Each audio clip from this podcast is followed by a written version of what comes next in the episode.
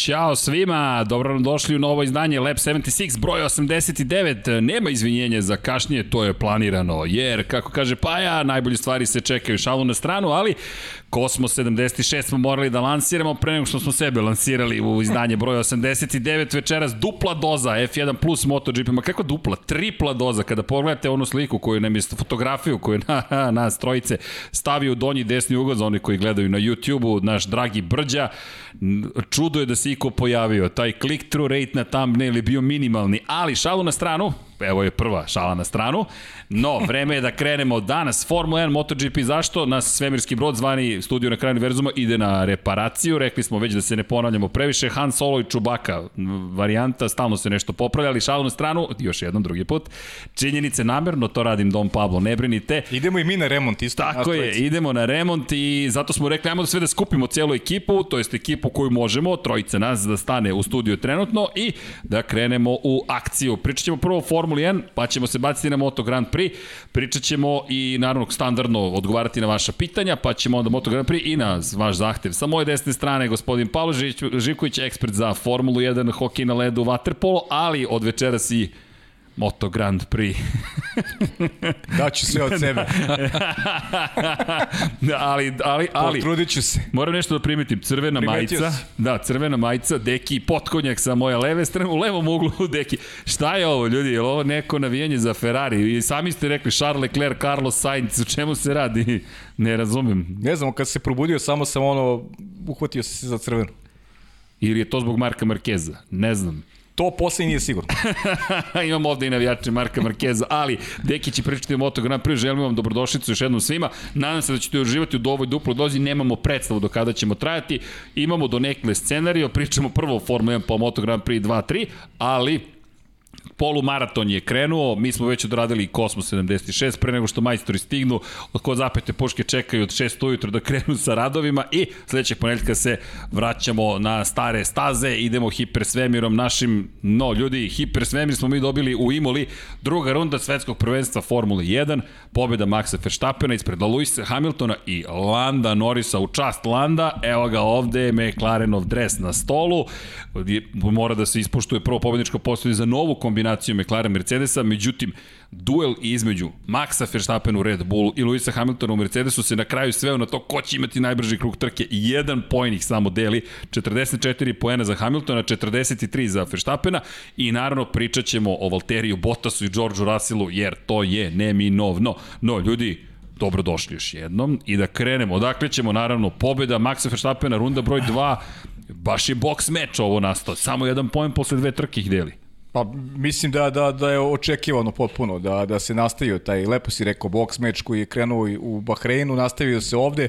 Impresivan start Maxa Verstappena, kvalifikacije možda nisu bile idealne za njega, nisu bile savršene svako, male razlike između trojice preoplasiranih, ali Max savršen na startu i rekao bih da je od tog momenta počeo da, da kontroliše trku i prebacio je sada pritisak na, na Luisa Hamiltona. Prosto nema šta da se nema šta da se zameri Maxu, nema šta da se uzme kao neki zarez kada govorimo o, o tom napadu u, u, u prvom krugu, o tome kako odvezao trku do kraja, pa i Red Bull je za razliku od prethodne trke prvi reagao, prvi povukao Maxa u, na promenu pneumatika, dakle zaista je bio sjajan i na stazi koja je bila prilično vlažna na početku i kasnije kada su se uslovi promenili, kada se, kada se onako e, osušila, Dakle, jedna, jedna e, trka u rangu šampiona, rekao bih, i pošto pričamo sad o Maxu, ajde onda kasnije ćemo malo da prokomentarišemo e, kako se u cijeloj priči ponašao Lewis Hamilton i mislim da se osjeća da se osjeća pritisak i sa njegove strane bez ozira što je druga trka u pitanju. Lično smatram da, da, da postoji onako posledica tog pritiska koji je evidentan jer Lewis Hamilton nije pogrešio baš dugo, a ovdje ovoj trci je napravio jednu grešku. Uh, poredio se me sa, sa Fetelom, ok, Vettel je bio sam na stazi 2018. ali on je bio ovde sam s obzirom da obilazio vozače koji izostaju za ceo krug, dakle nije imao direktan duel u trci, nego imao duel po znacima navoda sa vozačima koji je obilazio za ceo krug. Ja smatram da je to posljedica pritiska, bez obzira što je naravno to i deo jedne borbe za, za, za pobedu u trci. Da, mala greška i sam je rekao, opa, evo ga, pre odlaska u pit stop, Momčilo Vukić, standardna posada Momčilo i Šejle su bili zaista vredni, hvala im oboma, kao i uvek, i gledamo tempo, kao što možete vidjeti, što je niže, dakle, ovaj toranj, to je bolja situacija, vremena su bolja. Max Verstappen 7. 8. 9. 10. krug, e onda Hamilton počinje polako da tu pojačava tempo i potom možete vidjeti da, da su minimalne razlike između zapravo njih dvojice.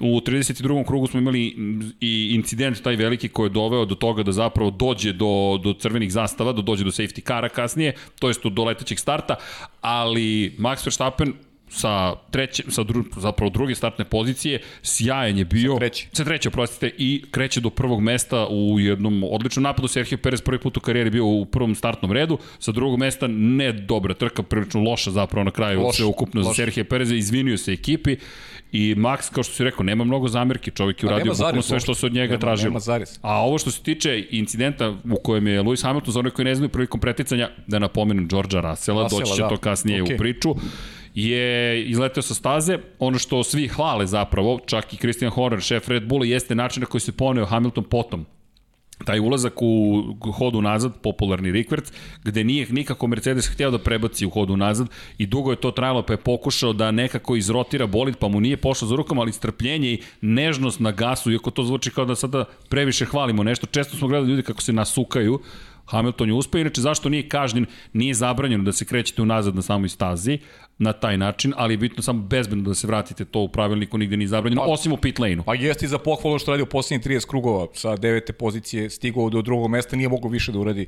Jedini nije napravio grešku. Mnogi su grešili negde, ispred njega. Veliki šampioni mogu da pogreše jednom, ali teško drugi put na, na, na, na jednoj trci. Deki, kako je tvoje viđenje cele te situacije?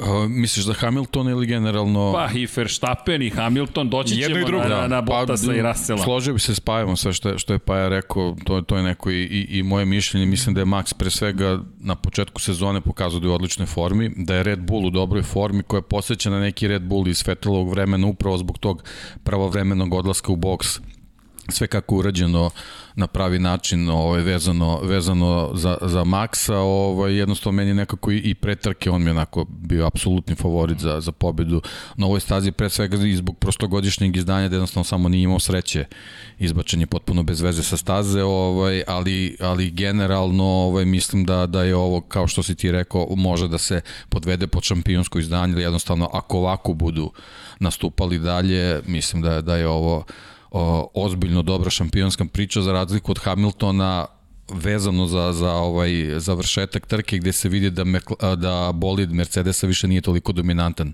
kao, kao, što je bio, kao što je bio prošle godine naravno u svu tu situaciju to izletanje imao je ogromnu sreću da se dogodila ta, ta crvena zastava, jednostavno da toga nije bilo teško da bi sa svim tim kobeljanjem iz, iz, iz, iz tog šljunka da bi uopšte uspeo da stigne do bodova čak. Tako da ovaj upravo to što si rekao Max u odličnoj formi, Red Bull u sjajnoj formi, uh, velika doza sreće za za Luisa Hamiltona, ali i pokazivanje stvarno majstorstvo vožnje. Da, ali to je koliko oprosti samo koliko su male razlike, mislim da je važno da pomenuti i u ovoj priči. Uh, uh, jedan element koji će igrati veliku ulogu i to je deki što si ti negde otvorio već Paja je pričao više o ljudima ti si već pričao sada i o timu to je konkretno bolidima obratite pažnju na, na vožnje Max je vozio 1.31.7 u, na, u krugu ulaska u pit lane 1.30.4 je vozio Lewis Hamilton. 1.3 sekunde je nadoknadio u tom krugu. Međutim, ekipa nije bila dovoljno brza Mercedesa mm. i potrošila je tu prednost koju je stekao. 4 sekunde su potrošili na, na Luisa za, na zamenu pneumatika. 2,2 sekunde je Max ošto. 2 sekunde duže je trajao taj izlazni krug Luisa Hamiltona. Nadoknadio si 1,3, izgubio si 2.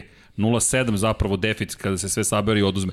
Koliko su male razlike i to će biti interesantan pritisak ovo što si rekao na same ekipe. Pa da, ali izgleda da Red Bull zna da radi pod pritiskom, setimo se samo Mađarske yes. prošle godine od njih uslova, njihov rad, to je prvo Maksova greška, njihov rad, a onda i Maksova vožnja. Yes. Pri čemu? Sve kad je loše vreme, njima sve funkcioniše kako Mercedes treba. nije bio često u ovim situacijama i ne gledamo toliko to ka da Hamiltonu koliko ka Mercedesu. Setimo se Nemački 2019. kada su stvari pošle po zlu, raspala se ekipa. Jednostavno, e, nenaviknuta je na neuspeh. Realno, ne, nije ni imala izazov ovakvog opet tipa. Opet, s druge strane, u Bahreinu su odradili sjajan posao. Tako da i tu su, tu su na pravi način reagovali i omogućili Luisu Hamiltonu da, da na kraju pobedi u trci. Dobro, mada se za Bottasom tu su baš kiksnuli jako Jesu, prilično. da, za Bottasa da. A ja nekako Tako gledam da ima, iz da, ali, ali to je nekako, to su neke stvari na koje nismo navikli od njih, a počeli su da se ponavljaju. Pogledaj grafik. 103 pobjede u hibridnoj eri za Mercedes. Ovo zastrašujuće izgleda. Red Bull ih ima 18, Ferrari 17, Alfa Tauri ima jednu i Racing Point ima jednu. Od 10 timova, pet ih je pobedilo Mercedes 103 puta. Dakle, kada saberemo sve ove ostale timove, dođemo do 37 pobjeda i pomnožimo sa 3, opet nije, to jest jeste dovoljno jedva da ih preteknu. Dakle, kada pomnožimo sa 3, Mercedes je u jednoj novoj situaciji ovoga puta. I slažeš se s tobom, u nekim situacijama jesu bili dobri, ali ovo je nova, nova stvar. Ne, ovo je popuno nova. E, oni su posljednji put imali taj neki pritisak s početka sezona od 2018. kada je pobedio Vettel u Bahreinu. Ali sećaš se način na koji je Vettel pobedio. Mercedes je tada bio... na jednom stajanju, na Tako jednom je, setu Mercedes guma. je bio dominantan i u toj trci. Mi sad imamo dve barabar trke na, na relaciji Red Bull Mercedes. Na relaciji Max, Max Lewis. Imamo nešto što je otvoren šampionat i iz pozicije konstruktora, a i dvojce velikih vozača. Max je, Max je šampion. Max je veliki šampion i, i očekujemo ovakve borbe do kraja sezone. I to ono što smo rekli, da sigurno da i Lewis Hamilton osjeća pritisak. Ali opet, kao veliki šampion, ubeđen sam da osjeća i ogromno zadovoljstvo što ima priliku da se takmiči na ovaj način. Jesi vidio njegov osmeh pa na licu dilemu oko toga i uopšte, posle to je- kvalifikacije i posle prve trke. Potpuno drugi Lewis Hamilton koji je delovao tako hladnokrvno u svojim proslavama pobjeda, sada kao da ih je zaradio. Veliki šampioni vole da pobeđuju na ovakav način, da imaju pravog takmaca, da imaju, da imaju rivala na stazi, da to, to i njih motiviše da, da budu još bolji, tera ih na, na, na jači rad, e, prosto su, zato je Luis šampion. I vidi se kod njega ta, ta želja i ta, posle, ta, ta greška, to je potpuno ljudski je da, da se dogodi tako nešto. Bilo je- se ekipi, Bilo je mnogo je. komentara kao sad neko uh, osuđuje Luisa, na, pa normalno živ čovjek pogreši, ali mora neko da ga natera da pogreši. Postoji sada momak koji njega tera na greške. Grešit će jedan i drugi u toku sezone, st- siguran sam. Bi, biće ovakve Pa situacije, rečima ponavljaće čuvenog se. Ayrtona Sene, pokušaš, ponekad pogrešiš, nikad nećeš biti 100% uspešan. naravno. A i da napomenemo još jednu bitnu stvar, ta čuvena kletva Italije za Maxa Verstappena je okončana. Vidimo taj grafikon od 2015. 12. 7. 10. 5. 8. Nije završio. Sada ima sve, i paste, lazanje, i pobeda, I sve još ima. da povedu šampionat. Znaš šta nema? Eto, nema najbrži krug trke. Da, Jeste. I šta odvoja? Meni je to neverovatno. Evo i kako je to izgledalo za, za, za Red Bull u Italiji, kao što možete videti, Monca, Monca, Monca, Monca, Monca, uglavnom smo tu posećivali stazu, a onda 2020. čak tri trke u Italiji, ove godine ćemo imati još jedno. U svakom slučaju, uspeli su najzad da zabeleže triumf. I ono što je bitno na početku godine, često pričamo, početak sezone, prvih 50% trka, nisu Red Bullovih, ostale jesu. E, Mercedes će doći u jednu vrlo sad ozbiljnu situaciju. Sledeće godine se menjaju pravila, ali i Red Bull. Šta sad? Gde investirati novac? Želiš da dobiješ ovaj rat? Poslednja, hi, poslednja sezona ovakvih bolida u hibridnoj eri, Red Bull očigledno ima ča, priliku, nastavljaš da investiraš. Honda će nastaviti da investira. Mercedes, šta, šta činiti? Želiš da bude netaknut tvoj uspeh u, u ovom periodu, želiš i osmu titulu za Luisa Hamiltona, želiš još dvostrukih pobedi. To je ono što je Toto Wolff pričao. Ljudi, sad dok možemo da ih ostvarujemo, ostvarivat ćemo ih što više možemo. Sad to već postaje onako problematično, a ovo je kao što možete vidjeti, vrlo indikativno kada je reč o odnosima. U odnosu na Mercedes, koliko su svi smanjili razliku. Smanjena je razlika. Williams ne mora toliko da ih brine, mada George Russell u Williamsu po vlažnoj stazi pretica u direktnom duelu Valterija Bottasa, McLaren s druge strane ozbiljan napredak, Alfa Romeo opet vidio je veliki zaostatak, Ferrari, Red Bull ovih pola sekunde, pola sekunde dosta. Znaš šta je poenta cele priče? Da Red Bull i Mercedes ne smiju da odustanu od ove sezone. Nema sada, nema nazad. Nema sada nazad. Sad ušao si u rat, uh, imaš dva junca koji se bore za najveći ulog, uh, o, ekipa koja treba tu da, da pomogne da stvari budu kako treba i idemo do kraja. Ne, prosto nema nazad. Jer svi pričaju opet o Formuli 1. I oni koji ne prate, pričaju opet o sportu koji se vratio na velika vrata. Ja mislim da, da ne patimo ovako dobar početak sezone. Mi 11 godina sređeni radimo, ja ne znam kada sam bio toliko euforičan kada je početak jednog trkačkog vikenda. A, postoji velika razlika. 2012. smo bili uzbuđeni jer tako, takve su bile gume da nismo imali pojma ko će da pobedi, ali smo znali da će veliki timovi uspostaviti red u, u, u, u, i poredak u Formuli 1 na koji smo navikli. I bilo je tih nevjerojatnih bitaka 2012. pa i 2000, ajde, ne, možemo reći, Dobro, 13. i baš i nismo. Ima 2012. bila jedina koju smo ti ja prenosili. 2010. nismo prenosili, ali to je bilo uzbudljiva sezona. 2012. takođe. Međutim, I tada si nekako znao da, da, da će u jednom momentu neko odskočiti. To je bila reda, e, era Red Bulla. Sada ovo je era Mercedesa, međutim, ne deluje da će iko odskočiti. Jer tada Alonso iskoristio svaku šansu sa Ferrarim, Fernando Alonso i Ferrari, svaku šansu. Međutim, Roman Grožan, čuvena greška u Belgiji, prvi problem, odmah nastaje potom vrlo brzo i drugi problem i praktično se sve gubi. Ovo mi deluje drugačije. Deluje Dva drugačije, velika tima tako u je. gubici. Ne samo to, već imaš ove srednje timove spremne da, da iskoriste svaku grešku. Ne samo kada su timovi pitanju, već kvalitet tih mladih vozača koji polako izlazi na, na površinu, već ćemo pričati o momku koga si apostrofirao. Ma, možemo i odmah da spomenemo pa, treće možemo, mesto možemo za Landa Norisa, i, I to nakon onog one loše sreće u kvalifikacijama kada mu je poništen krug. Pitan se šta je bilo da je startovao sa, sa druge pozicije kao što je trebalo, ali trka, trka perfektna, Lando onako baš izrasta u jednog ozbiljnog vozača, nije bilo sumnje, makar sa, sa, sa naše strane, ali Ovo je, mnogo je važnije da potvrđuje i sebi i ekipi da, da je spreman za velika dela. Ovo je fascinantan uh, pogled. Zašto? Uh, sa sedme pozicije kreće. Međutim, on je pao na deveto mesto. Nema posustajanja. Mene to podsjeća, pravit ćemo ma, malo paralele s MotoGP-em. Tamo je Fabio Quartararo zabeležio veliku pobedu, gde više čak ni gubitak startnih pozicija ne znači da je sve izgubljeno. Što je meni fenomenalno. Ovo nije staza na kojoj je lako preticati. Ovo je uska staza. Deki, to si ti lepo rekao, nije pravljena za ove bolide. Niko nije razmišljao da ćemo imati kamione, što ti kažeš dugačke 5,5 metara, koji se kreću preko 330 km na čas jednostavno pokretljivost ovih bolida je potpuno drugačija odnosu na, ne znam, tu, tu prethodnu zlatnu eru u kojoj smo gledali McLaren, Ferrari, Williams, kako se bore, prosto to je neko drugo vreme. Sada, teško pretestiti, on čovjek je samo napredovao kroz trku, pametni potezi i, veoma važna odluka, period od 16. do 28. kruga, ako vidite da nema napretka, prosto to je period u kojem je stajao iza praktično klubskog kolege, McLaren povlači potez i kaže, to je šesta zapravo pozicija, i od tom momentu on počinje da smanjuje razliku, Daniel Ricardo dobio je uputstvo, pusti Landa Norisa, dobar je bio potez, još uvek se ne bore za pobede, ne bore se za titule, timski rad na delu, Ricardo nije imao nikakav problem sa time, naprotiv, pomerio se i Lando Norris nestade čovek u daljini i na kraju da, da nije imao Luisa Hamiltona, i tu se dobro branio iza sebe, verovatno bi bio na poziciji broj 2, jer ono je na kraju bilo nemoguće. I ovo je lepo poređenje do, u drugom delu trke zapravo, kada pogledamo, no, Norris je vrlo lepo vozio, ne, nema tu mnogo sumnjao zamerki. Sam, sumnjao sam malo, do, dodaše tek je poč sezona u tu, u tu neku harmoničnu atmosferu u McLarenu koji su imali ranije Carlos Sainz i Lando Norris. Međutim, videli ste reakciju Daniela Ricarda na, na, na potez tima. Prvo je Lando sam rekao da, da mu treba čist vazduh e, ispred sebe, da ima tempo bolji od, od uh, Ricardovog i tim je odmah reagovao. Tim je to dobro procenio ispostavilo se da je Lando znao šta priča i zaista je bilo tako jer, jer to su bili i kritični momenti u kojima je Lando Norris uh, došao do, do podijuma. Jer da je ekipa zakasnila, da je ostavila Landa iza Ricarda, mislim da od podijuma ne bi bilo ništa.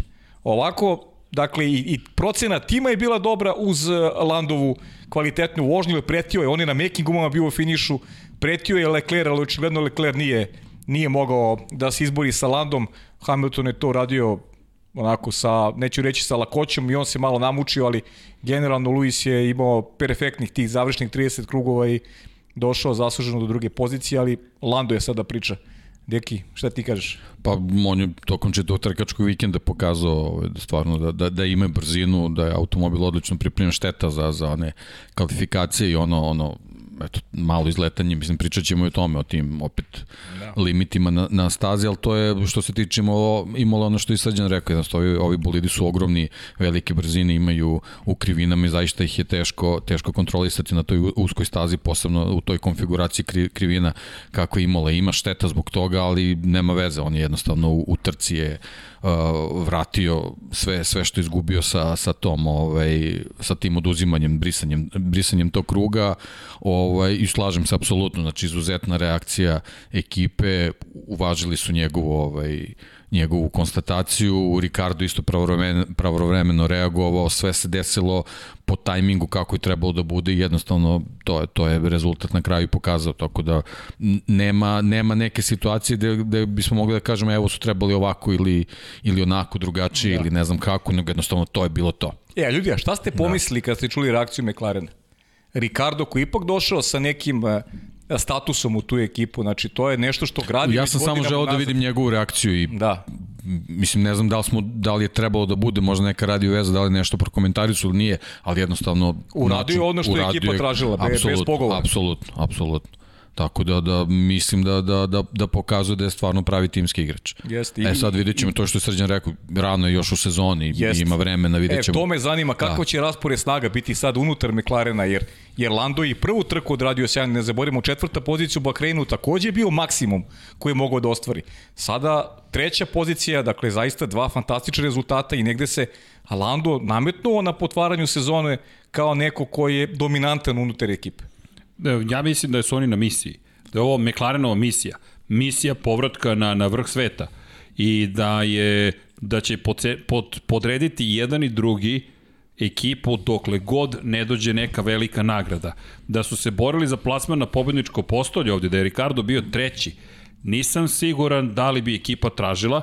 Zašto? Tu verujem negde na oslanjam se na, na dobar sud u građanju pametnih i dobrih odnosa Andreasa Zajdla. Zajdl kao menadžer ekipe, verujem da, da će biti mudar. Da je Ricarda koštao pobjedničkog postolja, siguran sam da, da to, ni siguran, moja pretpostavka da to ne bi učinio. Ne bi išao ka tome da Ricardo kaže, ne, važnije nam je da Lando bude na pobjedničkom postolju. Da je takva situacija, mislim da se ništa ne bi desilo. Mislim da nije bila možda i takva priča, pre svega zato što je bila rana faza trke. Tako je. Da, I jednostavno, uh, rasuđivanje sve tri strane je bilo super, zato što jednostavno jest. u tom trenutku nije bilo razloga da Tako da bilo ko vuče na svoju stranu. Lando jednostavno rekao, bolji sam od, Jest. brži sam od, bolji, od, tempo, bolji da. tempo imamo od Ricarda i to je to. E, Svi su ostali odreagovali kako su trebali. Samo to interesantno je, da. šta će biti u, u nastavku sezone. Jer setimo se, Lando i prošle godinu bolje počeo od Carlosa, recimo a onda je polako Carlos hvatao ritam i uspevao je da, mislim, oni su manje više bili izjednačeni, to, to je, par bodova je bilo razlike na kraju sezone, ali je Lando i prošlu godinu bolje otvorio timskog kolege. E sad vidjet ćemo naravno kakav će biti stav ekipe. Mnogo je rano, mislim. Rano je, naravno, tek Ova su sezona ima, ovo je baš, mnogo dugo, dugo traje, yes. tako da vidjet ćemo kako što da se razvija, ali, ali za sad pokazuje taj timski duh koji generalno je potreban svakoj ekipi. Da, i krasi McLaren, da. definitivno. Tako je. Zato kažem, da su se borili za nešto drugo, da je velika nagrada za koju se boriš, verujem da, da ne bi bilo timskih naređenja, ali mislim da, da opet, da se vratimo novo, ako je, ima neko šansu da dođe do, do ozbiljnog rezultata, a drugi da izgubi nešto, malo ponosa, da će podrediti prosto ekipu sebi. Međutim, kada dođe taj moment, nadam se da, da ćemo i to vidjeti, bitka za pobedničko posljednje među njih dvojici ili čak za pobedu, e tu mislim da će ekipa reći, ok, trkajte se, tu će biti meni zanimljivo da vidim zapravo iz perspektive ekipe da li će reći, nemoj da se trkate. Ovo nam treba. Opet, uspomene na Edija Jordana i na Damona Hilla, Ralfa Schumachera, ta čuvena Belgija Zašto McLaren volimo na McLaren? McLaren volimo baš zbog toga što se redko dešava, nemoj da se trka. Tako je. Uglavnom govore trkajte se. Tako je. Trkajte se i to to je jedna od retkih stvari. Pa evo pričat ćemo i o tom slučaju. Dobro, da, ali ovde, ovde ima i moment, jeste to McLaren, ali ovo je neka druga ekipa koja vodi jeste. McLaren i nije baš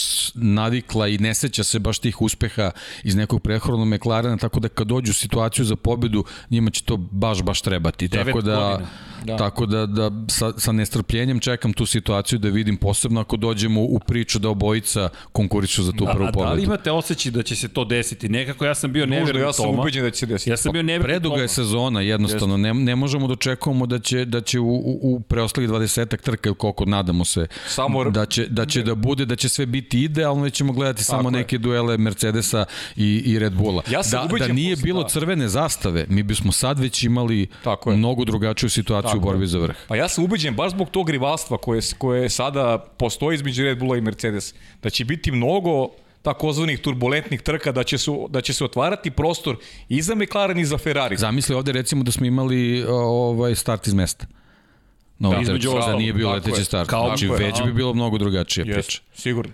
A imali sigurno. smo ih. Uh, imali smo ih, pa, pa, sećate se momce. Da, tako je. Jednostavno, to, to, je, to je ta neka situacija koju McLaren može, može dočekaju, posebno s ovim shvatanjima razvoja trke, promene taktike ili već čega god. Jeste. Pokazali su da, da, da drugačije I- razmišljaju i i, da imaju, jaka i da imaju imaju vozačka. vozače koji su prvo dobri vozači, znači Tako već je. znamo, ne, nemamo šta da sumnjamo u talente, brzi su i rasuđuju u pravom trenutku u skladu sa, sa odlukama tima Me- i to je, to je ono što je je to bitno. i, i najbolji, najbolji tandem vozača u, u, u ovom šampionatu. Znači, Lando izgleda taj ključni faktor. Ko se nađe sa Landom Sa u Landom, timu, ta- to je taj- taj, taj dobar par, da. jeste. da. ali, znaš, šta je, znaš koje je moje, to je sve racionalno, ali znaš ono je osjećaj u stomaku, jer ja nisam verovao da će McLaren uspeti da se tako brzo prilagodi Mercedesu.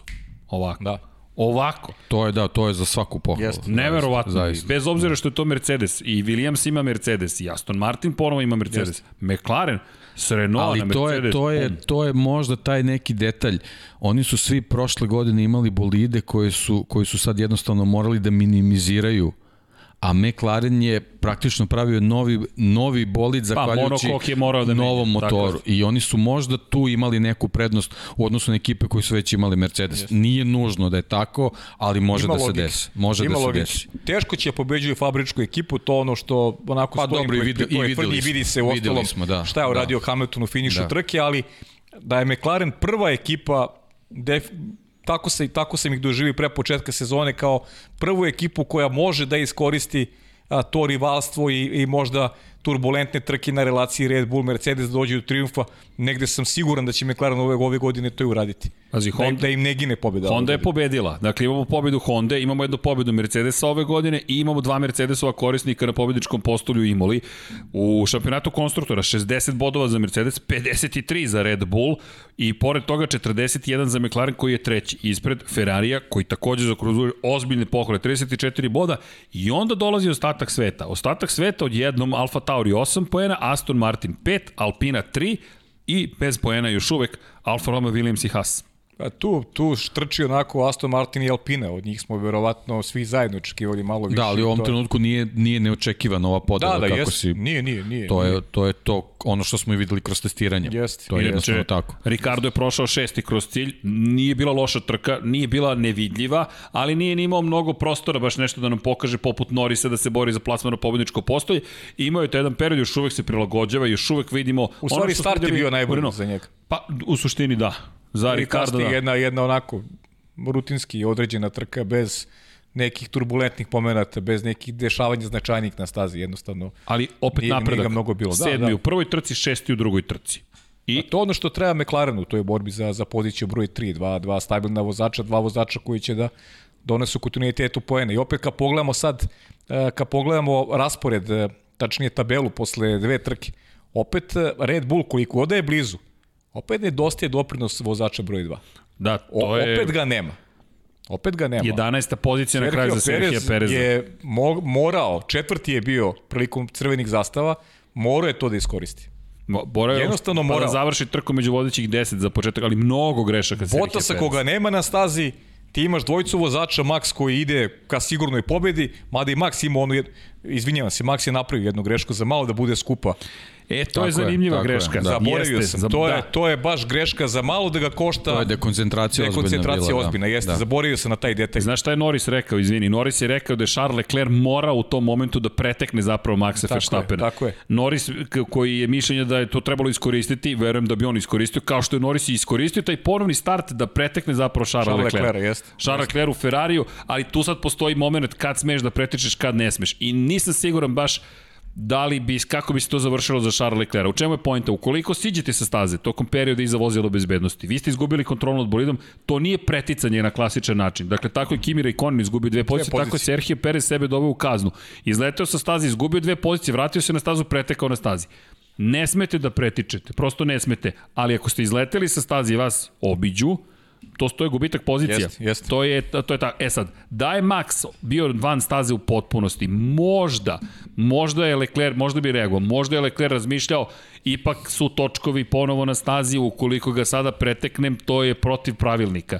To je to to mi je to je moje inicijalno razmišljanje bilo. Sad Norris je mišljenje da je trebalo ipak da napadne, ali Pa, e, rizično- situacija je bila drugačija u odnosu recimo na Kimija, koji je pretekao vozače koji su izleteli, je li tako bilo? Ne, Kimi nije Da, pretekao e, niko. ne, Ki- Kimi- Kimi, ne, Kimi, izvi- ne, ne, ne, ne, Kimi- ne, Kimi nije pretekao. Kimi je ostao pored staze i izgubio dve E, Imamo pozicije. dve situacije. Kada je Perez izleteo, Raikkonen ga je pretekao između ostalog. Nadoknadio je E, poziciju. bravo, jeste, to Tako da, je. to ali, da. ali tu je prosto Perez izgubio kontrol nad bolidom. Da, i Perez se u tom trenutku vraćao po stazi obišao vozače. Jeste. Tako je. Leclerc da je u ovom slučaju u toj milisekundi razmislio da je to. prošao Maksa, verovatno bi mu samo javili sa, Pusti. sa, sa pita vrati, Vrati poziciju poziciju. Maxu i sve okay. Znači, da. možda je to trebao da uradi. A sad, lako je da, da mi Ma da, pričamo ma iz da. ove A pozicije, ali jednostavno, on je, u tom, on je u tom deliću sekunde razmišljao kazni. To je isključivo čemu je razmišljao. pretpostavljam, Jer jednostavno, sigurno. a Ferrari je u ovakvoj situaciji gde, gde jednostavno ne sme da gubi bodove. I on Ne samo bodove, to je pobjedičko postolje. Tako je, Ti si u tako tom je. momentu na poziciji broj 2. I sad moguće sve te informacije tokom trke o tim, o tim kaznama vezanim za, za, za preticanje,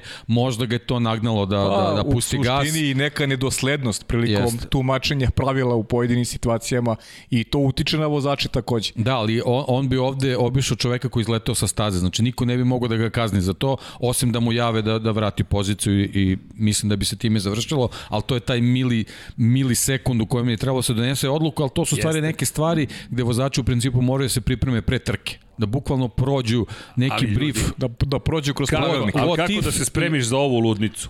Čekaj, ovo je Imola. Ovo je pada Znači, kiša ovde, na ovde je ludnica, ako izletiš sa staze, u takvoj situaciji nemoj da vraćaš poziciju. Ako neko drugi izleti sa staze, daj gas i obiđi ga. Da, do, ali A vidi. onda ćemo mi da ti javimo šta ćeš da uradiš. Jel, jel oni u toj situaciji ne mogu da ga kazne zato što je neko drugi izleteo?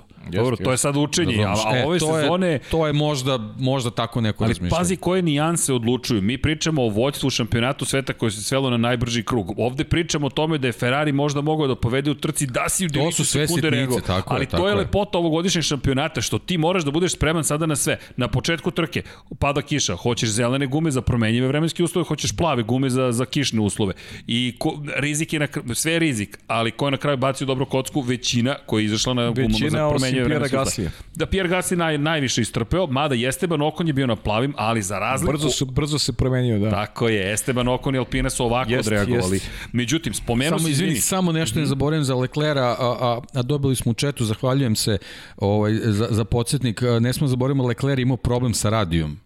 Jeste, On on je u tom bravo, trenutku je jeste. bukvalno bio gluv. Ja Jeste, verujem e, da se on bravo, koncentrisao odlično. na stazu, jednostavno samo da ne pogreši, Tako da mu je. se ne desi Bravo, to što se... kogod je Tako, pisao, hvala, tako, svaka ne, ne, čast. sjajno, sjajno, Jeste. tako da to je, može da bude ključan detalj Bravo, u tom bravo, trenutku, ali on jednostavno odlično. nije, nije imao uobičajenu komunikaciju. Da, to se Važan detalj, odlično, je. važan detalj. A mnogo je. se komunicira. Inače, šta je Michael Masi radio u onom momentu kada se Hamilton vraćao nazad na stazu u Rikverc? Masi, direktor trke, u tom momentu se uključuje u komunikaciju između ekipe i Luisa Hamiltona i sluša zapravo šta mu poručuju, šta on odgovara. I rekao je da je bio zadovoljan načinom na koji su komunicirali međusobno i iz perspektive bezbednosti ostalih vozača jer su mu govorili kada ko nailazi i iz perspektive uputstava generalnih koje su mu davali. Masi zapravo ne dodeljuje kazne. Nije Masi taj koji kažnja. Masi samo šalje na istragu, incident koji, za koji smatra da je podložen istrazi. Dakle, Masi kao direktor upućuje sa redarima. raspoloživim informacijama. Tako je. Ovo je nešto što smatram incidentom vrednih, vrednim analize. Masi je slušao i izašao iz te cijele priče. I sada, radio komunikacija, bravo, kogod je to rekao, hvala, sa, sa Charlesom Leclerom ne postoji. Ne Još postoji, on je, on je sam, sam je Tako je, u pa da, bolidu pa čuli potpuno gluv. To smo čuli da. tokom prenosa. U... Da. Držite Da. mi tablu. Evo i mi imamo tablu samo da se ne raspadne. Dakle, ovo je tabla. Vidite sada 300 na sat, to jest malo manje dok tu ne razvijete još ovih 300 km na čas na pravcu i tu morate da pročitate šta se događa. A navikli ste tokom celog kruga, tako je. Inače, pozdrav za gospodina Miodraga Koture, zašto? Ko je držao tablu Mihajlu Šumacheru u njegovoj karijeri u Ferrariju? Miodrag Kotur, čovjek koji sada vodi Leopard Racing, pričat ćemo kasnije o MotoGP-u, ali Miodrag Kotur, veliki pozdrav za legendu automotosporta, čovjek koji je pobedio i na 24 časa Le Mans i učestvovao na 500 milija Indianapolisa, e, to je bio njegov posao, ali i tad si imao radio komunikaciju, sad je nema. Bravo, hvala. E, nadam se da će, da će sedeti gospodin Kotor tu sa nama jednom Držimo prilikom. palčeve. Ali da sva trojica sedimo sa njim, da Može. Pa, Može, to je- malo se to je- stisnemo pa, i... Pa šta, nije Napravimo problem. Sedeli nije ste već tu, problem. vi ste Pa, rekli da, da nije problem. E, E, ali- je bilo četvora. Da. Čekaj, čekaj, ali onda ću ja da nosim neku rezedo, ovu zelenu leopard majicu, vas dvojica u crvenim. Special edition za gospodina Special Kosora. edition Da. za gospodina Da, Kosora. hoćemo, hoćemo. Može, može, to ćemo unikatno da pravimo. Ali da, to želimo, želimo s njim da pričamo i da, moramo da ga upozorimo ako ikad pristane na taj intervju oko 7 sati, da će mu biti neophodno da, da, da se ispričamo. Ali dobro. Uvek se opuste ljudi ovde, tako da nije problem. Nisi primetio? Pa da, neka? tako pa i da. Andrej reče, Gde je dva sata, tu je tri. Tri, a To gde je je tri, tri, da, to tako je je. 37. Da, da, da. Pa da, rekli smo polumaraton večeras. Međutim, niz mi pobegla misao vaše digresije, sprečiti me, sprečiti me neće. Spomenuo si vozača broj 2 Red Bulla. Gde je vozač broj 2 Mercedesa? Pa vozač broj Pre 2 incidenta. Mercedesa nije postojao Od starta u trci. trke. Od Nije starta postojao. Od starta trke. Prvu kvalifikacije, Prvu kvalifikaciju. pozicija 8, onda je izgubio dva mesta u trci 10 i nije se pomerio s 10. mesta. On nije nadoknadio jednu poziciju. E, To je meni fascinantno. Imaš Mercedes u rukama, on nije nadoknadio. Kakav god Mercedes, da, Kakav god, da. nijednu poziciju nije u trci nadoknadio, nije mogao prestigne nikog. Izveni, u rukama Hamiltona dosta dobro izgledao taj Mercedes. Pa prilično Pa dobro, ja stalno ponavljam, to nije Mercedes od prošle godine, ali je u odnosu Ali na ostatak ali grida je i dalje ali je- imaš ozbiljno oružje u ali je rukama. Hamilton od prošle godine. Tako je. Šta ćemo sa Valterijem? Valteri, hajmo, do, do, dođemo do incidenta. A incident je tek podcast za sebe, ali sa svim ne, mogućim nevezano- nevezano za incident. Nevezano, Nevezano za za incident. incident. Ti si u situaciji... Čoveka nema nigde. Ne, ne. I, Ne postoji. Tako je, i ne da te nema nigde, nego tebe na kraju stiže Williams. Izvini, tebe je Williams legitimno sustigao i krenuo da preteče na sred staze. Jeste. Da George Russell, još pride ta dodatna priča što je to George Russell, mi doći ćemo i do njihovih izjavi do svega, ali da ne uđemo uopšte još ni u teoriju zavere. Čovek te pre, pokušava koja te teorija preteći. zavere? Ne, evo, evo hoće, nema da pričamo do zavere. Ne, ne, trenutka pre kontakta, ne moramo uopšte da pričat ćemo o kontaktu, kontaktu. kao, kao nekim, nekoj posebnoj pričam. Znači, pričamo o trci do tog Valterija kontakta. Bottasa, dakle. Gde je bio? Sergio Perez je bio u trci do tad. Valterija Bottasa, Jeste. da nije izlazila grafika pored, Pa ne bismo znali da, da te neko, da te neko u trenutku pitao da je Bottas, ne bi ga pronašao. To, to je problem. Na, na šta, naj, je šta, je najgore za, za, za celu priču? Imali smo onaj moment u Bahreinu gde on kao pokazao zube Toto Wolfu, svađa se nešto sa Totom koji mu je by the way menadžer i može sutra da mu kaže ti više nisi vozač e, Mercedesa i, i, i završena priča. Uh, Valtteri Bottas tri nedelje kasnije, posle te trke, uh, ovo je ne očaj, nego ovo je, ja, ja ne znam kako bih nazvao ovo izdanje Valterija Bottas čovek koji je uh, M kvalifikacije, M izgubiš dva, dve pozicije, M te nema nigde u trci, ne uspevaš nikog da, Pa da, evo, da prestigneš evo na da, stazu. da, ov- da ovako oblikujem priču. Da se nije desilo to sa, sa, uh, sa, ovaj, Russellom. sa Russellom. Da ga je Russell obišao ili da ga nije obišao. On bi završio deveti ili deseti. Tu, tu je kraj priče. Znači ti imaš Mercedes u svojim rukama, ti se boriš za deveto mesto. To je nešto što on sebi u ovoj situaciji nikako ne može da dozvoli, posebno zbog trke u Bahreinu i tog odnosa koji ima sa svojim menadžerom. To, to, da ne pričamo da mu i šef tima. Šef tima. Da, Mislim, to znaš, je- Znaš šta je najgore? Što, što imam utisak da a, kad je ova trka u pitanju, stalno ističemo da smo kritični smo prema Valteriju i godinama smo kritični zato što zbog toga što ga pamtimo iz, te, iz, iz Formule 3 gde je bio fantastičan i zaista sam verovao da ga čeka lepa karijera. Ali on je, on je e, iz trke u trke u trku sve loši i loši. I imam utisak da bi svako na gridu od ovih vozača imao bolji učinak od Valterija Bottas. E, takav mi utisak bio sada gledajući ovu trku u, u Imoli. Da je bilo ko upravljao tim Mercedesom, da bi napravio nešto. Da bi bio veća podrška ekipa od, od, od samog Valterija. Šta se tu dešava, u čemu je problem, ne znam, ali nekako imam utisak da se bliži kraj te saradnje i ovo je jedna od onih trka, recimo, to je ona trka Pjera Gaslija, kada ga je obišao Max Verstappen za ceo krug i kada je izgubio mesto u timu, kada je izgubio, uh, kada je izgubio ugovor, kada mora da se vrati u, u to Rosu. Mislim da je ovo da je ovo još gore, još gori odnos snaga na relaciji prvi drugi vozač, jer ti kao neko upravlja Mercedesom, ti prosto ne možeš da budeš neprimetan u trci. Nemaš pravo da budeš neprimetan u trci. Tako je. Posebno što uh, ako pričamo recimo njegovom, njegove relaciji prema Sergio Perezu, Sergio je ipak čovek koji se tek prilagođava ovom automobilu, kao što pričamo da se Ricardo prilagođava McLarenu. Tako je. To je ista situacija. Sad to što mi od Serhija, zbog njegovih rezultata u finišu prošle sezone, očekujemo da eksplodira u trenutku, to je možda Slažem malo realno. S druge strane, znamo da je on prijavljivao problem sa, sa volanom, sa, sa upravljačem.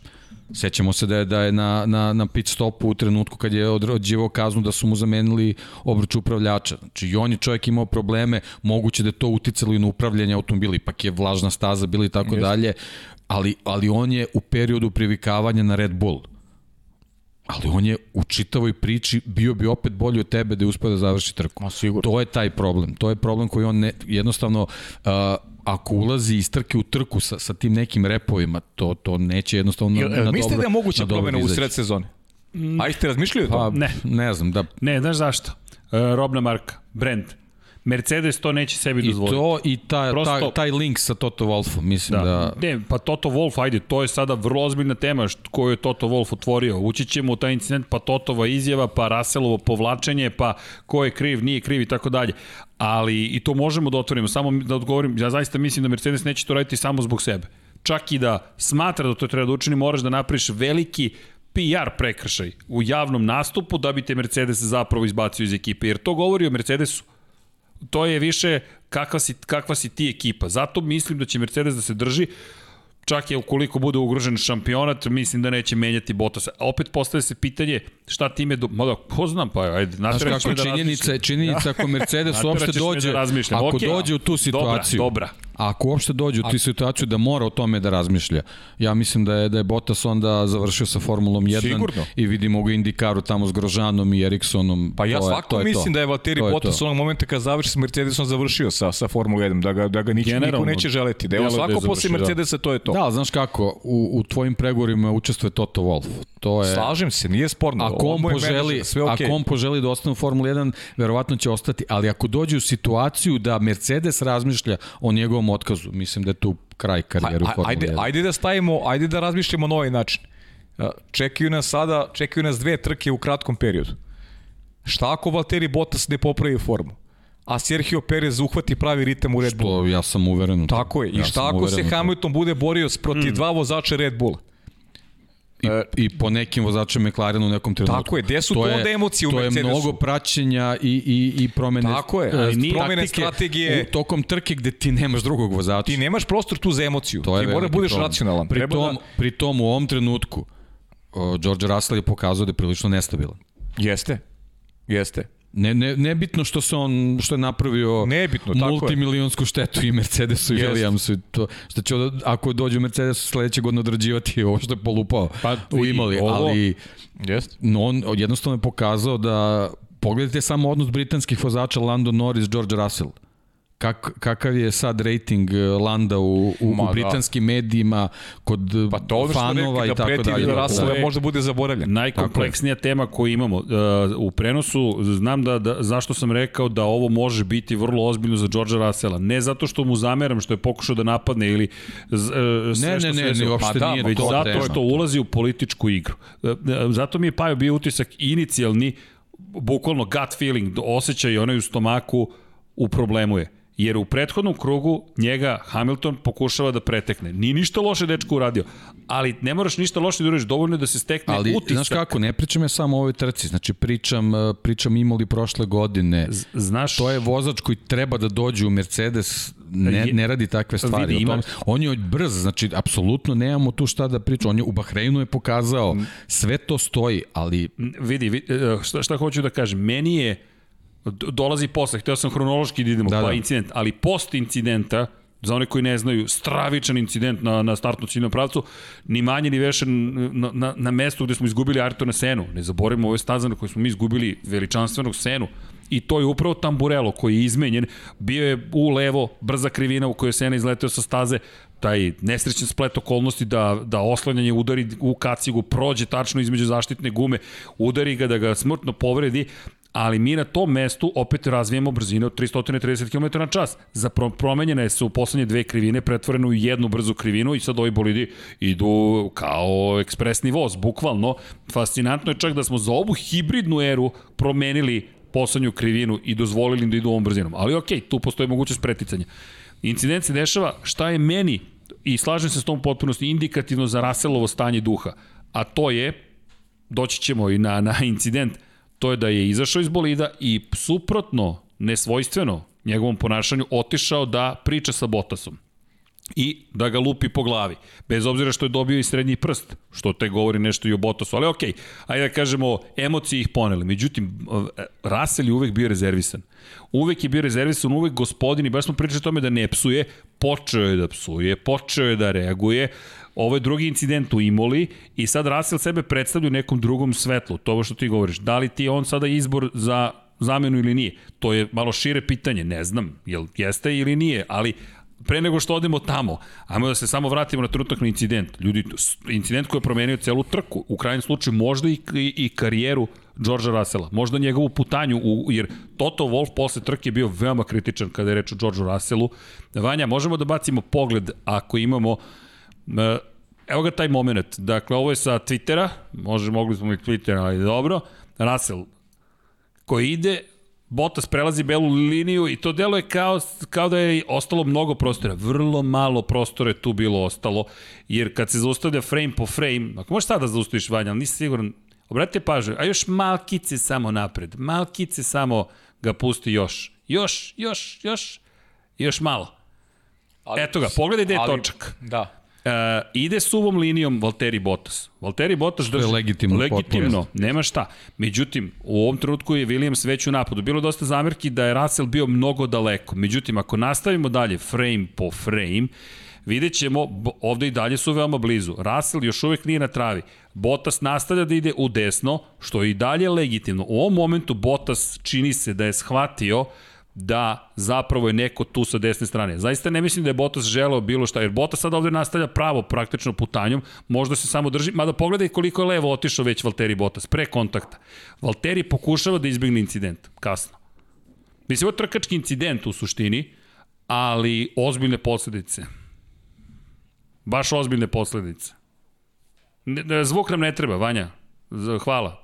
Zvuk, dakle, šta je pojnta? I hvala. Ovo je inače bila diskusija. Date Bontenmaru, promenio čovjek, bo, bo, bo, Bor, Borko mislim, bio u pitanju svoj username, ali imaćemo kasnije i na tom istom mestu priča o tome kako je Lewis Hamilton pretekao. Potpuno suva staza, Lando Norris ide mnogo više u levo, ostavlja se više prostora i tako dalje.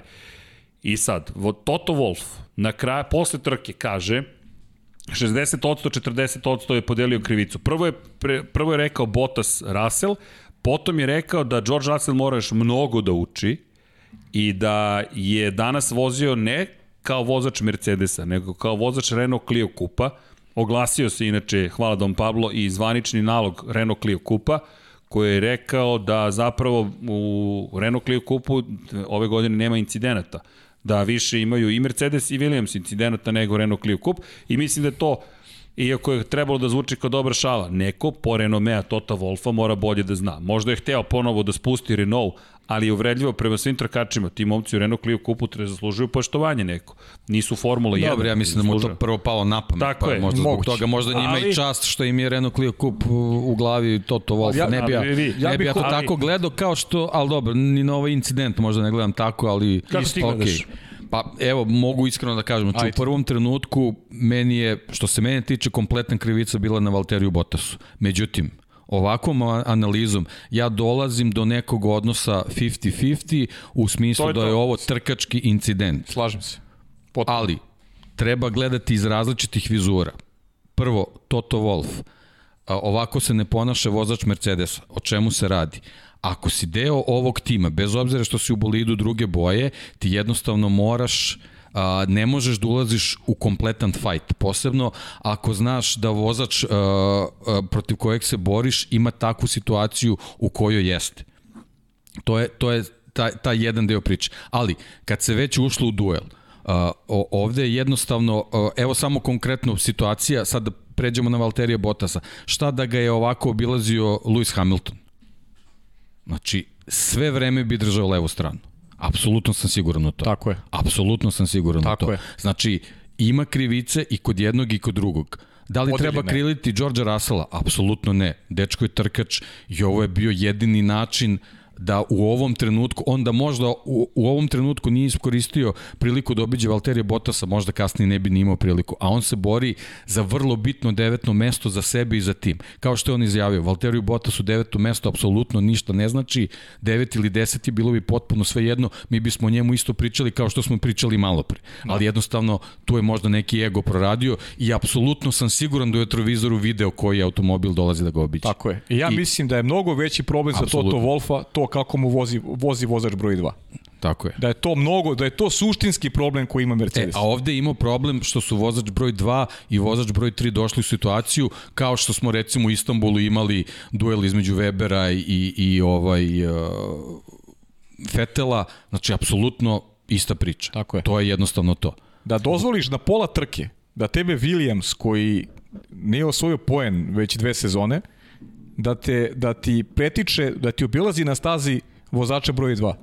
To je, to je suština problema. To je problem sa vozačem broj 2, to je problem a problem sa, vozačem, sa vozačem broj 3 je što nije razmišljao da u stvari obilazi vozača broj 2. Jeste. I to su jednostavno stvari e, po... gde njih dvojica su stvari morali da, da, da, da razluče situaciju i zbog, me, zbog toga je meni ovde 50-50 Jeste. A, ja, a, ve, a više razumevanja imam za vozača broj 3 nego za vozača broj 2. Zašto?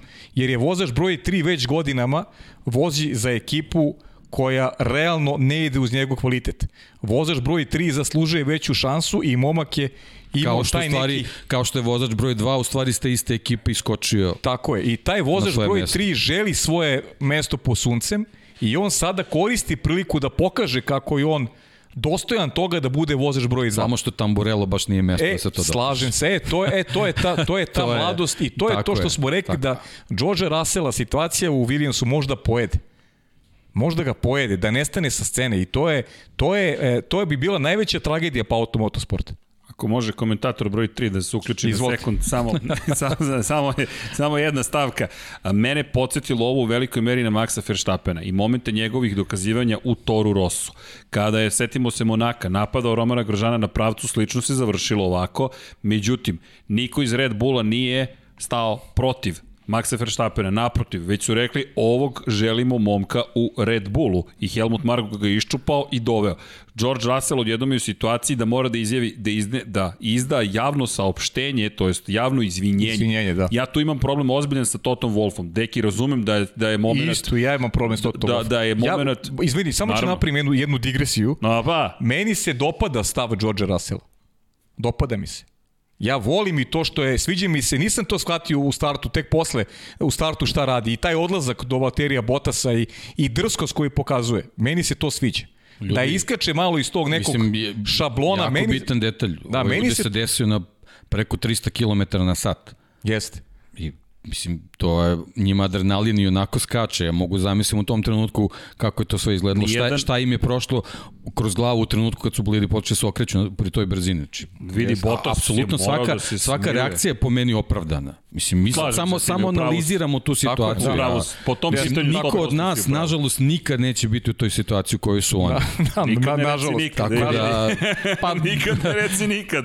Ti ja se spremamo Misliš kad budemo mlađi, pa ćemo, e, pa okej. Okay, da, da, da, da, čekaj, da. Polako. Samo morat će neki drugi volan da smisle za nas. Malo kokpit da. mora bude šir. pa Menit ćemo aerodinamiku, sigurno. Ovde ćemo da držimo da. volan. Mika Salo isto mora ali malo. Ali kažem, jednostavno, uh, uh, kako bih rekao, apsolutno razumevanje za čitavu situaciju, nego samo razlažemo zašto Vidi, nešto nije trebalo da ali, da se desi, da, pa, o tome se radi. Ajmo ovako, po mom mišljenju, preagresivni Bottas u odbrani, preagresivni Russell u napadu i to nam je negde bio zaključak i tokom prenosa, trkački incident, stravičan incident, toga čini toliko, jel te, dramatičnim, Inače, Kimi Raikkonen, koji je bio odmah iza, prilično hladno kada prošao kroz sve, da ne, ne mogu sad da citiram šta je sve izgovorio, čime je sve pokriven kada je prošao kroz, kroz ostatke, ali vratio bih se, kad si mi već ukrao digresiju, kroz da. moju prizmu posmatranja. Ajde, ajde. Da spomenem Tota Wolfa, zašto? Znam, deki, da, da je to trenutak kada on poneredi Renault Clio Cup, ali on je izvršni direktor Mercedesa i menadžer ekipe Mercedes AMG F1. Ukoliko od svojih vozača zaštevaš globalnu perspektivu, onda moraš i od sebe da primjeniš ta pravila. To je moje mišljenje.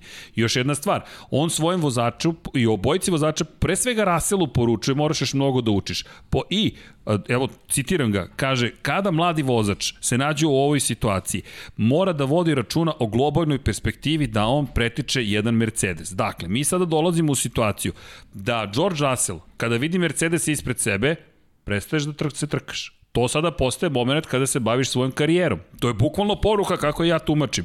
I rekao je, u, da, preuzimaš neke rizike, ali kada je drugi vozilo, kada je drugo vozilo Mercedes, u razvoju svakog vozača, za mladog vozača ne smeš nikada da izgubiš tu globalnu perspektivu. Russell ima odličan odgovor pre nego što je morao da se povuče. Što kaže jedan od naših kolega, ne, ne mogu da se setim ko je rekao, fantastično sročeno saopštenje za javnost Georgea Russella, predivno izvinjenje namenjeno jednoj osobi. On da. se bukvalno izvinjavao Toto Wolfu. Tako je. To mi se ne dopada, jer mi sada... Možda je Toto i pisao to saopštenje. Da vidi, mi sada dolazimo u situaciju skrati krila, I to je to. Pa kako mi Rasela ćemo dobiti onda sutra? I da li on mora sledeći put ponovo da razmisli, čekaj, šta sad ja smem da uradim ovde ili ne smem da uradim? Drugo, je on vozi za Mercedes A šta, šta, šta, da radi, šta da radi Lando Norris, Ricardo, Sebastian Vettel? Ili oni nemaju pravo isto da ovaj... Ne znam. Da, druga, drugačiji pritisak. Ali evo, samo ću, ne, samo ću vas podsjetim jedne situacije. Šta se dešavalo kad u prošlosti Toto Wolff nije mogao da reši slične situacije? Mercedes je angažao Niki Laud. I tu se jednostavno uh, novi uspon uspeha Mercedesa se desio s njegovim dolaskom i hendlovanjem situacije ovakih. Nema Niki Laude, nažalost. Da.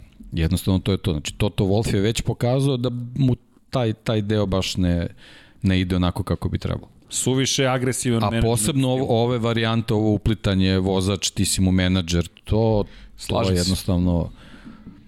To, to su Od, odavno, se, odavno delim ja ću ovaj opet, to... opet da ubacim u, u priču porodicu koju ja volim i pratim. Sećate se šta se dešavalo u Singapuru sa Alonsom i, i Pikeom, dvojicom vozača kojima je Flavio Briatore bio menadžer. Kako ne? Mlađim od njih je naređeno da se slupa. Da se slupa, da. Da bi onaj stariji pobedio. Znači, to su jednostavne stvari koje u Formula 1 baš ne bi trebalo tako da prolazi, da se dozvoljavaju tako te kombinacije da šefovi timova budu i menadžeri vozačima, ali naravno to niko ne može da spreči.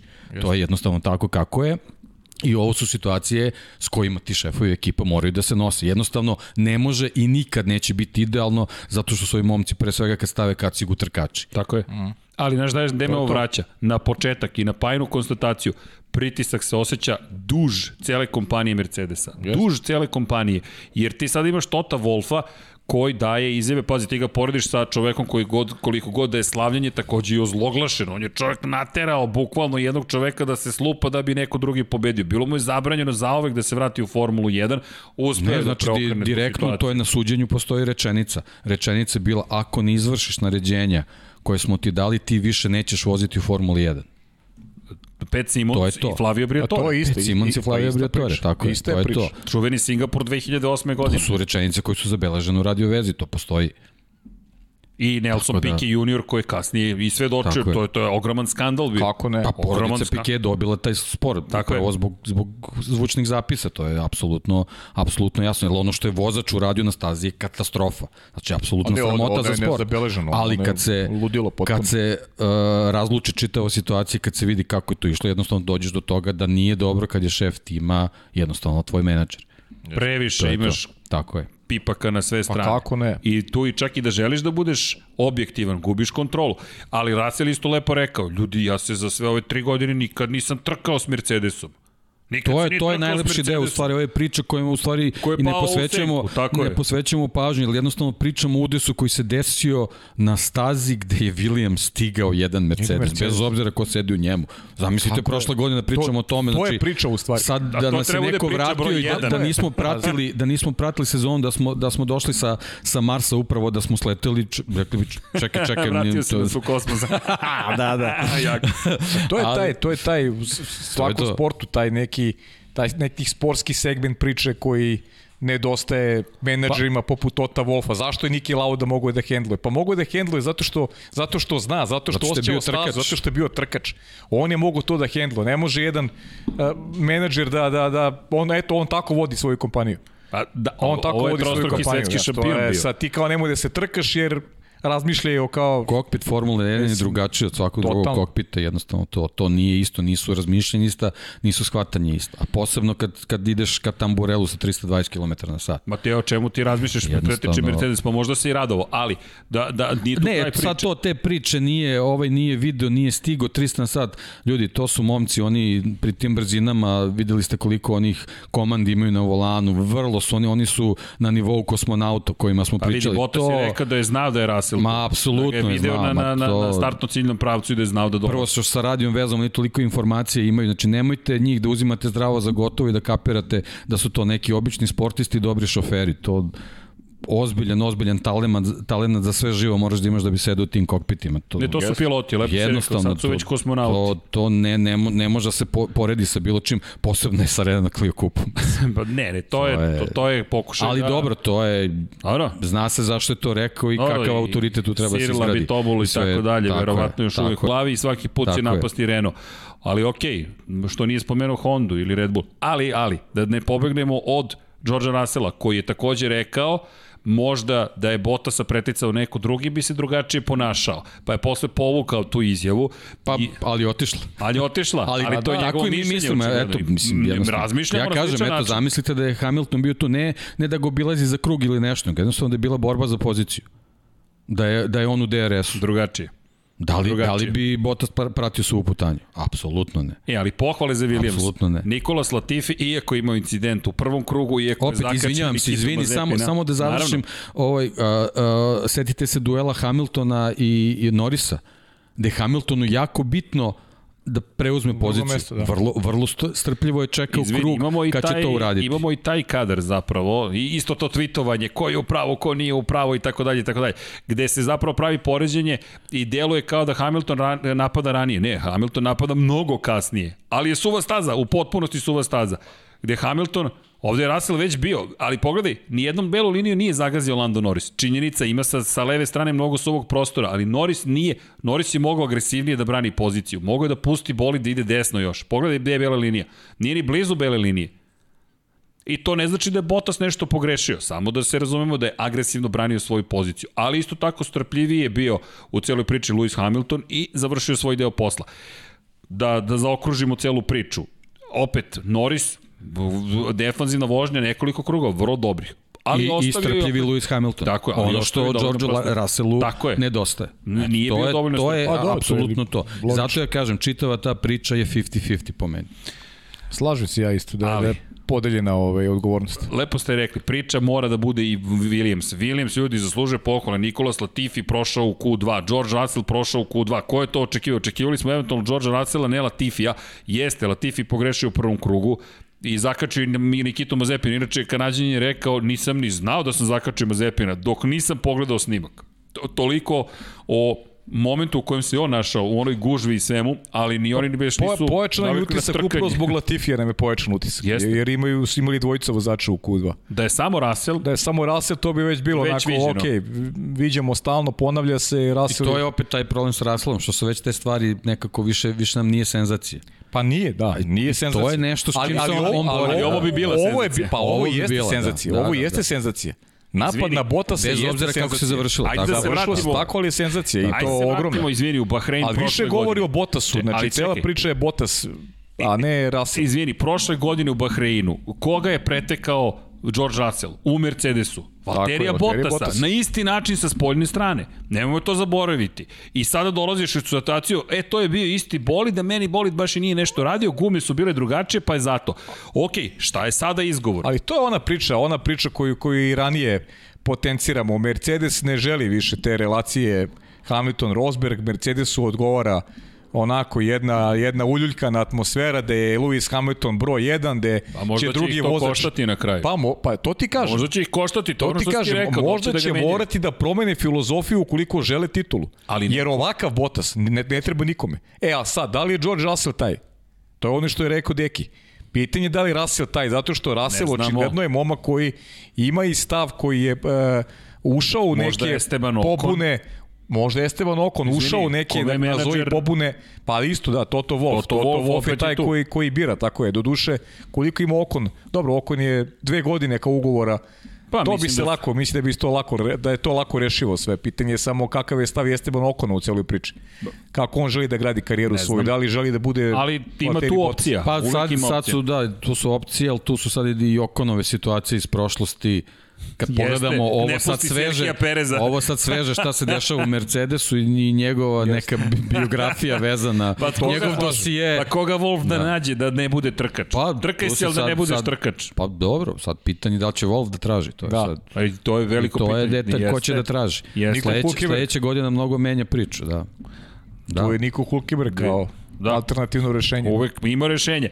Ali ljudi, u crvenim ste majicama, ajde da ne zaboravimo važan moment. Nisu bili na pobjedičkom postolju, ali Leclerc četvrti, Sainz peti, tako ste se podelili nekako zasluže pohvale Ferrari. Ova priča sa Russellom a, tra, može da traje još pola sata, ali Pa dobro, ali to je, to je još. detalj koji je promenio tok trke u smislu da, da je. Lewis Hamilton ozbiljnu sreću imao. Jeste, Zbog te a, i ne situacije. samo Lewis Hamilton, i Da. drugi koji su Pa dobro, i drugi, ali, problemu. ali Njemu- nekako zaista možemo da konstatujemo da, da, da Luisa realno onako prati sreće u Pa dobro, karijeri. to je to, odavno se govori da je Da, to, to- jedan to ozbiljan dileme. faktor u uspehu svakog šampiona Formuli 1. jeste, jeste. Sreća. Uz njega, uz njega Da. baš ide sreće. Da. Baš se, baš se onako lepo namešta da ti onako, onako grešku napraviš da se u sledećem krugu desi incident i to timski kolega učestvuje u incidentu, da ima vremena sve posle da se odredi kako treba. Ja ne znam kako si ti gledao, ja sam, ja sam znao da će on Pa, doći do podijuma. Da, pa ne, dilemu apsolutno. uopšte da će znači, da će doći situacija gde, gde jednostavno ta, ta borba da se izađe iz, iz, iz onog šljunka i sve što se dešavalo, upravo to što si rekao, prosto ono kao staneš, da li je moguće sa, da, da Tako je je, tajming neverovatan. Da, taj, da. takav tajming, da. da. da. je bilo krug kasnije recimo da. ili šta god, ono da... Ili da je situacija da možda se iščupa, i kao, kao u Hockenheimu, što, ono, Jest. kako je bilo. Tako je.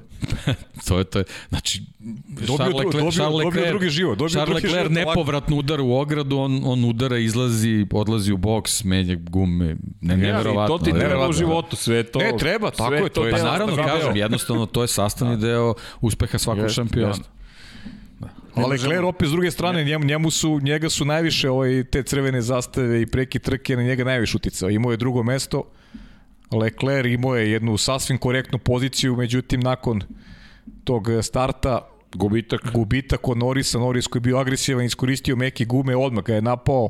Ja sam mislio da Lando... strategija McLarena. Pametna strategija. Ja sam mislio da neće moći te, te meke gume da izdrže do kraja, ali ali Lando odradio perfektan posao. Pritom on se agresivno branio i od Luisa Hamiltona. La- Lando je bio agresivan u svih tih 30 krugova na mekim gumama i izdržao je do kraja zaista herojska vožnja. A Delovalo mi da može Leclerc da ga napadne u završnici trke, ali očigledno da je negde i Ferrari, da je Leclerc u jednom momentu odustao. A, da, Ferrari sad već ima tu, tu neku potrebu da završava trke i da, da, Jest. da osvaja Da te, osvaja te poene, neke da. poene, ali verujem da će to u jednom trenutku da, da se promeni ako nastave sa, sa, sa ovakvim tempom i da budu u ovakvoj formi, jednostavno i oni će biti željni te, te, te neke promene koje što se tiče njih se odnosi na pozicije na, na, na podijum. A ima vozača koji imaju tu ambiciju, Leclerc je to isto nebrojeno puta dokazao, Sainz je pokazao koliko je konstantan i, i u McLarenu, tako da, da mislim da jednako kao što McLaren ima dobar tandem, da, da i Ferrari ima, ima dobru priču, to je ono što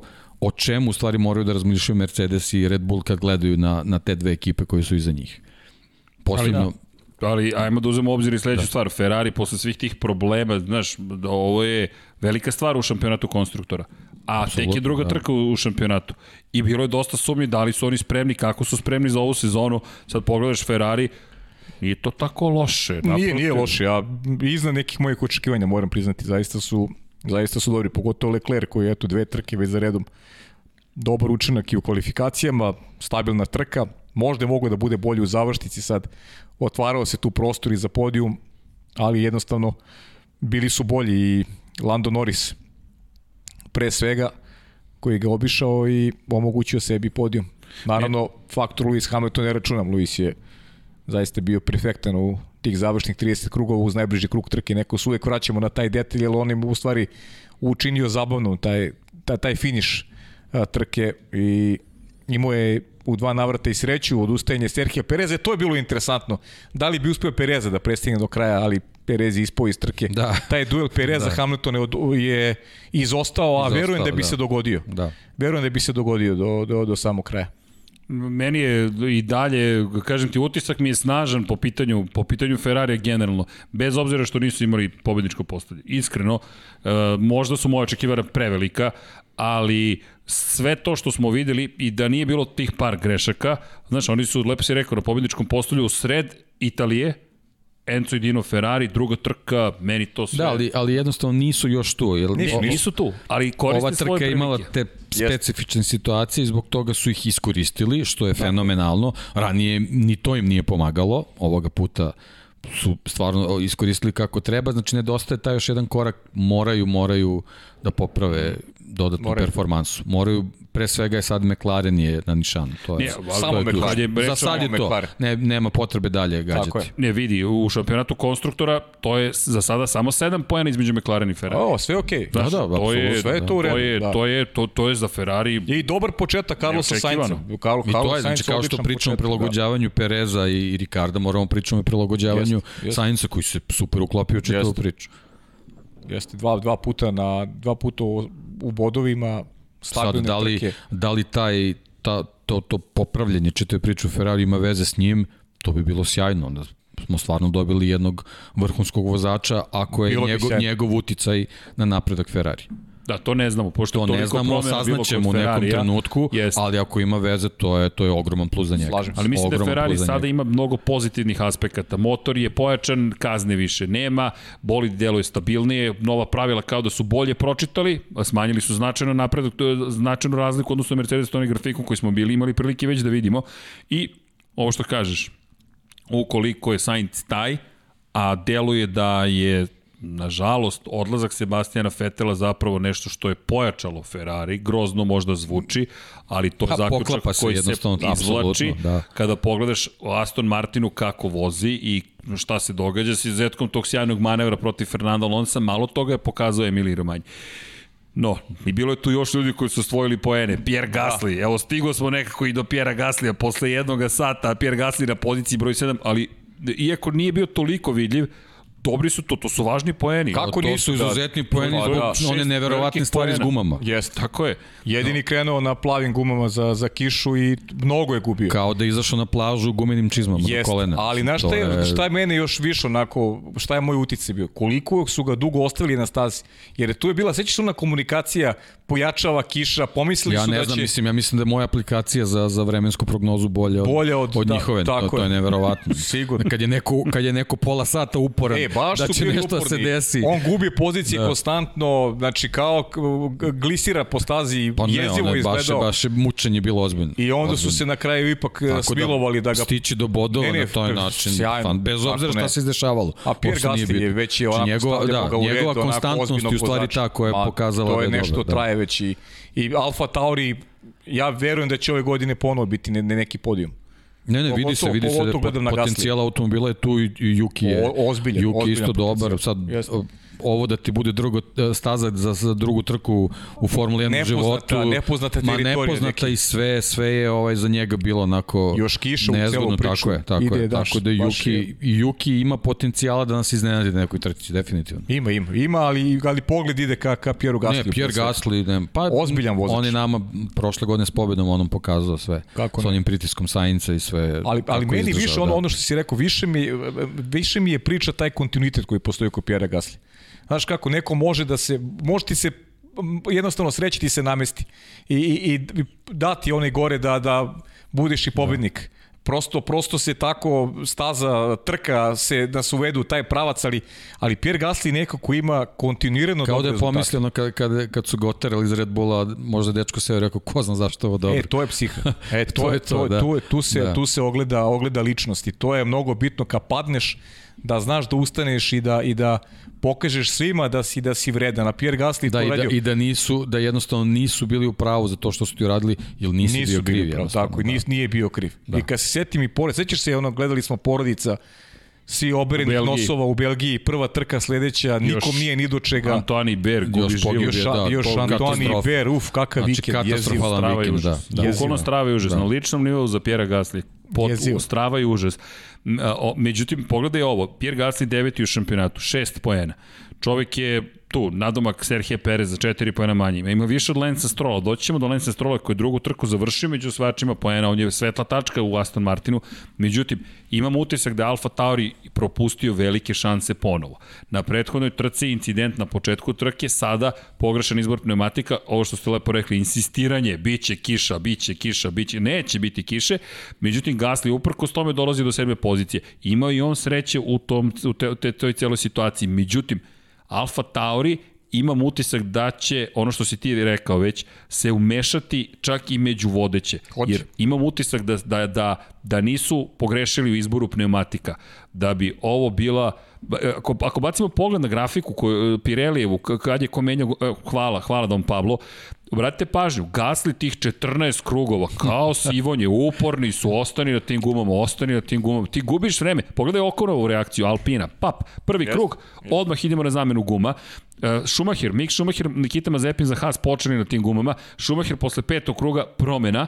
Mazepin 12, čak, čak ima Zepin i Haas su ranije Dobro, Šumacherova promena je prinu, e, prinuđena zbog, zbog iznuđena zbog... Iznuđena zbog greške koja da, na startu tako da bi možda, možda bi možda njega maltretirali, da, da, da, da, moguće. Na isti Ali, način. Znaš kako, ajde, mogu da razumem te manje ekipe poput Hasa koji a, mogu Oni samo... Oni su hteli nešto da se pa, kockaju da probaju je, nešto. kocka, ne vredi, da, možeš da. samo kockom da napraviš da. nešto. Ja, ja razumem kocku, Ali. A glupo je, glupo je ako je Alfa Tauri gledala prema Hasu. Da, to je, ali Alfa Tauri da, da. preuzme Da. tu vrstu kocke kad imaju bolji bolid nego i prošle godine, kada mogu da se bore Zato- bar, bar za visok plasman, to je greška. Ali, ali definitivno su išli na rizik posebno kad pogledamo Cunodine promene. Se, se, ja se sećam komunikacije da, Gaslija da. i tima.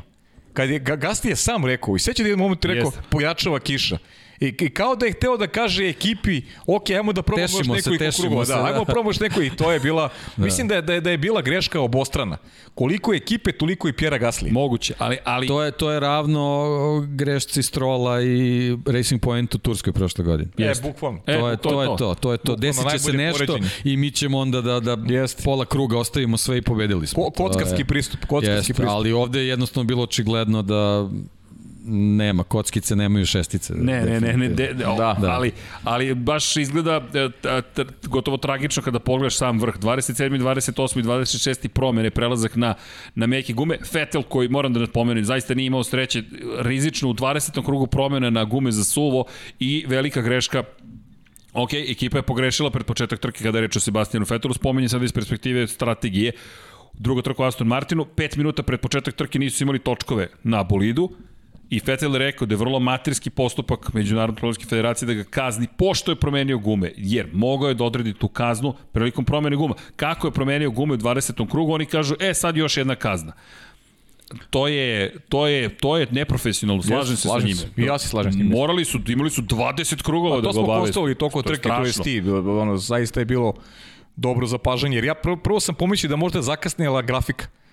Znaš, to, prvo sam to pomislio, nisam mogu da verujem da ga kažnjavaju u momentu Bukvalno. kad izlazi i zbog to, to je Kada zaista... je neko čekao i onda Pa se setio. baš, Možda su ga zaboravili, pa kad Pa su videli to snim, Vettel, opa, da. ja, čekaj, Ja, pa da. njega smo zaboravili, daj Ru, brzo da ga baš, kaznimo. baš ružno, Ali baš to je to ono što smo pričali u Moto Grand Prix podcastu, jednostavno to su stvari koje Moto Grand Prix Formula 1 moraju da, da, da promene, da, da usaglase te neke kriterijume i da se zna, ako posle nekog incidenta sledećih pet krugova ne kazniš, zaboravi. Bukvalno. Mora ti vide Fatali zaboraviti. To, za, pre, pa kao što Pa vi su, posle trke onda gleda, analizirate zašto neko Pričat ćemo o tome, setio ali da ti kažnjaš, ti, ti, ti bukvalno Derina Bindera kažnjaš u Moto3 klasi pola sata pred početak To- trke.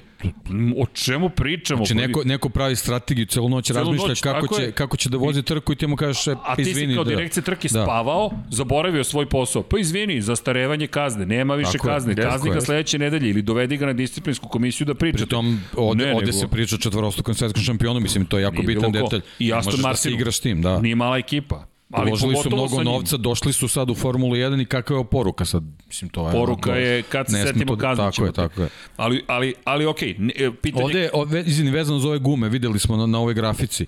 Znači, bukvalno četiri vozača Latifija ne znamo jednostavno šta šta Ne, je imao je zelene šta je ali imao je zelene gume imao je zelene- imao je bukvalno zelenu se gumu. bukvalno se vidi šta je bila strategija za ovu trku u, mislim priča na prvi deo trke posle već Okej. već je neka druga priča ali šta je šta je Toro Rosso hteo sa su ovo Francuzi rešili Gasly, da rizikuju. da da da da, da. U Francuskoj je druga ruski aplikacija. i, i francuska priča da da I to da, da, logičnije bi im bilo da su, da su i da je Yuki Tsunoda imao, pa kao ajde, po- probaš nešto kao drugačija strategija, dva vozača, pa probaš sa Ne može, on je, nešto. on je kočijaš, ko zna šta bi pričao. Da, to je on tačno, u- Da, pa Yuki je baš... Mnogo je simpatičan. Uopšte nije japanskih manira. Da, da, na Naprotiv, nikako, ne, ne, ne. nikako. To je psovka, Nik- psovku E, stiže. kako nam, bam, kako, nam, bam. kako nam je simpatičan Yuki Tsunoda, što Ali je tako se, tako kočijaš, se... a, a George Russell je ovaj, iskočio iz kodrice Paja, to je ono čuveno. Ako se ti tri godine ponašaš pristojno i onda opsuješ jednom, svi ćemo reći, A okej, puku ti bi, film. Puko, ne, okej, okay, Pukao ti film. film, pa, ali Cunoda koji psuje, psuje, psuje, psuje, vratno će jednog dana doći i reći, pa ne, nećemo više da psujemo, svi ćemo reći, eto. Ali to ti je ono čuveno, znaš, jesi ti rekao da Ja dobar volim čovjek? reakciju, volim te reakcije. Kako će Slava da ga promeni, kad vidi ne psuje više. ne, ne, mislim da Kad Juk dođe u ima, ima ozbiljno dobar ventil, naše pravo mesto i to je to. Da, Formulu 1. Ali dobro, pazi, ozbiljni incident je bio. Jeste, jeste, jeste. Nije, nije, sve ne, ne, ne, nemam nikakvih primetbi, nego to ti je utisak. To, to pričamo o utiscima, Da. znaš. Ali... I pričamo o pravoj trkačkoj stazi. I to Ovo, je nešto ali o to je čemu ono što moramo mi da pričamo. volimo. Pa ovo tra, tražimo, ako treba ćemo da pišemo apel ovima da, da bude Imola i sve. Muđelo imala, nešto vidiš u Molim vas, Italiji, u. Italiji svašta. Monza imala Muđelo pa opet. ove, skratite nam ove staze, ove, ove gradske i to ulične. a uli, ja, ulična. Miami 10 godina. Da, Miami 10 godina. 10 godina je prošao kao tren, biće. e, dobro, bit će lepo, pazi. Biće lepo, Biće. da, super, Pa jo, lepo, ali- atmosfera i... Ja mislim da mogu nekako da prevaziđem tu situaciju, ako radimo prenos sa lica mesta. I podcast Lab 76 A znate kako u. Detroitu, Las Vegasu, bile su dobre trke. Jesu. Bile su jako Fakat zanimljive jesu. tamo nekih Jesu, jesu. 80-ih. Ni- Detroit Mislim da nije bilo trka da, da, 91. poslednji put održan, da, da, da nije bio neki haos. Tako da, Ja, mnogo mi ima ovih, Da. da. mnogo ima ovih e, Uličnih, uličnih to mi smeta baš. To je, to je sad neki recept iz Trend Formule E. Polako se ja to ne verujem da ste prebacuje. tek tako prešli preko mog predloga da odemo u Floridu, na Floridu da radimo trku. A više me zanima I dobra trka nego, nego Florida kao Florida, pravo ti kažem. Ako će bude dobra trka, E, ajde, Vanja, idemo Da, ti i ja, vidite, Vanja, idemo ti vas i dvojica, ja. Pokrijemo i Miami, lepo Dolphinse i Tampa Bay Buccaneers, Tampa Bay, to sam teo da kažem, da. Da, da, Sam da. znao da ima neke veze s ovim vašim sportom. čekaj, čekaj, tebe tek čeka trik akcija na MotoGP. Evo, evo, Da, welcome to teren. the jungle, krećemo. Okej, okej, okej. Krećemo. Čekaj, ti si Detroit Mada imam ja Lions. taj, ja sam, ti si ne, Detroit ja sam Lions. Detroit Pistons, ovo, ovo, ovo, Ali ne Lions smo ti prikačili, nema veze. Dobro, okej. Detroit Red Wings može sve, ali ovo, ovo vaše tanko mi ide. ne, polako, polako, navući ćemo te. Navući ćemo te, ne mogu da verujem. Ali dobro, poštujem to, ljubav prema trkanju. Pa, da. Eto, to je jedno što su se šalili, znaš, pošto Miami Will Smith je novi vozač Mercedesa, verovatno samo ko uspije da ga, da ga smesti u kokpit. Tako da to Samo da ne bude priča, Bad Boys da. 4. Da, da. Boys. Cijela rodbina vozi Formulu 1. Da. Ali dobro, ne, ne otkrivam delove novog Bad Boys filma, nije ni tako loš.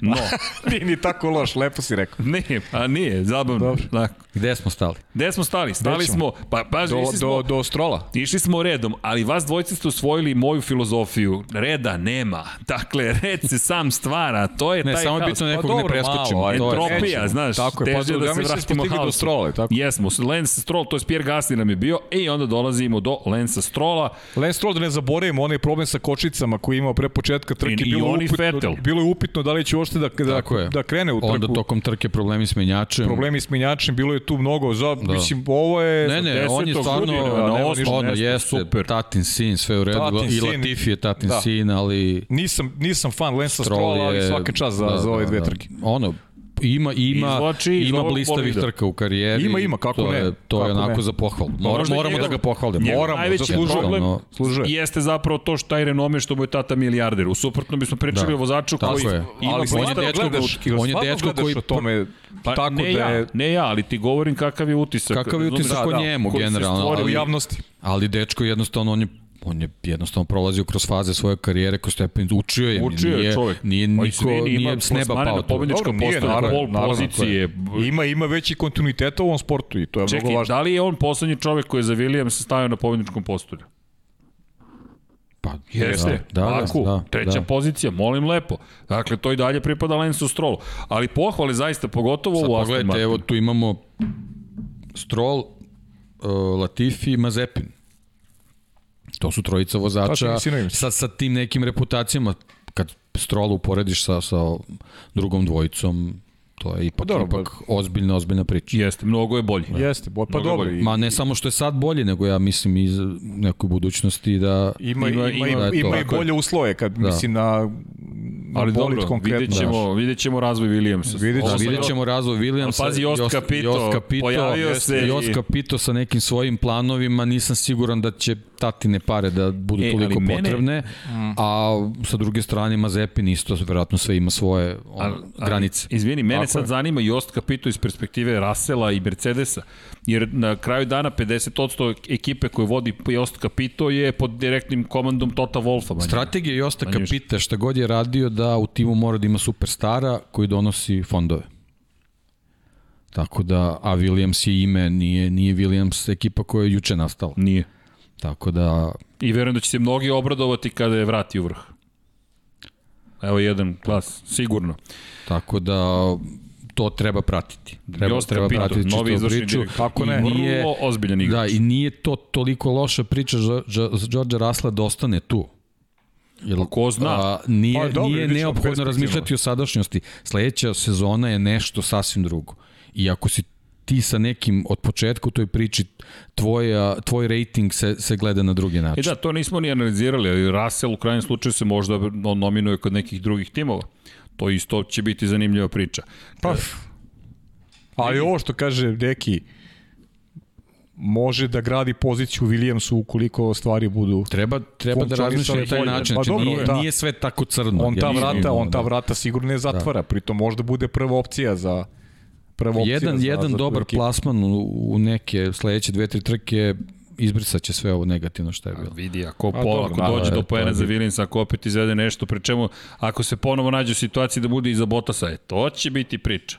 Ali dobro, imamo mi još priče, imamo i kaznu koja je primjenjena posle trke, Kimi Raikkonenu, Alfa Romeo ostade bez poena na Da. kraju, Kimi prošao deveti kroz cilj, međutim rekli su da je, jel te, i on napravio prekršaj kada je reč o vozilu I bezbednosti. To je ono što što malo smeta, što ajmo to malo brže da da reagujemo, da da imamo plasman, da se zna plasman po završetku trke, a ne da se čeka da prođe večnost, pa onda smo zasedali, onda, mislim, ako ste već, ko već znate šta je napravio, pa kaznite ga odmah. Mislim, Da, ranije, ranije nekako bilo sve kazne koje su stizale posle trke su se dešavale zbog nekih provera u Park Fremeu. Pa da, I i- to je bilo okej. A ovo sad za nešto što se, što se dešava dok, dok, dok se trka ovaj, vozi, ajde, vi ste neka organizacija koja Tako mora je. brzo da I reaguje. nije To prvi put ovo, mislim da se ovo dogodilo... Sad kao, ne znam, sedite, zaseda bord tamo neki dok Ma, trka traje. mozgova da- Mislim, za- to je ono, Mislim da je nevjerovatno. 2019. da su u Nemačkoj obe Alfe kažnjene i, i Kimira i Konen i Đovinaci.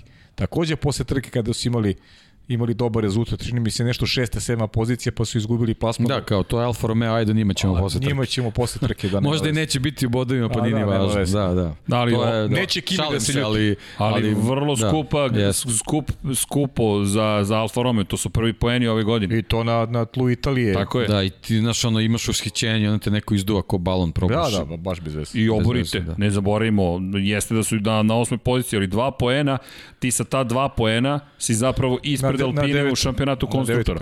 Ne, ne, ti si sedmi. A misliš u konkurenciji konstruktora? konstruktora, tako je, ti si na detoj poziciji kao Raikkonen, ali si ispred Estebana Okona, koji osvaja Da. jedan poen, Fernando Alonso nema ni jedan poen, i Alfa Romeo ima dva ukupno, Alpina ima jedan i ti si na poziciji broj 7 u šampionatu konstruktora, Alpina je osma sa jednim poenom. Ovako, ti ostaješ bez bodova, Esteban Okon se penje na devetu poziciju, pohvale za Okona, posle svih problema i te brze promene guma, osvojio je poen pa je osvojio poen, ali Fernando Alonso, evo, prvi poen i posle dve i malo više godine, istina posle kazne, završio trku, teška trka za sve bila, ali nekako na, na mestu jedne od njegovih najslavnijih trka i pobjede 2005. protiv Mihaela Schumachera u Ferrariju Renault je tada bio njegova prva šampionska sezona i ta veličanstvena trka koja ga je stavila u fokus u Formuli 1 i Fernando Alonso tek 11. 10. posle kazne, ali eto, 3 poena za Alpinu. Da, pa nema šta da se konstatuje nešto previše. Ono, Baš iskoristili su eto neke pogodnosti koje su otvorili u trci, te incidenti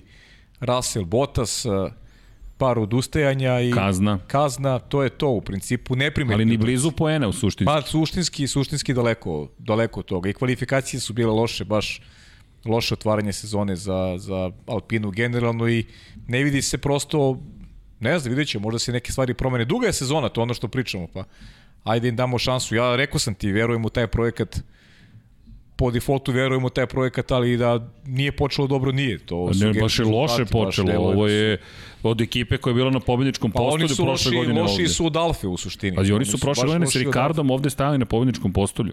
Jeste. Ove godine ih ne, ne, da ih nema blizu, nego Ti, ti imaš, ne ti imaš, dva, poen. ti imaš dve, dve greške, imaš Alfu, Đovinaciju, dva navrata gubi poene zbog uh, prvo loša odluka tima, ostaje ne loša odluka tima, nego 10 sekundi kazni Greška, i sada imao problem u sred trke, šta mu se desilo, nešto E, se, sa, ne, neka, neka zaglavio mu se da li papir traka, ili nešto neka papir. u kočnicama. Znači, u, u dve vezane trke ima ima problem, osvoja poene. Osvoja poene, ne bismo pričali uopšte o Alpini. Alfa Romeo, tako je. Pričamo o Alfi. Da, da. A da ne govorimo o ovim ozbiljnim pehovima, Valtteri Bottas, Russell Sudar i šta, Sergio Perez odustajanje. Sve bi to onako Alpinu e, svrstalo dole u, u tu, Pa bili bi u tu donju 13. i grupu. 14. Katastrofa, bukvalno. Baš katastrofa. Baš na nivou katastrofe. Tako da ovo tri poena. U, proslava. Dar sa neba, ovo je baš proslava, šampanjac otvaraju sigurno.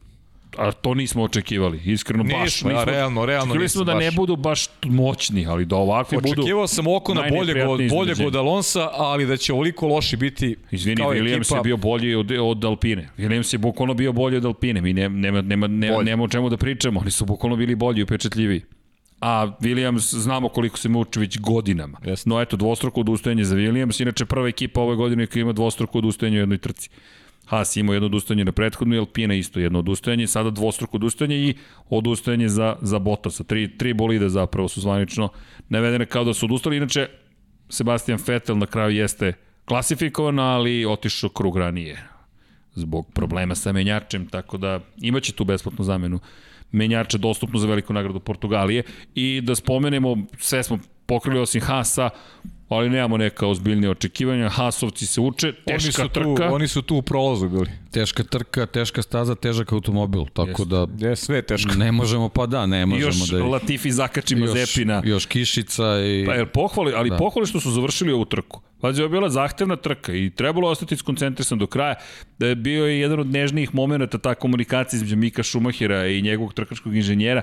To je poslušajte, zaista je lepo čuti, čuju se emocije, vrlo iskrene emocije ili deluju iskreno, ja zaista verujem da su autentične i, i nešto što jeste ta lepota takođe Formula 1. Jeste, to je gotovo gladijatorski sport, ponovno smo videli koliko je opasan, ali Mik Schumacher budi, budi emocije, prosto njegovo ime i prezime i u jednom momentu smo imali na stazi Schumacher, Alonso, Vettel, Raikkonen. Znaš, gledaš i kažeš čekaj, jesu ovo, gde smo se vratili unazad, gde smo sada? Vrlo, vrlo interesantno. I još naravno Verstappen tamo negde napred kao, iako Jos nikada nije bio na tom nivou, ali opet to je neko prezime iz, iz daleke prošlosti gotovo. Zabavna trka. A za dve nedelje već smo na velikoj nagradi trka. Portugalije i to opet na trkačkoj stazi. Jeste. I opet tamo gde nije nemoguće da ćemo imati kišu. Na obali okeana, prošle godine onaj spektakularni start Kimijera i Konena za pamćenje, kada deluje kao da svi ostali čekaju Nemoj- nešto, nemoj Kimi da- samo pretiče. Nemoj da nam kradeš od sledećeg podcasta. Ne, ne, ne, da, samo sam nećemo, rekao. ništa ne najavljamo. Ništa ne Pusti to, najavljamo, Ima okej. vremena, polako. I Pričat ćemo o tome. Pričat ćemo mi o Portimao malo kasnije. Kasnije, imaš i Portimao kasnije. Stiže pa da, Portimao, pa da. Stiže Portimao. Da ne idemo napred. Ja Okej. znam da ti voliš to, rakete, Hoćemo svemir. na pitanje i odgovore. Ajde, pa da, Ajmo. to mislim Ajmo redi, da- da, malo da- Pa završili smo. Završili smo, pa vidi. Da, pa onda, Ja sam mislio da ćemo trajamo bar kod trke. da, tri Hoćeš sata da, skoro. Pa čekaj, hoćeš da istaknemo crvenu zastavu, vas dvojice ste u crvenom, pa... Hoćeš da te sad umetnemo MotoGP Ti, kao ti si sudija sad zastava? napravi board, pa, pa odluči, pa nam javi posle trke. Ajde malo pitanja, pa, Da. pa da idemo E, na, Čekajte da idemo... a- na vaše teme. Da, nismo, nismo prošli ovaj e, Šta? priču. E, Hamilton je testirao nove gume. Tako da u veliku kreću Da. ovaj, uh te, te neke, da kažemo, pripreme za, za sledeću sezonu. Ono, bukvalno sledeći dan, kao bila je trka prošla, idemo u sledeću godinu. To je, to je nešto, mislim, jako je važno da dobiju te, te ove prave informacije vezane, mislim, to je nešto što, se, što je stvarno velika promena, bez obzira na sve ostale tehničke promene, tako da koja ekipa to bude najbolje shvatila, imaće, Samo- Samo... imaće prednost na početku. Samo izvini da napomenem, nemojte da brinete za MotoGP, naravno da ne. Šta vam je, večeras imamo hibrid, ali hibrid onaj pozitivni, imamo Formula 1 MotoGP, nego da iskoristimo priliku, postavimo pitanja, pa kada završimo Q&A Pa od hoćeš- nekih 20 minuta Formule 1 ili pa evo šta ćemo, hoćemo pitanja ili ćemo da pređemo odmah na MotoGP pa sva pitanja da spakujemo odjednom. Pa ne znam samo da li će moći pratimo pitanja posle. To je, to je jedino, pošto ne, jako pravo. brzo ajde, ide. Ajde, Ajmo, ajde, ajmo, ajde, ajmo. da napravimo, 20 da napravimo minuta selekciju. Q&A. Ajmo, da, da napravimo Pa, selekciju. pa, Pa, Evo, koliko Bolje. je? 22.40 do Do 23.00 Tako je, Formula Ajde, 1. tako Jel je, moguće? tako je. može, ajde, ajde. Ajmo. Tako je. Ajde. Odakle, čekaj, čekaj. Kako god hoćeš, ajde. Čujte, čekajte, ovo mi je jedna od omiljenih igara. Instagram kroz Pavle Živković 28. A, dakle, molim vas, zapratite ukoliko želite da postavljate pitanja a, gospodinu, preko gospodina Živkovića, to vam je ovde. Ukoliko, Vanja, oteo sam nam malo, ukoliko želite Dekija Potkonjaka, to će vam biti isto uskoro postavljeno. Zašto? Pa zato što je suviše zabavno, tako da, eto, zapratite ih i tako. Tako da, eto. Radi srđan deki na našoj promociji, vidiš kako. Pa naravno. Da, ma, to. Ne Hoće li vidim, pa ne, da napusti greške, studio kada greške. krenemo pričati o MotoGP-u? Ne, došao je potpuno spreman. Dakle, A nisam baš spreman, E, da. ali neću da je šalim se, društvo. šalim se. Uh, Danilo Šaković pita ono što si ti pitao, da li Mercedes može da otpusti Bottasa tokom sezone. Pa ajmo da budemo i brzi. Da li može da otpusti? Pa može da otpusti. Može, ali, ali... Može, naravno da može. Niko Da ne će- zabranjuje to, ali da li, da li želi to da uradi, da li, da li je u interesu, To je- to je pitanje. sad balans. Da, da, dakle, balans je u sledećem. Da li robna marka Mercedes, da li Bottas, pazi, Bottas mora sad da uzvrati udarac, mora da se aktivira. Ali sad, koliko je to intrigantno. Bottas mora, mora Perez, a McLarenovci se pojavili, a Ferrari korak kockicu po kockicu, još Alfa Taurijevci kad se pojave. Ho, ho, ho, luda kuća. Dakle, zašto nema snimke s Bottasovog ugla kod Udesa, to ne postoji. Igore, proverit ćemo na F1 TV Pro, pošto imamo mogućnost da pratimo sve, pa da ostanemo dužni da li postoji e, ili ne. Eto, tako da ćemo to proveriti. Nisam siguran da ne postoji, mislim da postoji, samo da prosto to nije isto, ali možda i ne postoji, da sad ne grešim. Da li mogao možda i do Maxa Luis da nije požuri napravio grešku po vremenima, e, kaže da jeste. Pa, ako mislite na moment Ne, ne, pre da- da okretanja... nije- da nije napravio grešku, mogao je. Da, da, gotovo, sigurno bismo imali Mogu, gledali bismo duel, ne, da, gledali bismo duel. Mogu Da, da, da. da nije napravio grešku, ali opet kažem to je. Evo ima jedno pitanje, Blagote Čolović. Da. Kaže, šta mislite u kolikoj meri utiče Maksova dosadašnja dominacija, dominacija, možemo to da prevedemo, ne bih rekao dominacija, na Hamiltonov mentalitet. Naravno da su oni karakteri na kvadrat, ali kada pogledamo nas da on imao takav pritisak konkurente za titulu već dve, tri godine možda od Rosberga. Znam da je početak sezone, ali deluje mi da Red Bulla mašinerija ne planira da se zustavi tek tako. Mislim da smo negdje pričali o tome i da ja mislim da će Hamilton da, da, da, da procveta s jedne strane. Da, možda ćemo videti i njegove veli, veće greške i velike Sigurno, greške. logično. Ali ćemo videti i neke od njegovih najboljih nastupa. Slažem se isto. Bukvalno. Jer ovo je taj izazov. Šta nam je nedostajalo u celoj hibridnoj eri Mercedesa? Nema ništa. Nek pobeđuje Mercedes i dalje. Nek pobeđuje Hamilton i dalje. To niko nema ništa protiv toga. Ali neka se to dešava posle ovakvih trka, posle duela. Međutim, to je nemoguće samim tim, čim imate takvu konkurenciju. I to je ono što je lepota o, ove ovakvim sezone. duelima zaista za neutralne, osim za one koji su baš onako navijači Hamiltona i Verstappena, za mene lično je samo uživanje u velikoj borbi, ništa više. To je to. I ima još jedna bitna stvar. I Verstappen će praviti greške. I na, o, Verstappen, to što ti sjajno rekao. sigurno, I, sigurno. I, I jedni će i drugi će praviti greške. A kad njih dvojica budu grešili, a i bit će zanimljivo kada budu ponovo Tu, u tu, duelu. onda, tu je onda Lando. To, to je to. Ko je onda tu? Pazi sad tu. I, i, Pa tu ne, je onda- želeli smo se da imamo duele vozača iz različitih ekipa. To, to. Yes. To je nešto onako što što može da, Pa. pa. da, da donese neki novi moment u ovom trenutku u formulu. Da, inače Filip Đekić, ne prihvatamo ništa ispod 4 časa. Uf. Dogovoreno. Hoće li Paja da, da, da li mislite, uf, uf, lete ovde poruke. Na, ovo- Zato kažem, ludilo. bolje da je F1. bolje da je sad da, da, F1. ludilo, ja ne znam, ja neću, mislim, e, da, ovo je ludilo. da ste George Russell, šta biste uradili? Otišli u drugi tim ili? Nemate mnogo opcija. Ja bih otišao u drugi tim, Ali Ali meni je uvek kasnije, to da. izbor. Meni je uvek to izbor. Pa evo Gaslija, možda je Gasli dobar primjer, šta dalje? Neko ko želi za sebe, želi karijeru da, da ne bude ikebana, nego da bude trkač, da se bori, hoću da vozim za ekipu koji što mi omogući. Ja bih se tako postavio. Da mogu, naravno, nažalost, nikad nisam mogu. Pa da, i, a i, a i da, da on može. I, I tu da on- sad ima mnogo, Tako je, mnogo i da on može, bravo, deki, Znaš, naravno, i da on to je- može, to je... To je, on je vozač Mercedesa i dalje, mislim, Tako to je. je. Tako da, ono, bilo bi dobro da, da promeni malo sredinu, ali pitanje je da li, da li je to moguće jednostavno. E, imamo onu kontroverzu, nismo Da. pričali, Aston Martin i aerodinamika, naravno toga se nismo dotakli, opet prelazimo E. e. na teren politike. Zanimljiva je tema, posjetio me sada Aleksandar.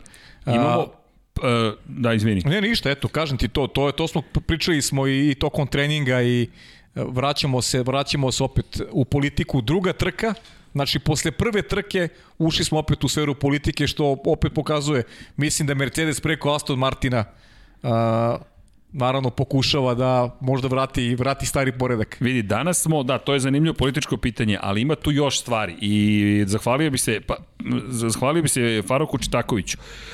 Čovek je absolvent na mašinskom fakultetu Univerziteta u Tuzli i pomno prati Formula 1. Poslao nam je jednu ozbiljnu analizu.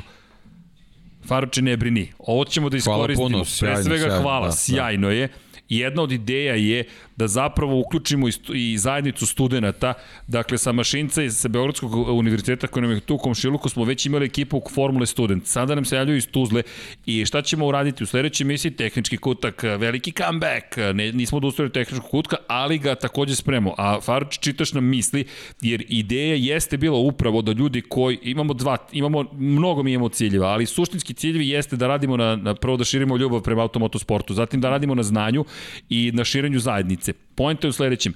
Studenti redko dobijaju priliku da se pojave u javnosti. Naš, mi smo sebi dali za zadatak da ih predstavimo javnosti. To smo za sada uradili kroz Formulu Student, koji inače u pripremi i ponovo ćemo imati emisije sa momcima i devojkama iz Formule Student. Ima dosta devojka na mašincu ovde u Beogradu, pretpostavljam i na drugim univerzitetima. I sad šta je poenta? Da nam oni daju svoje viđenje stvari, da zajedno, kroz njihovo znanje, vrlo ozbiljno znanje, uradimo upravo ovakve analize. Čovjek je budući inženjer, možemo reći da je već tu praktično, i postavljamo analizu na šest stranica. Faruče, sledeći put to ćemo ti pričati, ali to je tehnički deo. Politički deo, Pa, deluje da, da je to opet klanovi. Ferrari ima svoje korisnike, Mercedes ima svoje korisnike i prosto čini se da Aston Martin vuče taj potez koji dalje pregovara sa Međunarodnom automobilskom federacijom, federacijom koja će pomoći što njima posredno i pretpostavljamo Mercedesu. S tim što Mercedes je zanimljivo, za, u ovoj trci, to smo zaboravili da spomenemo, sa Bottasom imao probleme na ulasku u krivinu. To im se do sada nikad nije pojavljivalo i dobra analiza motorsport.com gde govore ranije je niska temperatura bila saveznik Mercedesa. Sada niska temperatura je navodno odmogla Valteriju Bottasu, jer nisam video problem za Mercedes Luisa Hamiltona, što opet pokazuje razliku u kvalitetima vozača.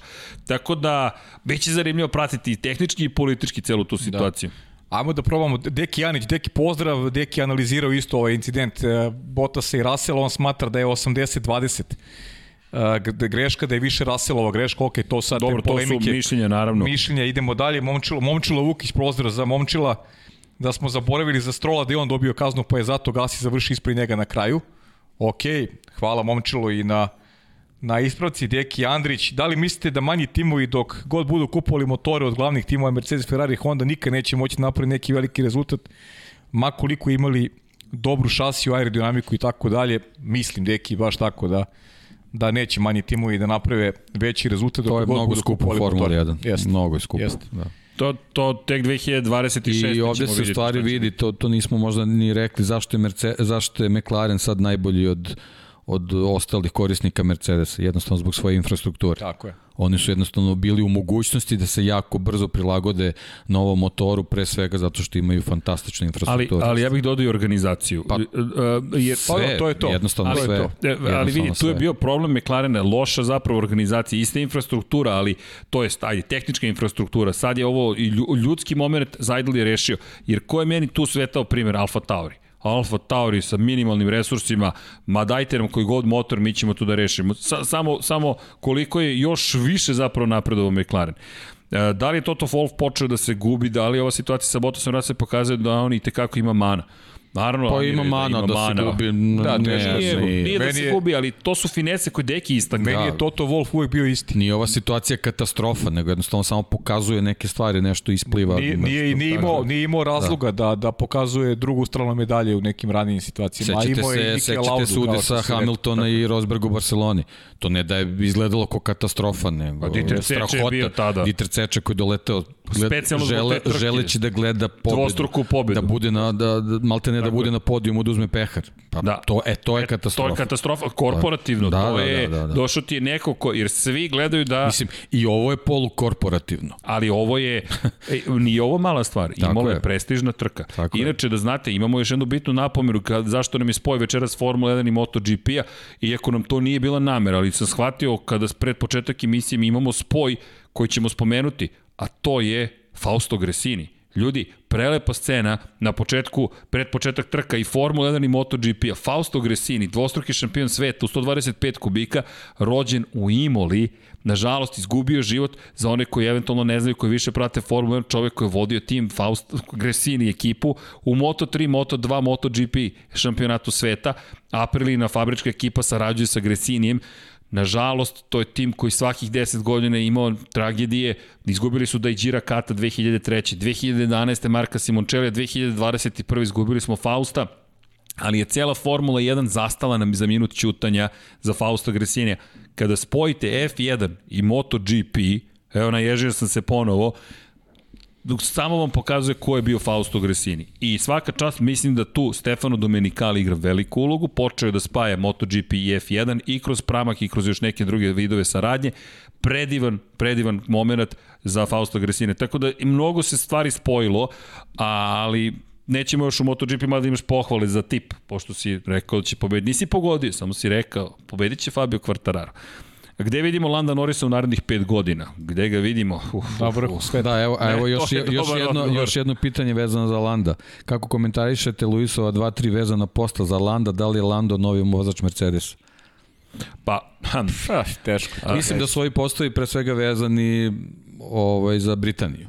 Jer jednostavno oni na drugi način gledaju Pa, gledaju na svoje vozače Hamilton- i ovo je super priča Luisa Hamiltona da jednostavno nekako Luis- tu svoju bazu Pa dobro, učvrsti to, on, on, ima, i- on ima i obavezu. Kao Lando je, Lando je negde definitivno u ovom trenutku britanski vozač koji na svoju stranu vuče, vuče sve Jeste. obožavaoce. Pa dobri- Nova je generacija, novi vid komunikacije, šta si rekao pa? rezultati. Šta? Pa- Gamer. Da, To, pa to, da, da, to, gamer, to, to. gamer. Ne znam, ja, ja sam, ja, I nekako kompletna pozitiva oko njega. ja, To, ja, to ja je imam, nešto što ljudima treba. Ali- imam dobru priču vezanu i za George Russell i za Landa Norrisa, zaista. Obojca su mi sjajni. Ali da znate, Hamilton se oglasio i kod Georgea Russella i na njegovom postu kada se izvinjava je rekao svako se uči, podigneš se na osnovu toga što se nauči i voziš dalje. Pa naravno, pa, pa to je I to proces ono što si rekao, Pa ali je- šampion se pojavio, obavio je svoj politički deo takođe posla, verovao ili ne verovao, on im je pružio javnu podršku, što nije mala stvar. Hamilton je najpopularniji vozač sveta. Dakle, po čistim Pa brojkama, dobro, to je najpopularniji vozač. Britanac i treba da i protežira, Mora. da pomogne tim momcima da, da nastave tamo gde on stao i svakako da i, i Lando i George imaju, imaju lepu budućnost. Sada je Lando u fokusu s obzirom na, na I- sve što se dešava u McLarenu. I Haris Osmić nas podsjeća 700, 700 podijuma za britanske vozače. Da, to, to smo zaboravili da napomenuli. To je ta priča o Brit Britanije, postojbina Formula 1. Tamo je najveći broj ekipa se nalazi i svoje sedište ima u Pa, između osla, eto, pomerali smo raspored zbog smrti princa. Mislim, krajnjem tako da, slučaju. Tako je, Pozdrav za, da, pozdrav za ekipu Pavle Njemec, kaže, da li će pit stop biti brži i sporiji sledeće godine zbog novih guma? E da, nove gume, da, nismo spomenuli, ali čak i Lewis Hamilton stigao da testira od 18 cola, što kažu, da ne kažem inča, točkove, to ono što smo već videli u Formuli 2. Da li će biti brži ili spori? Pa mislim da će biti isto vreme. E, ne vidim mnogo veliku promenu, ali ne znamo. Da. Čujte, to je, uvek se napreduje malo po Vidjet malo. ćemo, vidjet ćemo po Red Bullu. Bukvalno, po rekorderima svetskim, Da, šta će kaže biti Ivan. Damjanović, velike pozdrav sve u studiju, kaže da ste vi vozači Formule 1, sa kojim timom biste sada potpisali ugovor za 2022. Da, to je neki fantazi. Šta? Deki ja za Ferrari izgleda, Čekaj, za koga ja? pa ti si neki neutralac. Za Mercedesa. Ne, Toro Rosso na suncu, pa. Alfa Tauri, Alfa Tauri, suncu, čekaj, ja- ovo su da, da. klasične Alfa Tauri boje. Ja Pa ne mogu da se naviknem, ja Toro Rosso pa Toro to, nema šanse, kakav Alfa Tauri. Kao, pazi. ne, kao Alpina, znaš. Alpina.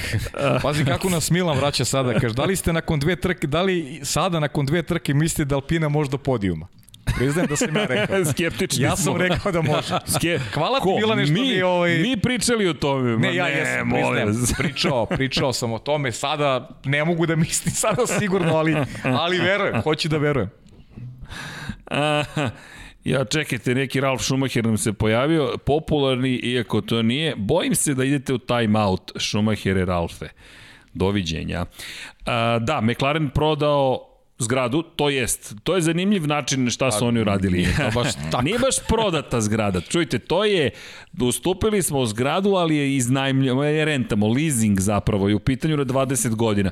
To je jedan način da zadržite posed nad time, ali da nekome date u eksploataciju. Sad, to je pitanje šta ste zapravo dali za koliko i suštinski to je pitanje cash flow. Vi ste sada dobili pare, vi ste digli kredit u suštini i vi ćete Ja dođem, plat, dam ti 170 miliona funti, ti mi onda plaćaš mesečnu rentu koja će ukupno na kraju da izađe mnogo više od toga. Ali sam ti sada dao cash flow da ti možeš da nastaviš da funkcionišeš sa nadom i verom u sebe da ćeš zaraditi toliko da mi vratiš možda i 340 miliona funti ili otkupiš svoj dug u napred.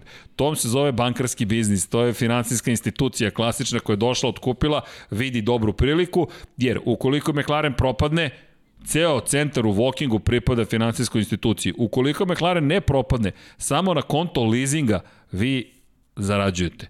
Čujte, to go, oni gubitnici, koja, koja finansijska institucija ikad gubitnik, to, to je, taj film ne postoji, igra je nameštena, ali je pojenta u sledećem da, da mi u sve celoj priči ovde imamo situaciju koja finansijska institucija de facto sada pomaže McLarenu. Dakle, da se ne lažemo, McLaren nema te pare, a ovako zadržava vlasništvo nad svojim zgradom, a dobija keš koji mu je preko potreban.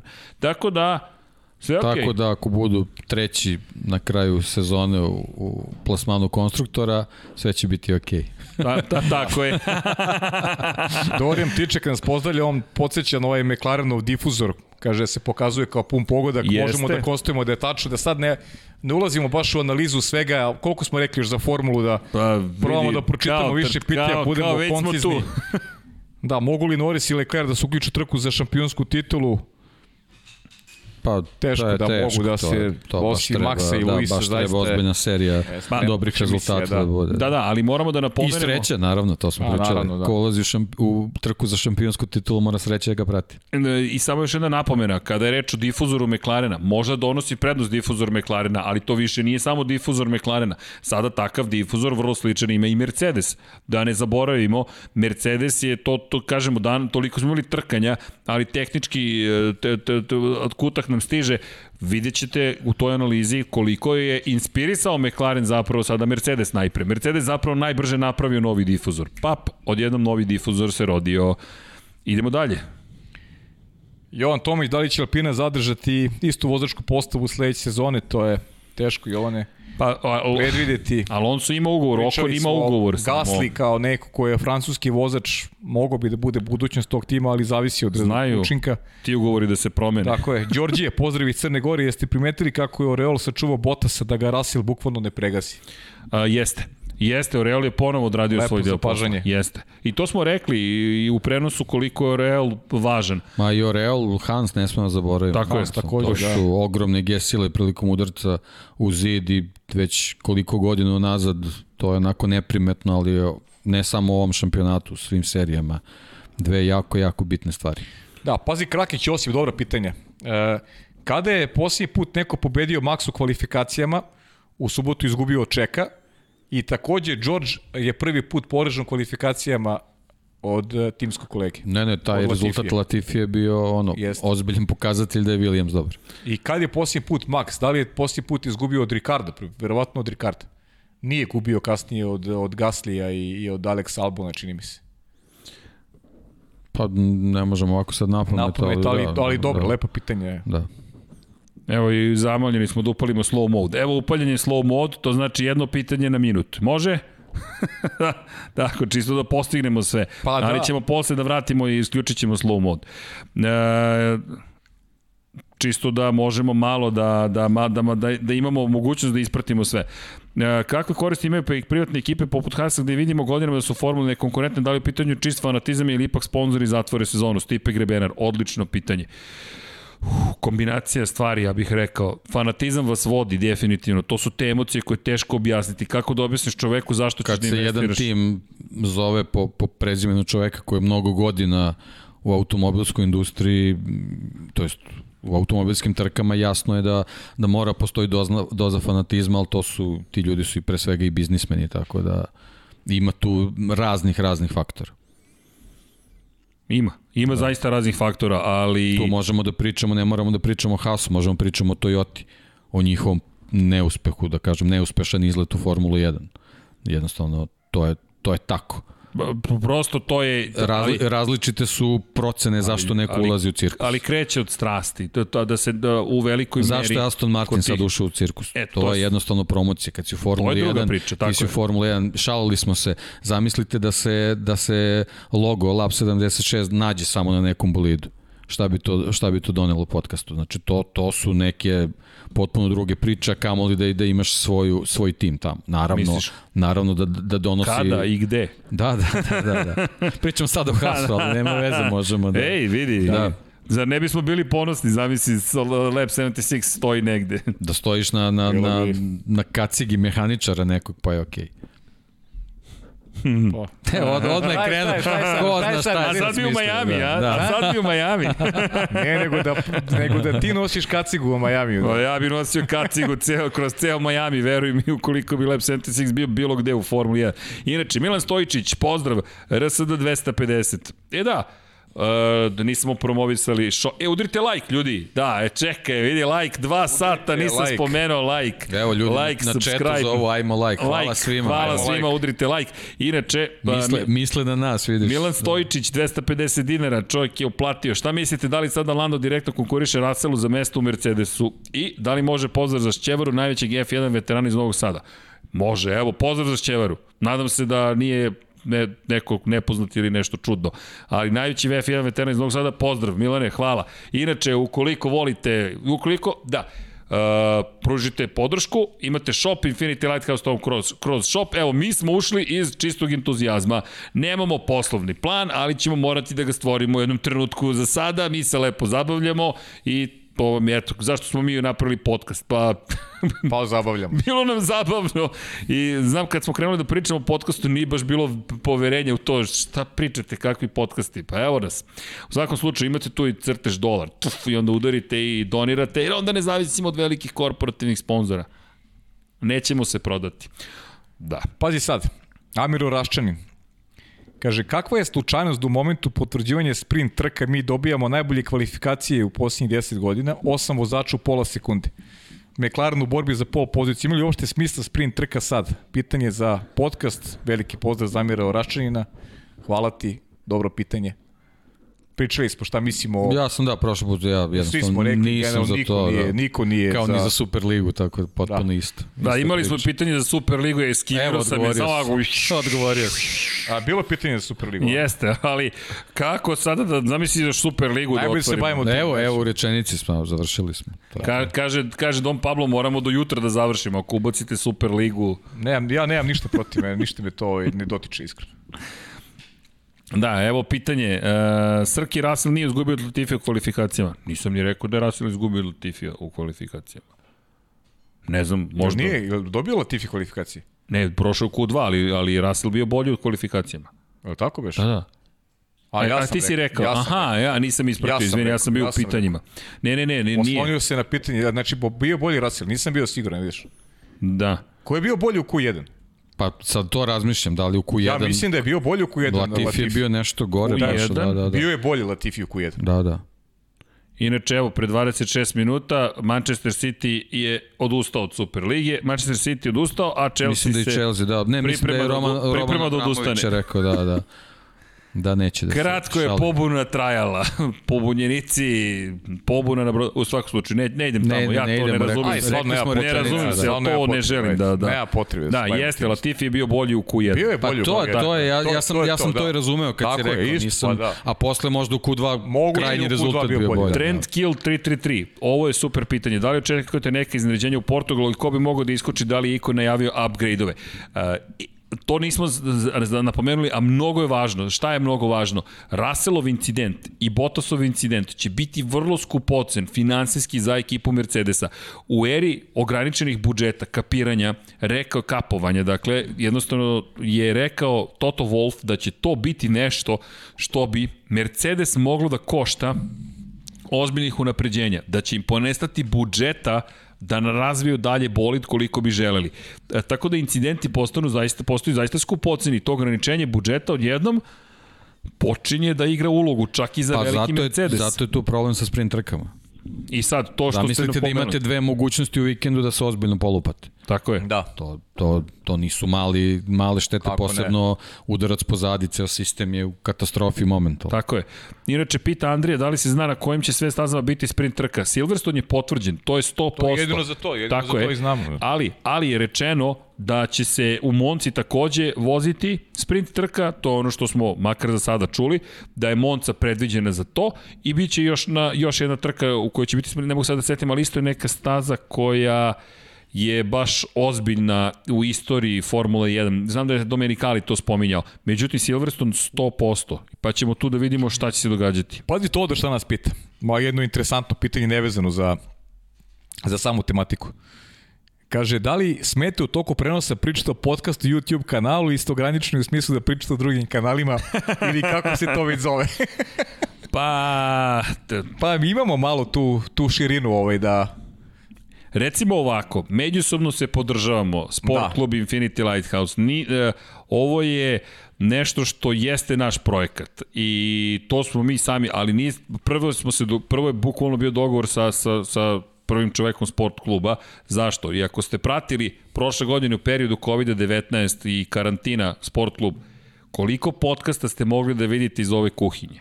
Wish and Go, sada imate Piramidu radosti, imali ste SK Fight Night, Lab 76, to su sve stvari koje smo zajedno realizovali. Dakle, u momentu kada je sport stao, sport klub i Infinity Lighthouse nisu stali. Bukvalno nismo stali. Tako da se međusobno podržavamo, prosto ne prelazimo neku granicu pristojnosti i ukusa, spomenemo Lab 76 povremeno, ali mi ćemo uvek promovisati sport klub, to je prosto nekako priroda stvari. Ako pratite 99 yardi, uvek izbacimo, to ćemo verovatno uvesti i za Lab 76 raspored pred, u nedelji pred nama trenutno smo ograničeni iz te perspektive pošto je od ove godine Formula 1, da inače dosta je bilo pitanje kako je moguće od ove godine da sport klub može da, to je Formula 1 da ne mora da bude na sport klubu 1 više. Od ove godine se promenila situacija u toliko što je kupljena su prava i za Hrvatsku, koliko znam, mislim i za Sloveniju, ali nisam siguran, nemojte me držati za reč. Tako da je proširen, uh, sam ugovor je proširen. Ne znam detalje ugovora, ali je drugačija situacija nego što je bilo do prošle godine. Što mi ne znamo, mi ne učestvujemo u tim komercijalnim pregovorima. Mi dobijemo obaveštenje manje više na početku godine ili na kraju sezone, pa ja, ja obično saznamo oko 14 časova, ako je trka u 15 i 10, mi u 14 saznamo sledeće godine da li imamo Formulu 1 ili ne. I to vam je to. Mislim, mi bismo vam rekli, ali nas ne obaveštavaju, ne učestvujemo u tome. E, da, ima još, po, još, da li dobijete besplatan F1 TV Pro ili plaćate jer ste komentatori? Formula 1 je bila Bernijeva i ostala Bernijeva u duši, tako da plaćamo, nemojte ništa da brinete. Bukvalno. Znate li nešto, evo, to ćemo, zna, zna li se nešto više od sprint trkama? Zna se. Vozit će se dužine 100 km i na osnovu rezultata te trke će biti definisan startni poredak, neće se dodeljivati poeni, već će se bukvalno samo određivati ko startuje sa koje pozicije u nedelju. Eto. Mladen pita koliki su budžeti tima ove godine i koliko ulazi u razvijanje bolida. Pozdrav za sve u studiju, pozdrav Mladenu. Pa ne, ova godina je specifična jednostavno, pošto imamo pripremu i za sledeću sezonu, ovaj, tako da koliko ulazi u pripremu za ovu godinu, to sve zavisi od, od, od tima individualno. Pričali smo sad o Mercedesu koji ima potrebu da, da sad verovatno možda i uloži više nego što je planirao ove godine. Pobeže mi, izvinjam se, da Smile of Fighter, 500 RSD, čao svemirci, čao da Smile of Fighter, kako vam se čini deo pozivima u live i postavljanje pitanja. Pozivi kao napravimo wall praktično gledalaca, pa onda se povezujemo audio, video ili nešto drugo. I naravno Lando i Gasly oduševljenje. Pretpostavljam da navijate za Landa Norisa i I ja imam... Jera Gaslija. Pretpostavljam da je to. Smile of Fighter, tu smo. Hvala za podršku. Top. Ali... Ali... Podrška, Smile of Fighter, veliki Tako pozdrav. je. Veliki pozdrav i za Milicu, pita kako to da Hamilton nije dobio nikakvu kaznu za onako vraćanje stazu nazad. Pričali smo Milici o tome, sve je bilo regularno, nije kaznu ni zaslužio. Miloš Pavlović, aj ovo ćemo da preskočimo pitanje, to ćemo možda vam odgovorimo ovako putem poruke, ne bih baš javno postavljao to pitanje.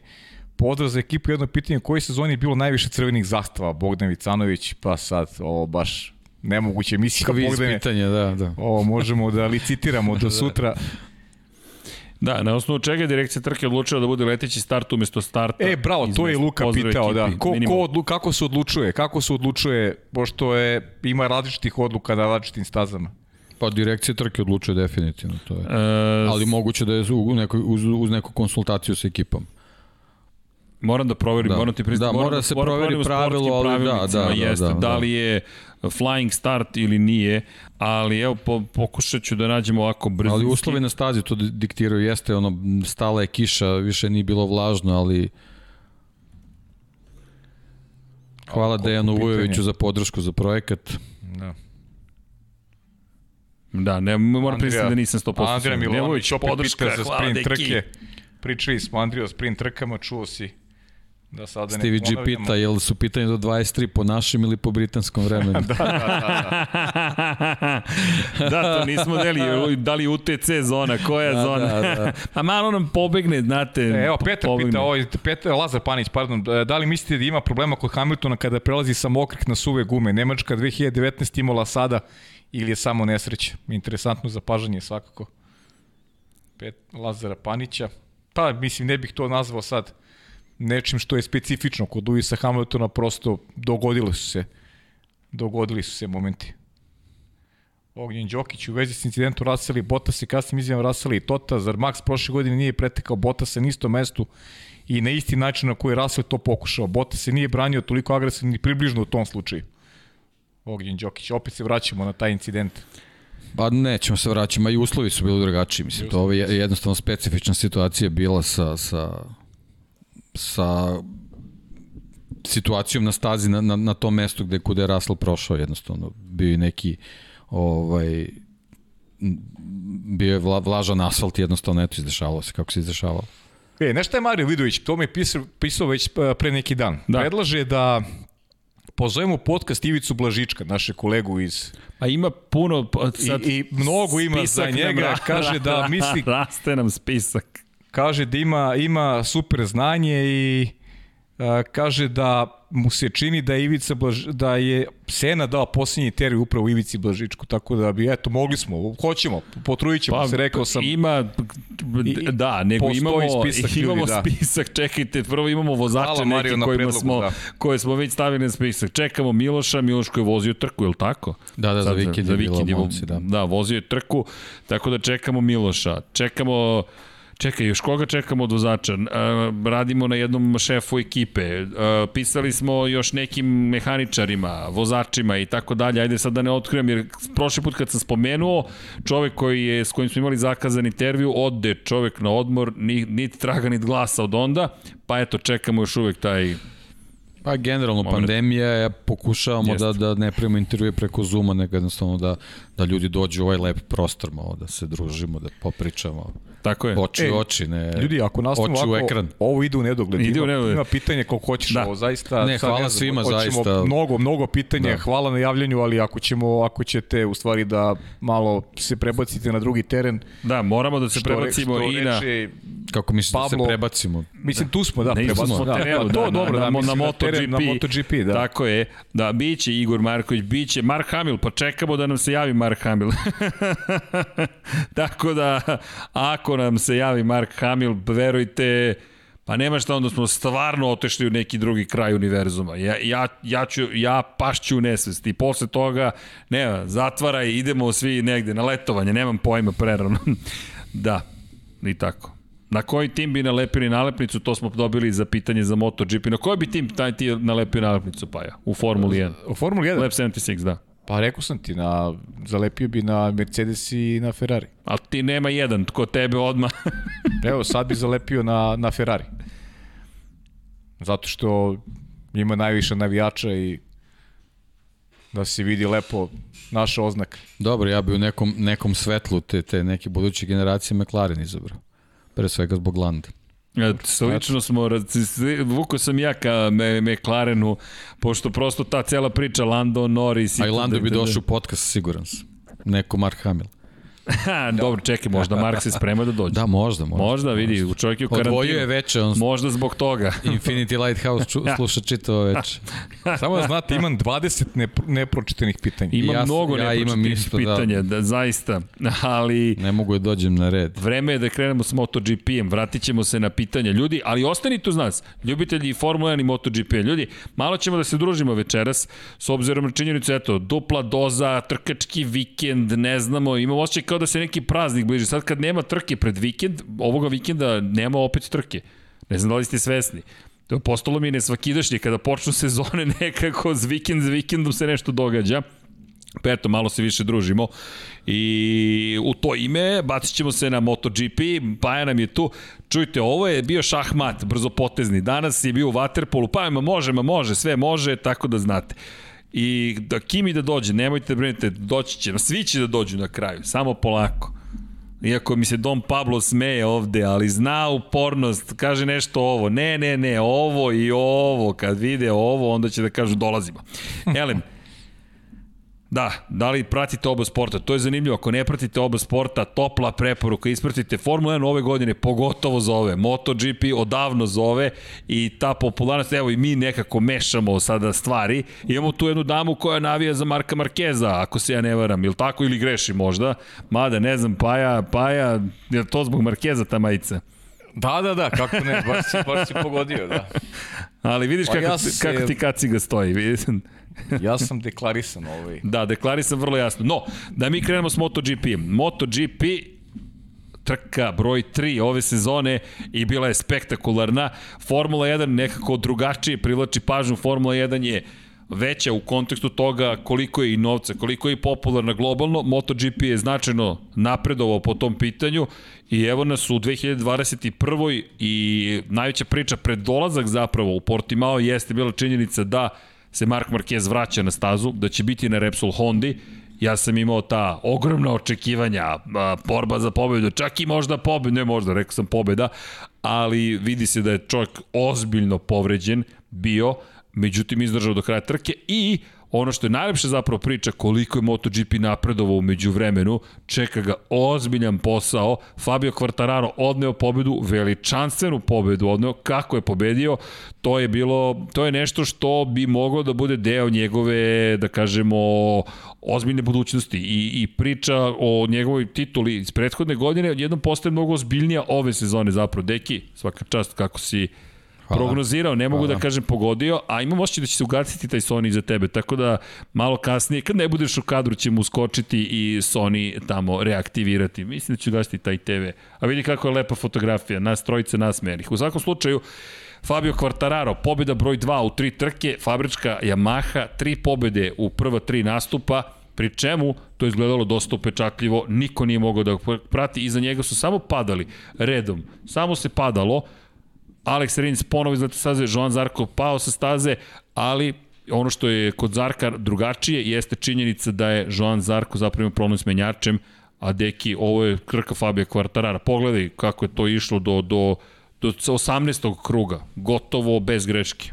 Da, on tempo koji je ono nametnuo stvarno, ja nisam očekivao iskreno, ovaj, nekako sam, sam posle, posle izdanja u, u, u Kataru kao što sam pričao i za Maxa, nekako vidim da su u ovom trenutku u formi i a, a, posle posle nastupa u Kataru uz, činjenicu da je dolazila staza koja bi Yamahi trebalo da odgovara i to se tako pokazalo eto to je bio jedini razlog koji sam zbog čega sam tipovao na njega i ono mislim stvarno je i, i bez obzira što sam što sam mislio da će pobediti nisam stvarno očekivao da će to ovako superiorno da bude. Zaista je bilo sjajno. Ovo je bilo impresivno ovo je bilo za pamćenje. Pajo ne znam ti si gledao prošlu trku koliko znam. Gledao sam malo i od ove. E, I? Dok sam čekao, pa sjajan je Quartararo, zaista. Ali čini mi se da je prošle godine dobro počeo, pa je onda Jeste. Imao neki da, ali to je nekako, to je... prošle godine nekako stihijski je bila, ovaj, a ovo, ovo, ovo je sad stvarno, da je sad i sazreo ovo mi deluje da je sazreo, posebno što se nalazi u fabričkom timu, to je sad već neka druga priča, mm. ovaj, a ovo je Sistematično deluju sistematično njegove i, pobjede. i, i Katar je tako izgledao isto. Znaš, kreneš da. i na startu nisi toliko dobar, gubiš pozicije Možda i su mu se neke u situacije otvarale zbog da. nekih padova, ali generalno E da, vidio sam treba da to zaslužiti. Rinc je pao, tako da, beše da, ovde, da, da. Da. Alex Rins, po, mislim da će da ovo ide u rame uz rame sa onim padovima prošle godine da. iz Francuske i Austrije. Ja sam na Rinsa tipovao da, da će da osvoji titulu ako se ne dešavaju situacije kao prošle godine, međutim ponovo, ponovo ista priča. Aha. Ali bukvalno preslikana situacija. Da. A Joan Mir takođe preslikana strane, situacija. Mir, da, Mir Treće ponovo, mesto, opet samo da. poeni. Evo Mira, skuplja, pogledaj, skuplja, skuplja i otpatke. A? Pa jo, da, pogledaj da. mu krugove. Nema tu šta. On čovek je zakucao svojih 1.40,23, povremeno spusti ispod 1.40 i to je to. Nema, ne, on je čovjek upalio hronometar. Stabilan, znači. Ali, ali nešto je fascinantno, obično ovo gledaš za pobede, Mir ovo radi za plasman na pobedničko postolje. I kada pogledaš Mir, posle tri trke je 38 poena. Da, zaostaje 23 poena, ali ti kada pogledaš, on prosto ne odustaje. Kvartararo ima taj šampionski moment i Francesco Banjaja, pozicija broj 2. Mir, mir vozačima, konkurentima jednostavno ne dozvoljava toplo-hladno. Neumoljiv je. On je neumoljiv. Znači, čisto eto, Šta god da mu se desi, da navedemo primjer da, da, da. situaciju. Kvartararo ne znam, ostane bez bodova na sledećoj trci, Mir opet ako dođe do podijuma, on je ponovo u igri, opet je uvrhu. Mm. Nema toplo-hladno zbog njega i svi vozači moraju opet da, da, da mnogo vode računa o njemu. Pa dobro, sigurno boje, sigurno boje da. lakši život. Imaš titulu Ne, ne, sad je, sad je već sve si... mnogo lakše, a priča je generalno isto. Da. Tako da, ovaj, Kad osvojiš titulu, tu su sad, tu su sad neke staze koje, koje motociklu odgovaraju i to je to. To je to. Meni je ono što je bilo fascinantno iz perspektive, ako smo videli sada vremena Banjaja, vratit ćemo se na Banjaju. Banjaja ne tako precizan, ako obratite pažnju. Banjaja, gore, dole, gore, dole, gore, dole, te bitke i generalno ima tu još posla kod Banjaja. Ono što je sjajno kod Banjaje, u tri trke dva puta na pobedničkom postolju. Kvartararo Banjaja, Vinjales Zarko Mir je poredak vodeće petorice. Šesti inače, posebna pohvala. Aleš Espargaro u šampionatu sveta. Čekaj, Banjaja, da, fabrički. Ducati, ja? Jeste. tako? Francesco Banjaja, fabrički Ducati, vidiš da je Deki u, negde u Intermecu, Dom Pablo je pripremio a, pozadinu, nekako prazan kadar, ne može to tako i Ducati Lego je doleteo, tebi Benetton doleteo. Ko još, ko još uz Banjaju u Ducatiju? Pesto ja stvarno ne pratim. Jack baš. Miller. Jack Miller, aha. Da, Jack da. Miller. Jack Miller koji nije ni završio ovu trku. Favorit na početku, se, pre, pre početka sezone u stvari. Da. Dva puta sedam krenula, poena. To, to A dobro, on je, ovo, mu je prva godina u, u fabričkom timu. Jeste. Pa da, pa dobro. Isto kao i Banjaj. Isto kao i Banjaj, pa dobro. da. A, ali de, ali evo, momčilo, pogledaj Banjaj napredak, 11, 11, 11. Inače, da se vratimo na kvalifikacije, nismo lepo započeli priču. Banjaj i Maverick Vinales ozbiljno oštećeni u kvalifikacijama. Francesco Banjaj odvezu ubedljivo najbolji krug. Ubedljivo najbolji krug. Ljudi, to je isprašio je sve. Bukvalno spalio je stazu.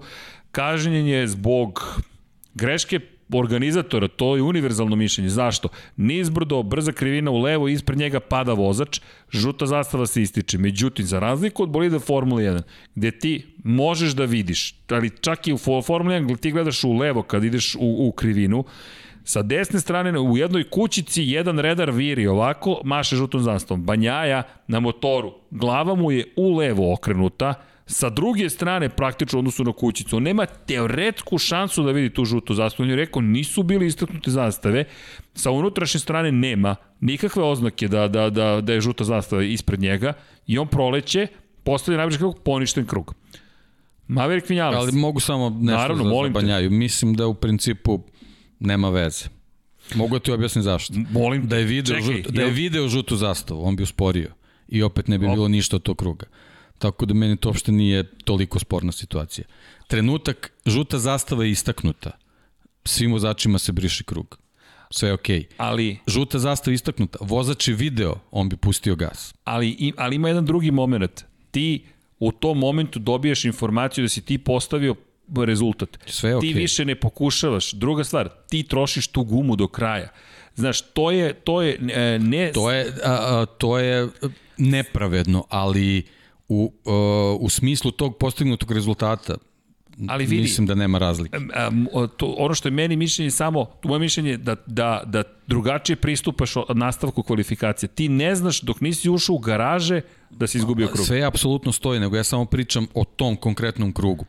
Mislim Pazi. da je potpuno sve jedno. A ko odlučuje? Ko je, ko je direkcija ovaj, trke? Direkcija trke, znači Ili ima, tri, su... tri predstavnika. Ne, ni, uh, tri predstavnika. Imaš I su, predstavnika i su Dorne. vozači, i su, i ima nekog Freddy. Spencer, E, pa dobro, nekadašnji svetski Pa, šampion, okej. da, I da. to Zato, kako? zato, Da. zato što to Da. odmah dobija na značaju. Ne, kažem, Jer mogu u konkretno, sportu- u sportu konkretno mogu odlučuju- vezano za taj krug, mislim da. Da. nema nikakve veze, a ima samo ovo što je Srđan rekao. Ali, ali jednostavno on je postavio taj krug jeste i, i naravno sve se to posle odrazilo na njegov plasman, ali on je s tim krugom u stvari iskapirao možda šta taj motocikl i može, tako da ovaj može to neki bio i dodatni Da, da, boost. ne, ja sam pitao za sam te zato da. što nekad u sportu odlučuju ljudi koji veze nemaju sa sportom. Ne, ne, ne, ovo je, nekad- ali nekad videlo se, znači... Nekad treba gledati malo a, malo drugačiji pogled Jasno, odnosno jasno. šta piše u knjigama. Znaš, treba se Jasno. prepoznati situacija ja, eto, da li je nešto ja sam, ja ili sam, nije. Ja sam to, to vidio na taj način i ne deluje mi toliko tragično ponavljam, konkretno ve, vezano za taj rezultat. Ono što se desilo Maveriku Vinjalesu je smehotres na olimpijadi. Bukvalno čovek Stvarno. je prošao pored zelene površine. Međutim, od ove godine zelenu površinu pokraj staze, u MotoGP-u zelena površina pokraj pasica, pokraj ivica i aktivirao se senzor. Ponišni krug. Čovek vidi se na fotografijama, nije nagazio na zelenu površinu, ali je toliko blizu prišao, o senzor je bio toliko osetljiv da su mu poništili krug. Znači, to ti je ono Hawkeye u tenisu. Mislim. Bukvalno. Pri tom, pri tom ne postoji grafički dokaz da je, znači ovo, ovo je ravno varu u premier ligi gde, gde mere polože pertle na, na, na kopački da li futbaler u offside ili nije. Pri tom gledaju na, na televizoru koji ima piksele. Znači, da se, potpuno da se opravda postojanje nenormalna situacija, koji, da, ali, koji ali niko vizuelno ne dokazuje da on nagazio, nego kažu aktivirao se senzor. Mislim, potpuno je Možda je padala, možda se, mislim, ne. Meni je, meni je to mnogo spornije od, od, od Banjajne. Od da. Tako je, da, tako je. Nisam gledao, ali pa, i meni tako Ne, ne, zvuči. posebno što se to ponovo Maveriku dešava Ja, i pokušao sam da vizualizujem celu A, priču. a sve se dešava u, u, u trenutku kada su Yamahi u ozbiljnom naletu i Maveriku je jako bitno da drži priključak sa, Jasno, sa kvartararom, a onda mu se dešava katastrofa u trci. Mislim, to je to je ono nekako što što je neverovatno kako kako je baš on taj koji koji dođe u takvu situaciju. Mislim da možemo negde da, da nađemo i, i, i taj tweet Vanja, šaljem ti tweetić da se vidi, evo, preko ptičice ima, Neil Morrison je to postavio. Dakle, evo, možete bacite po, po, prosto je, radi se o tome da su postavili pravilo i rekli Aha, kvalifikacije Portimao. Čekaj, čekaj, Vanja, doći ćemo polako. Nemoj da otkrivaš sve. Nemoj da otkrivaš sve, polako, Vanja. Vanja nas požuruje. Vanja mora da spremi studiju sutra za majstore. Ja mislim da vidi Vanja. O, kapiram ga, kapiram Vidi, ga. stiže ekipa, Jimmy stiže, Miksa stiže, gospodin Smiljan Banjac stiže, svi stižu da pomognu Tu smo večeras. čoveče, pa vidi. Ali dolaze da nam budu publika, pa molim vas lepo. Pa mi smo napravili trik, Vanja. Zar si mislio da ćemo prestati pre nego što oni Kakva će stignu? to zajednička fotografija? Čekaj, Kako ćemo da evo- zapalimo društvene evo- mreže? da, u svakom slučaju, kaže mi Vanja, u jednom momentu je bilo preko 1000, to jest ovde piše preko 1000 ljudi. Ljudi, hvala, šta drugo da kažemo, prešli smo i 7000 subscriber, potpuna ludnica, dakle, potpuno oduševljenje. Ali, uh, Vanja, to Vanja, i sad, Kažem, ovo je kao var u, u, u premier ligi. Da, delo je čisto. pa mislim, znaš, Ma delo je absurdno, mislim, ja, Srđan zna, od prošle godine pričam o ovoj zelenoj pol, podlozi, mislim, meni je ovo potpuno neverovatno, znaš, to je, to je jednostavno... Pri čemu Baš ko var u fudbalu, ti u da. momentu kada ti je sport na najvišem mogućem nivou, ti opet uvodiš direkciju trke. Pa srđane, opet- baš kad ti je sport na nivou, uvijek se po, pojavi administracija Sprint neka trka. koja hoće... Se I ja sam trka. važan. Nisu samo oni važni, nego sam ja važan. Hoću da vam pokažem da je moje postojanje neophodno da bi taj sport bio bolji. E, pojavi se sprint trka, pojavi se uvek neka glupost, neki, ne, nešto što veze nema sa sportom. Ali dobro, to je... Da. To je to. Ej, da se čekajte. ništa ne dešava, ne je bilo ni ovoga. Niko ne bi obraćao pažnju. Znači, jednostavno ljudi imaju potrebu da budu uz ono što je što je kvalitetno, Tako što je, je. dobro, da daju i neki svoj nazovi doprinos, u stvari u stvari ne shvataju koliko su nevažni. Inače, evo, d- evo, isključili smo slow mode. Dakle, družite se. I to je to, ako se pojavi neki vilenjak ili neko čudan ko nešto sada tu priča. U, Miroslav Cvetić, pobeže me ovih 500 dinara, hvala, poslao nam je hipopotamusa u fote... Jesmo to mi? Jesmo Miroslave to mi? Vrti se jedan nilski konjić u ovakvoj foteljici. ok, shvatili smo poruku, idemo na djeticu, bez Ne znam, brige. da. Evo, isključili smo na četu I čipkane suknjice. Tako. E, Arena Sport, e, neki čudan čovjek. E, Arena, mi nemamo protiv ni jedne televizije, ali protiv čudnih ljudi koji pišu čudne stvari imamo. Tako da, ćao. U svakom slučaju, a, Vilenjak je otišao. E, i, ma, ali imamo, na, ja mislim da taj čovjek nas najviše voli na svetu. Otvorio je sve moguće nikove ne bili nam pisao. I Schumacher, i Ralf Schumacher, i Mika Hakkinen, pozdrav za sve naše kako, botove. moguće da smo bitni, ja ne znam. Ko nema Moguće, botove, da. taj nije nije uspeo. Gde je Junkie Baby? Junkie Baby, nadam se... da će odradio je, se ne, ne, veliki je posao odradio tokom vikenda. Jeste, jeste. A i spava sad ove Junkie. kasno je sad za njega. Ne, Junkie nam je bio baš i mnogo toga Jeste, radio. jeste, jeste, Tako da, respekt, baš, baš, baš. Ako ćemo da, Majki da, sad. da kao, kao što smo pričali za formulu, da ne odemo odmah na, na trke, malo pričamo o kvalifikacijama i Jorgeu Martinu. Da, Jorge Martin, Da. inače nam je broj 89. E, to da, sam- da, to sam- eto, urekli smo to, ne, To više nikad video, to neću izgovoriti. Znaš kako, pa videli smo zajedno. u- Možemo da otkrijemo, možemo se Malo smo, bacili smo pogled u kabini na Jesmo. dešavanje Jorgea Martina jednostavno. Jesmo. Pa, e, prosto... Baš je izgledalo jezivo. E, kada smo dobili informaciju, prebacili smo da, da pogledamo šta se događa i gledamo Jorgea Martina i nije nam se dopalo. I crvena zastava, mada tu ima ozbiljna diskusija u kom momentu je trebalo, i- ali diskusija prosto opet se vrtimo u krug, a to je moraju brže da reaguju po pitanju crvenih zastava. U tim situacijama, Te situacije posebno gde, gde fizika od, određuje putanju. tako je, I gde je velika verovatnoća da će neko za njim na istom mestu da, da izleti kao što smo imali prošle godine u Herezu uh, E, smo Millera i i, Rinsa. i Rinsa. Isto tako, ja, ja sam za to da u ovakvim situacijama momentalna crvena zastava bude. da, da, mora. Posebno ako se vozač ne pomere. A Da. Martin Ja sam mislio da je on u, o- on je u jako čudnom položaju Položaj, bio, jeste. klečao je sa, sa kacigom u šljunku i to je obično neki položaj gde su vozači ljuti na sebe zašto su to uradili. Ja sam tek posle skapirao da on bio one- onesvešćen. Onesvešćen. Znači, momentalna crvena zastava je morala bude. Ne daj Bože Bukvalno. da je neko izletao na isti način Pri kao... čemu Portimao se pokazao kao vrlo opasna staza. Znači, ovo je, ovo je Portimao je red veličine Le Mana što se tiče padova. Pri tom da. su ovde Brzine ozbiljni, ozbiljni padovi. Da. Tako je, tako je. Tako da, da nemam dilemu za to. Znači, situacija gde vozač padne i ne pomera se u šljunku, momentalna crvena zastava mora da bude. I to je nešto na čemu mora da sazri Moto Grand Prix organizacija, pre svega vezana ovo sa, sa sa, sa ovom zelenom površinom, to je neka druga priča. To je nešto, neki utisak eh, publike, takmičarski duh i tako dalje, ali ovo je ozbiljna priča o bezbednosti i jednostavno ja, ja, gledam i, i, i prosto mi je neverovatno da nemam kadar da je crvena zastava. Ne vidi, mi smo se Momentalno. šokirali zato što ne? vidimo da, da pruže, pružimo prvo pomoć. Ono što se meni ne dopada u toj celoj priči, imali smo nažalost previše vrlo ružnih situacija i smrtnih slučajeva i pravilnik je menjan baš posle njih.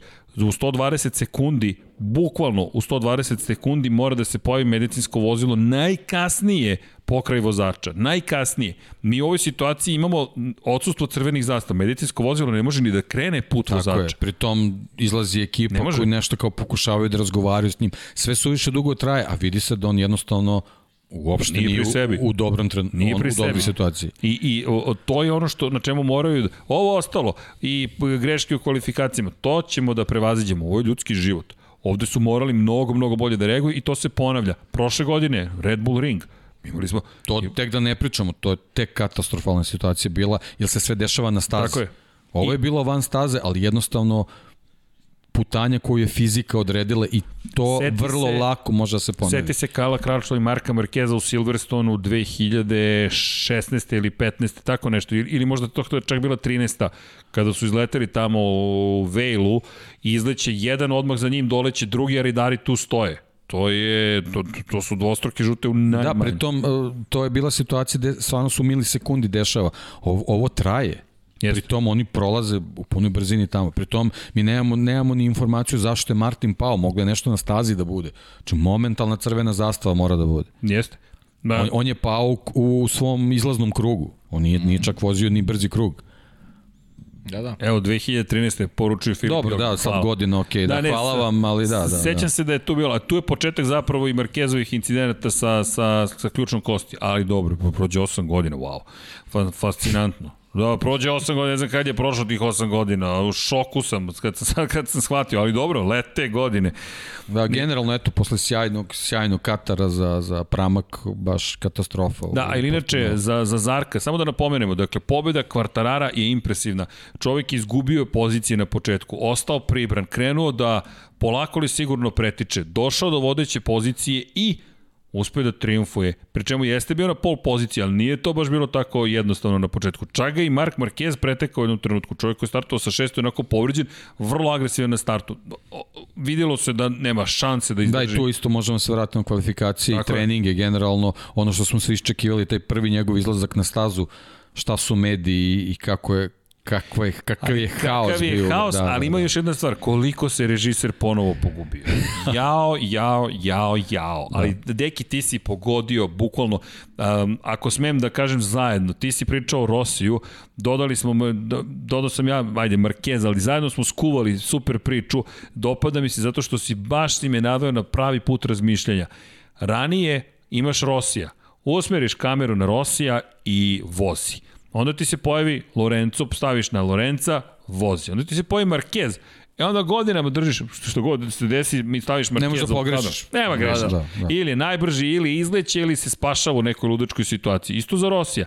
Ili najbrži krug, ili neko ludilo, ali uvek negde tu. Za Lorenza isto važi. Sad odjednom, svi su zvezde, svi su brzi, ti ne znaš koga pratiš. I onda odjednom čovek ne prati ni Kvartarara, ni Banjaju, ni Vinjalesa, prati Markeza. Ne, mo, možda si se pogrešno izrazio. Nema zvezde sada. E, to, bra, možda bravo. sada nema zvezde. Možda treba da se pojavi neko ko je taj rang da bi da bi da bi ga Da, možda treba da se pojavi režiser koji malo koji zna, prati trke. Dobro, okej, okay, da, I to bi bilo lepo. Ali ne znam da li ili vi vi prepoznajete nekog pošto to pratite pomno, prepoznajete nekog ko je rang Rosija Markeza da da, da ima Pričat sada tu nižim kategorijama. Nižim kategorijama. Pričat ćemo o nižim kategorijama. Ajde, ajde, baš da vas slušam. Jer da, da, da. se lepo ovde, malo kao Botas, ali, ovaj, ali, mi, ali mi prija.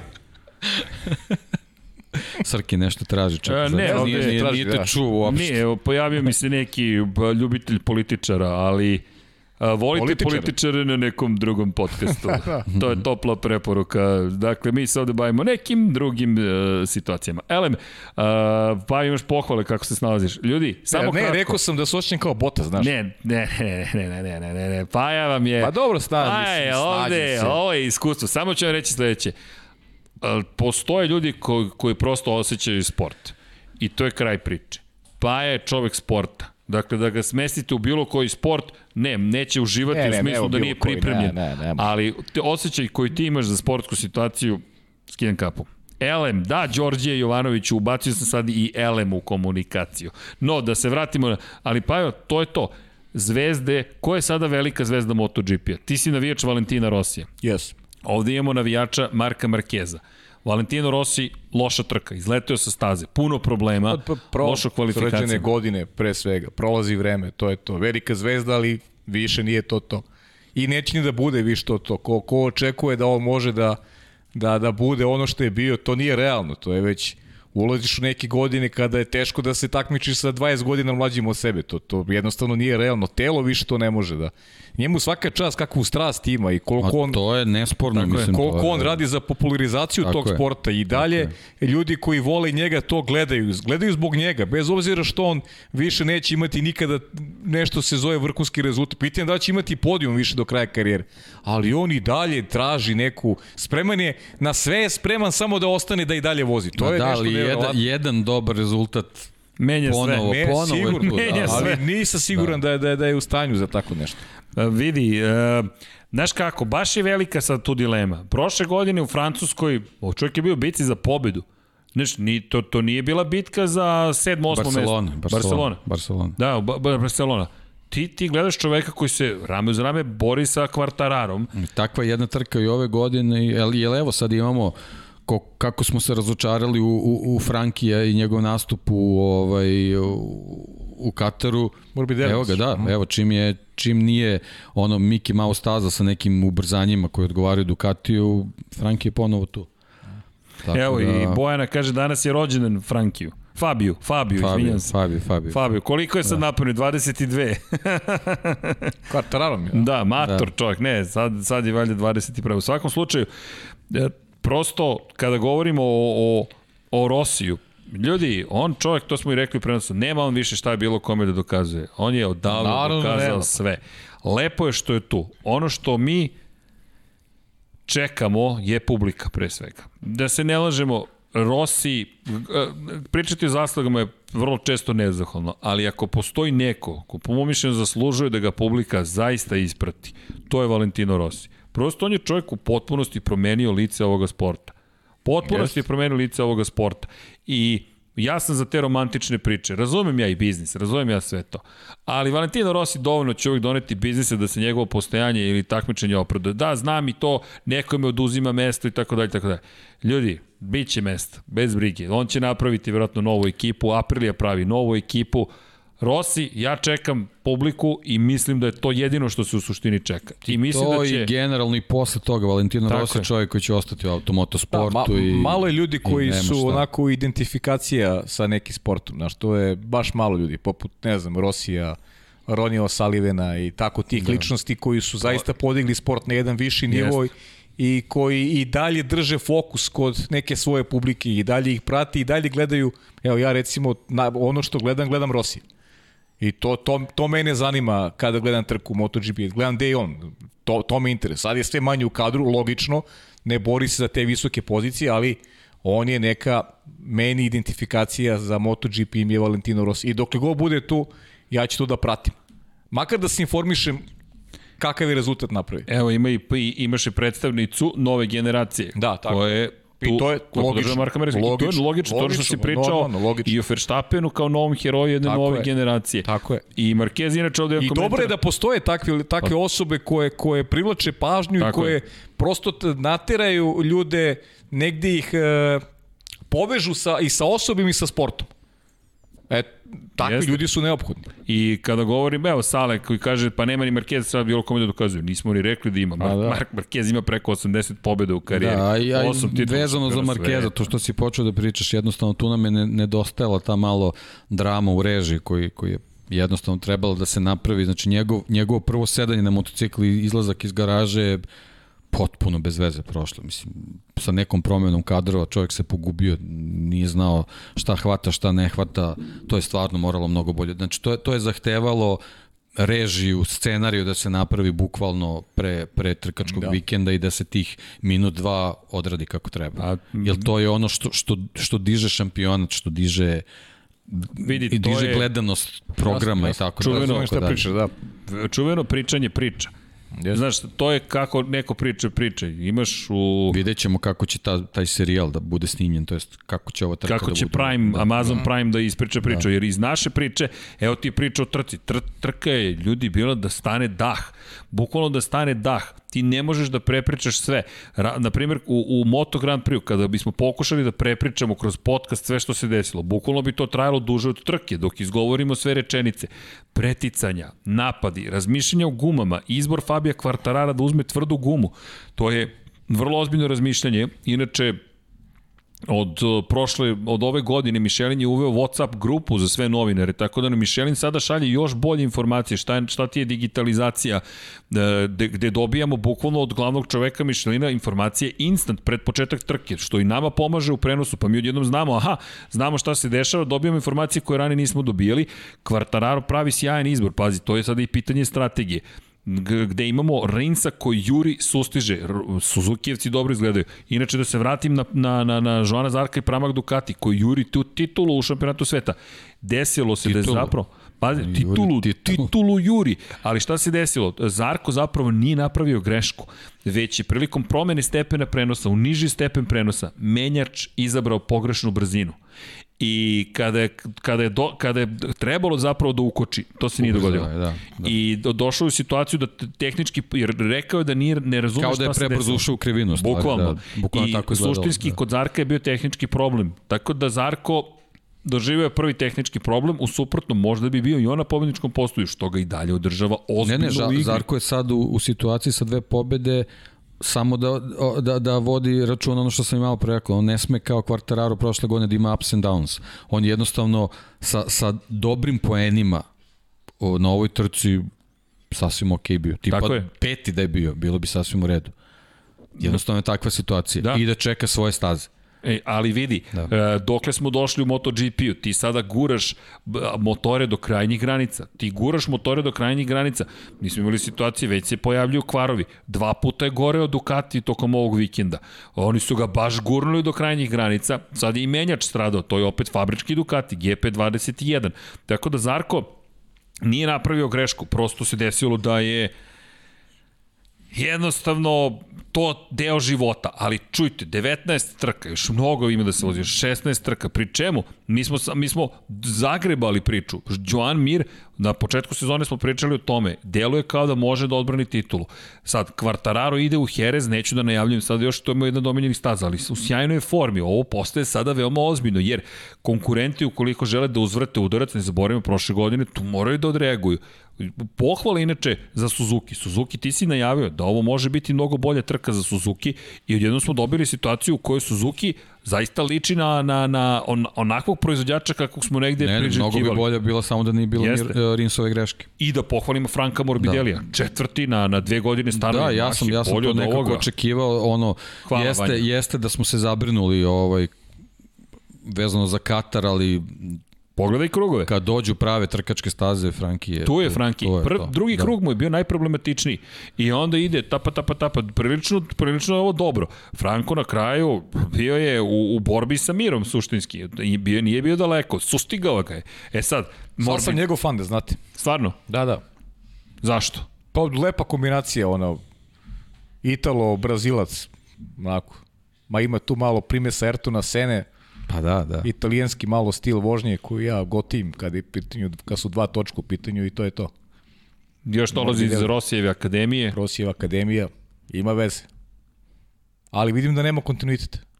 Pa to Pa je da, sad. ali A to ne možemo, ne možemo da. Jako je znamo. bio drugi, da, beše drugi bio drugi. Ne možemo da znamo zato što jednostavno nije konkurentan sa motociklom. Znaš, zamisli da ti voziš da. bolid Formula 1 od pre dve godine. Ne, to nije dobro poređenje. Nije dobro poređenje, ali, ali da. da. Pa pogledaj ovo, najveća prosečna maksimalna brzina, ali mislim da je ovo kadar broj 2. Da šta nam A, Franco Morbidelli, hvala. Pogledajmo prosečnu brzinu, 335,6. Stoji. Ali, ali pogledaj Quartararo, 336,4.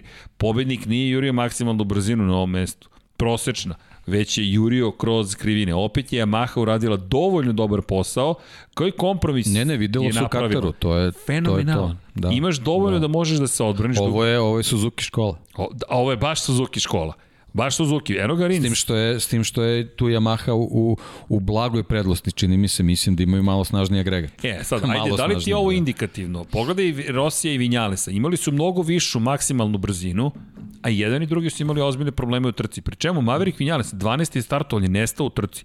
Maverick Vinjales je bio 11. i na kraju. Maverick Vinales je u prvoj krivini bio pretposlednji. Predposlednji, pogledaj ovo. Katastrofa, katastrofa. On je jurio tempo kroz celu trku i onda na pola je odvezao najbrži lični krug i onda se opet pogledaj, pogubio. pogledaj peti krug, znači to, je- to je traženje, on bukvalno strašno. Gore dole. Da, da, da. Gore da. dole. Ali, ali sve se dešava, kreće od, od tih kvalifikacija i to Ja mislim da pomeranja. je. Pa, a- ali tu je bukvalno situacija da pomisliš da li je moguće se ponovo meni ovo dešava. To je to, je to jednostavno. Osam pozicija ti gubiš. 21. je bio.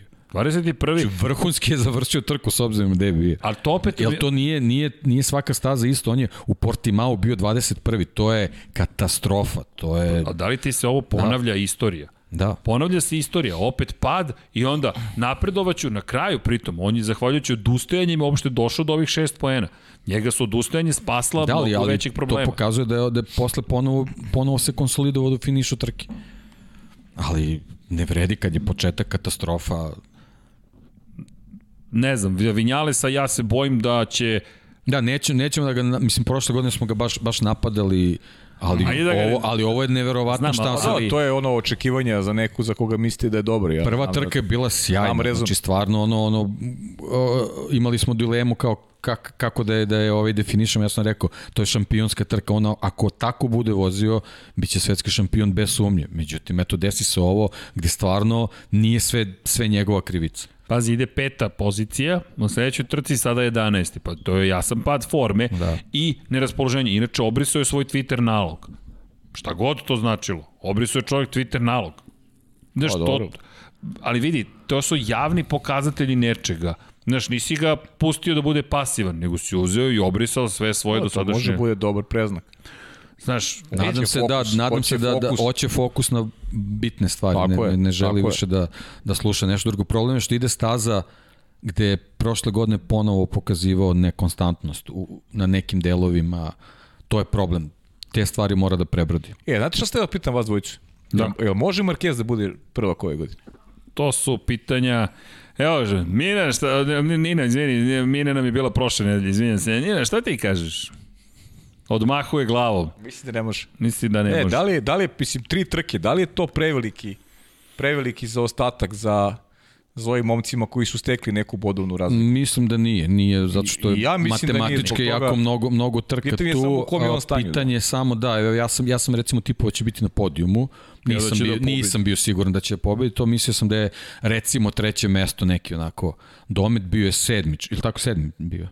Sedmi. Sedmi je bio, ja već, već sam pomešao sve. Da. Ovaj, s obzirom na, na to fizičko stanje koje smo već videli tokom treninga i kvalifikacije, mislim da je to ravno pobedi. Za dve nedelje trke, tako? Znači ima Da. sad desetak dana. Da. Ali ovo, je- ovo je po meni bilo jako važno zašto se gađalo da, da nastupi Portimao. Mislim da psihološki ne bi bilo dobro da mu prva trka bude povratak na stazu gde je pao. Mm -hmm. Ovo je bilo jako važno da ovu Da, da, trku da, sam prebrodi razmišljao o tome, i da. pre svega da stigne do cilja. Mislim da je onako ozbiljna unutrašnja borba bila da, da dogura mm -hmm. ovo do cilja, ali time je pokazao da je to Mark Marquez. Ja ne Mislim da bi dosta vozača diglo ruke mm -hmm. par krugova pre kraja. Vidi, uh, ja sam zaista očekivao još, mislio sam da je spremniji, ali sam preterao, baš sam preterao, ozbiljno sam preterao, čak i Nina ovde maša glavom da sam preterao, uh, da, ali uh, ono gde nisam preterao i nisam pogrešio jeste njegova agresivnost. Nijednog momenta sebe nije pa je on je opet bio na Da, granici. da. Silazio sa staze, izbacivan sa motora, ti vidiš čoveka koji je reš, rešio šta njegovo telo može da mu pruži, on će to da pruži. I meni je fascinantno, kada je davao intervju na engleskom na motogp.com, relativno do, jedan uobičajeni intervju. Objasnio je, Ali intervjui su inače trajali da, baš, baš je bilo duže od našeg podcasta. A bukvalno 2 sata i 15 minuta Da. je trajala uf, uf. njegova sesija Da. intervjua prvoga dana kad su ga dohvatile mediji, nisu ga puštali, a on je čovjek stoički to odradio, izdržao i rekao ja sam Ma srećan što sam ponovo on, vozač. da, želeo se i on, A, nema da, sumnje, logično. nema sumnje. Ali, ali, ali, o, ali ova, ova epizoda, jer nikad nisam do sada video Marka Markeza koji je briznuo u plač. U, na MotoGP.com, engleski intervju, on, on opisuje celu situaciju. Pokušao sam na početku, dao sam sve od sebe, poslednjih pet krugova bio sam samo putnik, samo da završim trku, samo da završim trku, razmišljao sam čak i da odustanem, nisam hteo. Evo ga pogled, četvrti je bio na, na, na, na kraju prvoga kruga. Pa on je ne agresivno napao, nego napao. Ali, svaki put kada bi povukao potez, ti si video greškicu. Minimalnu, ali pola metra levo, otvara se prozor. Op, obilazite jedan A klinac. kao ajkule su svi krenule na njega. kako kao su? piranu u stvari. Ne, Ne, ne, ajkule. Ne, ne, ne, ne, ono su, ono su bile tigar ajkule. Ono je bukvalno indijski okean ih je pun. Dakle, ti gledaš ajkule koje su, ne, ne, pazi, pa nisu čekali Ma nema druge šanse. Ti si otišao pola metra, ti si 30 cm mene tvorio. Pap, bum, odmah ga napadaju, pri čemu... Remy Gardner style. S Remy Gardner staje, a na čega ćemo tek doći na Raula Fernandeza. Da, da. I ti gledaš čoveka koji imao kontakt prilikom s prednjim, sa zadnjim točkom, ne znam s koga je zakačio, da li Rinsa ili, mislim da je Rinsa Rins, zakačio, Rins, da, da. otišao malo šire, izgubio je uh, prijanjanje, nema čog čuvenog drajva, nema ubrzanja na uzbrdici, Banjaja, jedan, drugi, treći, ti jedino vidiš, možeš manje da vratiš ovaj kadar, Monte, neko nam je stigao, neko spreman za selitbu, ko nam je to, Opa, Ivica, naš, naš veliki car. Dakle, na sedmu padaš, pa padaš na devetu, pa dođeš na trenutak na osmu, pa deveti, deveti, deveti, deveti, pa padovi te pomeraju napred. Ali ono što je meni bilo fascinantno, kad ga je Dazan, španska televizija intervjuisala, Dazan posle daje te intervjue MotoGP.com. Čovjek je počeo da objašnjava, dva puta je spuštao kačket ovako, da se ne bi videlo da plače. To, nikad ga u životu nisam vidio da plače. A, koliko je to iscrpljujuće bilo, da možda neće nikada više voziti, da možda neće koristiti tu ruku uopšte ko, i, i, i šta se sve dešavalo neverovatno i nije gledao kao, nije gledao kao neko ko glumi. Imaš one situacije kad neko krene da plače ti vidiš da je... Da, da. Ah, teške, La, lažne, teške, lažne suze. Teške teme, krokodilske suze, znaš, odjednom.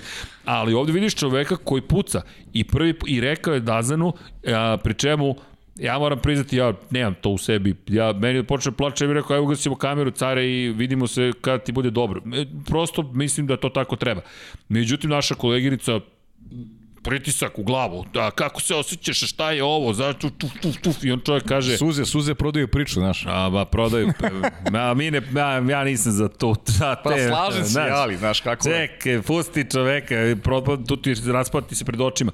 I kaže čovjek dva minuta nastavljamo za dva minuta i onda je otišao i vratio se, što ti go, dovoljno govori. To je čovjek koji inače kaže, ja ne volim da pokazujem emocije javno, ja to držim u sebi, ali nisam mogao više da izdržim. I kad je ušao u garažu, ti vidiš taj, taj, taj proboj emocije, ti vidiš čoveka koji znaš, dobija aplauz cijele svoje ekipe, Znaš, to su intimni odnosi. Ti gledaš čoveka gde Mark Marquez prvi put od 2015. pre svega i tog čuvenog incidenta sa Rosijem gde dobija percepciju ljudskog bića. Pošto do, realno, kod, osim navijača Marka Markeza, od čovek je manje više iz Danteove neke priče izašao. Demon, lično, otprilike tako je predstavljen. Sad dobija tu ljudsku crtu gde svi su rekli, pa čekaj, ne želimo ovako da se završi jedna karijera, ve, već je velika, nego neka to bude na stazi. Međutim, sad ga čeka nova epizoda, mislim da će se boriti za titul, ali go čekaju, ovo što neki što kaže, ajkule, to je zastrašujuće bilo kako, ali to je taj napredak, ja nisam bio siguran da su ga napravili, Očigledno jesu i ne da ga uopšte više ne fermaju 2%. To, ma kakav, ma kakav Mark Marquez, ma otvorio si vrata. Mislim da ma, možda mu pomogne to što, ovaj, to što se meni čini da nema tih velikih zvezda kao što su oni Rossi koji mogu da ponavljaju stvari u kontinuitetu, da pobeđuju non stop i da će biti mnogo tih različitih pobednika verovatno ko prošle godine da on tu može da nadoknadi pa ne, taj neki podobni za, za nek, neki, za razliku od nekog prethodnog perioda, mi sad imamo 20 fabričkih motocikala na, na stazi. Pa eto. U ranijem nekom periodu to nije bilo tako. Bilo je potrebno da se pripremiš da pobediš 5-6 vozača, ne prema vozačkim mm, kvalitetima, to. nego prema da, da, mašinama koje, mašinu, koje da. jašu, tako je. A ovo je sad neka, neka potpuno, potpuno drugačija priča. To je, to je problem i uh, kod Markeza je, ono, dva detalja su, su ključna, to jest dva pitanja postoje. Uh, mm. Da li je Videli smo tokom kvalifikacije, tokom treninga kako je tresao tu ruku. Da li je to samo trenutna fizička nespremnost te ruke ili je možda osetio da tu postoji neki blagi nedostatak koji će, mu, koji će ga sprečavati da postigne mhm. tu jednu, dve desetinke da, da. koje su mu neophodne za trku. Ako da. je trenutni fizički Najveći nedostatak, ono što si pitao, ako je trenutni fizički nedostatak, može da se nađe u borbi za titulu. Jer ovom, o, ovom trkom je pokazao on je vozio motocikl koji drugi vozači na prethodne dve trke nisu mogli da voze. I ponovo je bolji od njih. Bio je 4,5 sekunde Čovek posle koji godinu dana nije Honda. seo na motocikl, a kamoli taj. Mm. Da, da. Ta, talent, kvalitet, apsolutno nema, nema, nema zbor. Znači, samo, samo je poenta, tako treningu. je, samo poenta fizičke spremnosti. Ali da, da, i jasno. to je objasnio, rekao je ljudi, uh, kako, objasnili su mi fizioterapeuti i lekari, njegov sada proces je sledeći. Završena trka, nikakve treninge nema. Za razliku od uobičajenog perioda, kada završiš trku i krećeš da treniraš, održavaš formu, jačaš fizičku snagu, jačaš kondiciju, radiš na savitljivosti, na, na rastegljivosti. Ne, ne, ne njemu je sledeće, on je rekao, ja sada ništa ne radim do petka na velikoj nagradi Španije u Herezu. Ja narednih 11 dana ne smem ništa da radim osim da odmaram. Pazi, to je ozbiljna promena ritma i telo drugačije, to nema aktivnog oporavka. On se potpuno drugačije sprema, ali je rekao, to je, to je uslov da mogu da vozim trke. Sledeće je Jerez. Jerez, da. Evo, tipujem danas da će pobedi u Jerezu. Danas? Evo, danas tipujem da će pobedi u Hirezu. Ok, pa evo, Paja je rekao, dakle, pa ne, vidi. I ja... Sve ostaje zabeleženo. Evo, zabeleženo ostaje. Ali, ali, i, to je drugačija a, a nisam, staza. nisam fan uopšte. Ne, ne, ne znam. Znaš da nisam. Ti si Rosijevac Potpuno od glave do pete. I ima mnogo, sećaš se, ima mnogo da mu zamerim na, ono, na onim momentima kada se mešao u tuđu šampionsku trku i tako dalje. Znaš da smo pričali o tome pričali smo i, i javno studiju smo pričali bio, i u studiju, je. tako da... Da, mi smo bili u Valenciji, ti si bio u studiju, da, jeste, da. znam da smo, nismo mogli da. da čujemo, pa smo pravili se da znamo, samo je bilo, paja, paja. Mogu je. samo da mu oprostim pod vinjetom, bio je klinac i ništa više. Hashtag bio je klinac. Da. Hashtag bio je klinac. Veliki šampioni se ne mešaju u, u, u tuđe šampionske bitke. Ali dobro, bio je klinac. Ne, neka, neka ostane na tome da je bio klinac. da, ali tipuješ za Jerez da... Tipujem za Jerez da će pobiti. Jer vidi, on sad ima 11 dana drugačije vrste oporavka, ide staža koja je fizički manje zahtevna, manje je zahtevna, iako nije jednostavna, pošto se stavno Osim što je psihološki zahtevna. Jeste, psihološki, da. Zato kažem, jako je bilo važno da ovaj Portimao prođe dobro, po meni je prošao dobro, sad eto, njegovi reperi su možda drugačiji, ali mislim da je mnogo, mnogo bilo bitno da, da Jerez ne bude prvi vikend. Da, Da, da, ali da. on je prošao sad onaj prvi moment. Izašao sam na stazu, osjećam se kao vozač ponovo, uradio sam određene stvari, idemo dalje. I on je štiklirao određene stvari, Rekao je do kraja maja očekuje da će biti u tom režimu, da zapravo fizička aktivnost je samo na trkama i onda od juna da bi trebalo da se promeni situacija, od jula već da bude u nekom redovnom režimu, pri čemu kad dođe letnji raspust, uslovno rečeno, to bi već trebalo da bude u potpunosti fizički pripremljen i oporanjen. Ono što ne sme da radi nema vožnje motokrosa. Ništa sada ne sme da vozi do trke. I ono što je rekao, meni fascinantna njegova sada zrelost, rekao i pad će doći. Doći će i pad, kad tad, samo je pitanje kakav pad i moram prosto to da prihvatim kao trkač da će se desiti. Tako da je fascinantan šampionat iz te perspektive. Brad Binder, inače, samo da pohvalimo, pozicija broj 5 za KTM koji deluje da... Dosta su radili na prednjem kraju i promenili su način na koji podešavaju motocikl, ne bili se prilagodili izboru Michelinovih pneumatika, hvala. Brad Binder, Amy Dargan koja je intervjuisala Brada Binder, rekla ti postoješ nedeljni čovek. Kaže on, pa da, ali bi bilo super u petak da otkrijem moju formu iz nedelje, a ne u nedelju. 15. startna pozicija, vrlo brzo deveti, manje više konstantan napredak. Binder, međutim, na kraju ono što je bilo fascinantno na tom fabričnom KTM-u je koliko je smanjio razliku odnosu na Morbidelija, Mira i Banjaju. Čak je imao šansu da se umeša u tu bitku za plasman na pobjedničko postolje i velika, velika, ogromna pohvala za Aleša Espargara. Šest samo, samo sa Binderom, ovaj, ono što Naravno. smo pričali, mnogo mi je drago zbog toga, ono što smo rekli da Katar nije merilo pravi pokazatelj, da. Tako je forme KTM-a i, i drago mi je da je, da je zaista tako. Vidi, kada pogledaš KTM i šteta što Olivira nije mogao bolje. Ali Olivira je svoju radio prošle godine u Portugaliji. U svoju pol poziciju došao do pobede.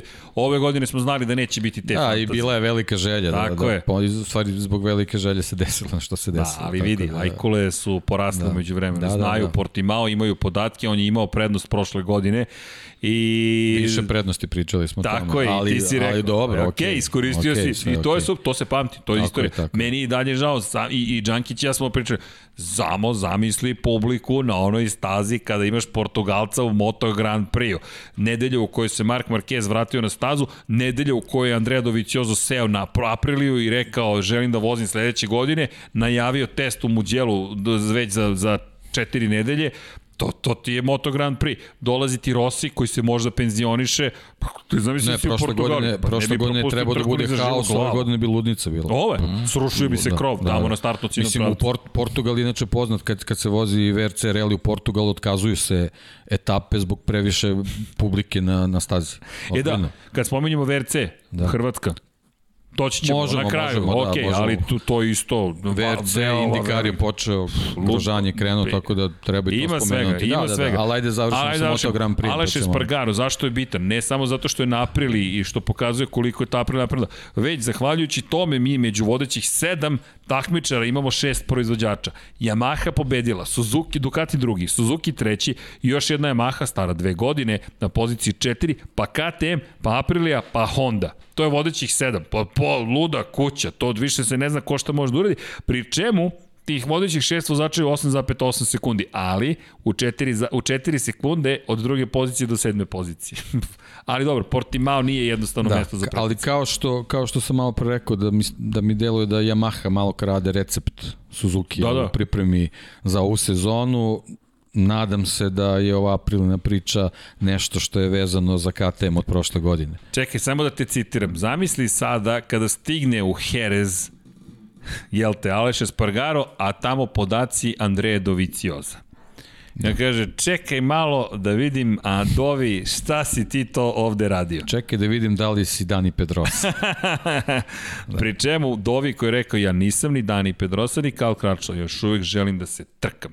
Tako da iako motocikl nije bio potpuno spreman za njega, ko zna šta je tu već mogao Dovi pa, da Pa dovoljno neki nasluči. par rečenica da rekao, jel, uh, Aprilia s ovim rezultatom, ali pre svega sa ovim malim zaostacima, pokazuje da malo nedostaje. Malo nedostaje po krugu da, da to bude mnogo bolje. Ne pričamo, ne pričamo o pobedi, ali recimo u odnosu na, na, na treće mesto to je 3,5 sekunde razlike samo. Šta ti, Pavle, misliš o Aprili? o, a, a, a, April u Beogradu? Da. April u Beogradu. April e, nešto sam mi se učutao, otišli smo pa ne, ne, ne, pa ne, ovde, pa ne, šta, ovde, ovde sam... Vidi, ali vidiš kako te uvlačimo, botas, perfidno te polako Ikebana, ja sam Ikebana sam sad i slušao vas, naš pratim. Polako, ali sigurno, ne, kad te budemo videli u kosmosu, e, onda smo završili e, posao. Kosmos. To je jače nego Mark Hamill da nam se pojavi u studiju. Kosmos, ali, da. Da, ali Aleš Espargaro zaista je neverovatno videti uopšte ta, takav napredak, tako male razlike i da, da malo protrčimo kroz neke stvari. Mark Marquez, Alex Marquez, sedma, osma pozicija. Alex Alex je Alex. 4,5 sekundi iza rođenog brata, čovjek nije seo na moto. Samo da stavimo stvari u perspektivu. Mark Marquez jeste testirao RC 200 ne, ne, ne 213V, nego VS, dakle uličnu verziju, ali to nije Moto Grand Prix motocikl. On nije imao predsezonu, ne poznaje ovaj motocikl. Koristio je podešavanje Štefana Bradla, ono što je rekao tokom vikenda, počeo sam da menjam osnovna podešavanja, više nemamo podešavanje Štefan Bradla, sada imamo podešavanje Mark Marquez i, i kaže već sada motor guramo u nekom drugom smeru i ti završiš 4 sekunde ispred svog rođenog brata koji bez obzira što vozi drugu sezonu, izvini, ti si taj koji testira taj motor, imao si dve trke pre ove, činjenica nije mnogo vozio tokom te dve trke, ali moraš bolje.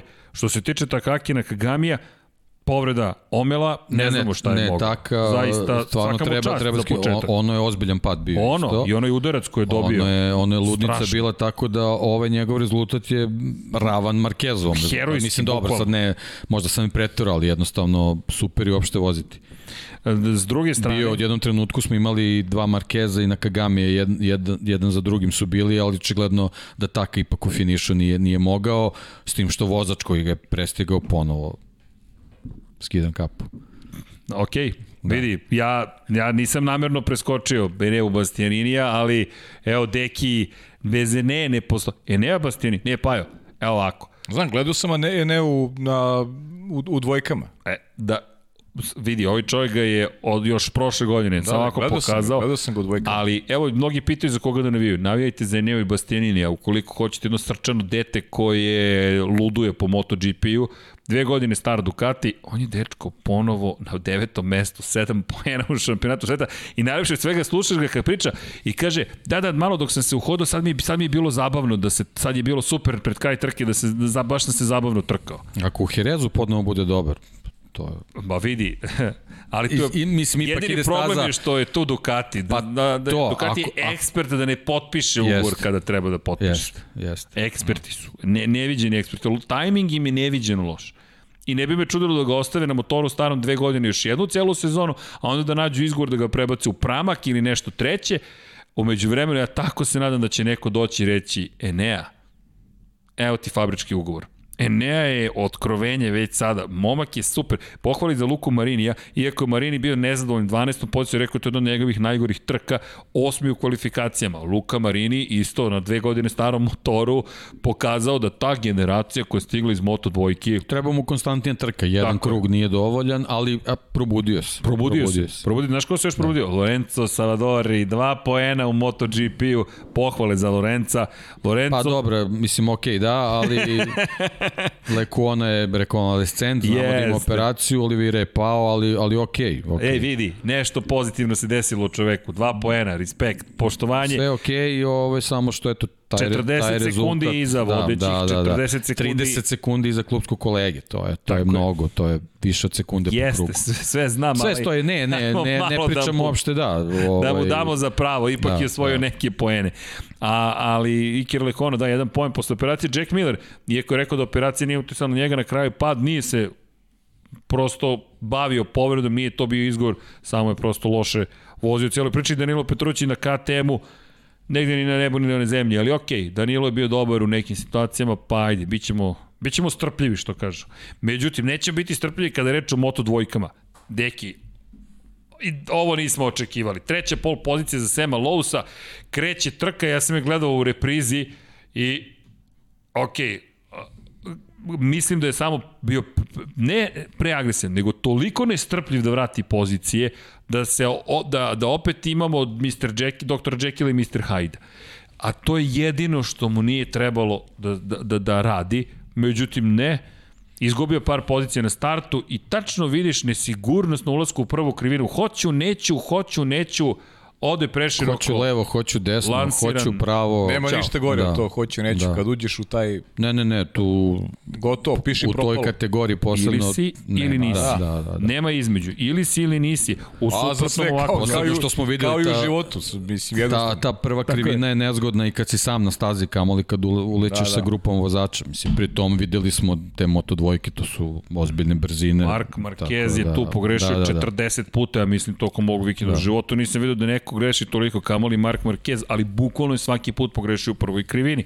I odjednom Sam Lowe, pobednik u prve dve trke, potpuno I se opet otvara ista šampionat. priča. Pričamo, Sam Lowe se čovjek koji ako vozi onako kako treba, osvaja titulu 150%. Bukvalno. I onda se opet des, dešava tako neki kiks koji pritom mogu ozbiljno se povredi, on je lansiran bio Pa jedno 3-4 metra je sigurno leteo u vazduh. Ako ne i više.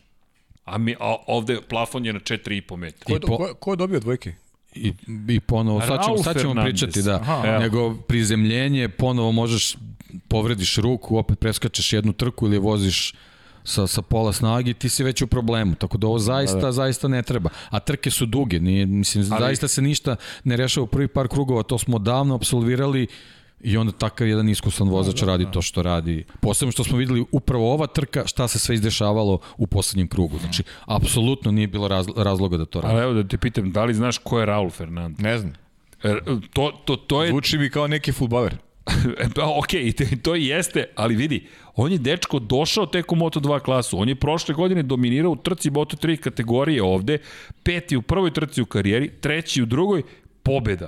I ima samo Budući četiri poena za Grand Prix vozač. Budući, da, Moto Grand Prix, i to ver, možda čak već sledeće godine mislim, kako je krenulo. Mislim da je Remi Da, Remi ima Remi, prednost. a sledeće godine u Moto dvojkama imamo Raula i jednog momka koji ćemo da spominjemo. I onda od one da je tamo, to I od one tamo Da, godine mislim da KTM ima ozbiljnu E, postavu. ajmo da, ajmo da preskočimo, ajmo da ga podcastujemo, Pa, ajmo, kaži ne mi moramo. momka, ko je taj? Ajde. Pedro Acosta. Ajmo, da. Pedro, Pedro Acosta. Acosta. Da. Pavle, Zapamti. pa, zapamti, bukvalno Pedro Acosta, to ti je novi Mark Marquez. Novi Valentino Rossi. Valentino novi, Rossi. Valentino Rossi čak. To je takva ubedljivost. To je to. To, to, to, to je, to je, ne, to je, to je jednostavno... Španac, rekao bih. To je, Jeste, da, da. Ali on je predodređen znači, da pobeđuje. Ne agresivan, nego prebrz. Znači, ne, prebrz je loša konotacija, uh -huh, uh ali dečko je ultra brz. U, A šta je u trojkama, a? da, da, ali vidi, on je tek stigao u trojke. On je on prošle još, godine... On još nije punolet. Da, da, Da, da. on ima veći problem to je što to, mora da. da ima 18 godina da bi ušao u Moto Tako je, dvojke. tako je, To je njegov tako je. najveći problem, što po tipu pravilniku ne može da skočiš. Za one koji ne znaju, Pedro Acosta u tri trke, dve pobede, jedno drugo mesto. Ali Pajo, taj dečko piše istoriju već sada. To je prvi, prvi čovek u, se, u, u istoriji ovoga sporta koji si je sa toliko godina započeo karijeru sa tri plasmana na pobedničko postolje. Dakle, Niko do sad. Niko do sad. Da i Giro Kato je poslednji koji u prve tri trke i bio tri puta na pobedničkom postolju, ali u tri godine. Ovaj momak je sa 16 godina, još nema 17, došao, osvojio Sjajno. Red Bullov kup Novajlija prošle godine, stigao, bio sam skeptičan samo zato što je kup Novajlija, tu zna da bude hit and Pandam, miss, znači neki kažem. te, Teo Puršeru, recimo, tako nešto. Ne, ne, ne, ne. Ne, pa jo. Ne. Mislim- Teo, Teo Porcher je dobar vozač. Da, ali ovo je- ovo je- ovo je superstar. stop. Ovo je superstar, Da, pazi, on da, ima da. asistenta sa 16 godina. I on to je rekao, pa on čovjek dečko ima asistenta, kod Pa njegov dobro, to je, to je, je, recept trkanje. Marka Markeza. To, Da, da, da, to je ta priča, je ta. ali, ali stil vožnje je meni Valentino Rossi. Nema, nema to ponašanje, to, to ovaj, hollywoodsko i to sve, ali Zato sam rekao više mi Mark Marquez, ali ako pričamo o vozačkim stilovima, nema, nema te agresivnosti. više je Rossi, o- da. Precizan. Tako, tako čisto, precizno, bez greške. Znači, bukvalno kao da je svaki krug projektovan i da on radi to što treba Kao da, da, uradi. kao da je na igrici. Mislim, možda je, možda preterujemo, tek je Pazi. treća trka, ali ja ono što sam gledao prošle godine u Red Bull, u Ne, tamo je, tamo je, tamo je dominirao, tamo je toliko prednosti imao, mogo je svaku trku 5 Znaš, sekundi znaš ono, kad, da kad uh, slušaš neki album i jedna pesma ti je hit. Meni je to bukvalno bilo kad sam prvu trku odgledao u moru tih dečaka na identičnim motociklima. Ti zapamtiš Pedra Kostu. Znaš šta je meni prvi put bilo? kad sam ga gledao. Karel Hanika je slično dominirao Red Bullovim kupom Novajlija. Duga kosa, ludilo, svaka trka, to je dominacija. I onda se pojavio u svetskom prvenstvu i nestao. Međutim, Pedro, Pedro je u svojoj glavi predodređen da bude novi, biraj, MM, VR, šta god, Agostini. Ne, on će biti Pedro Costa. On je, da, on je Pedro Acosta, on je PA.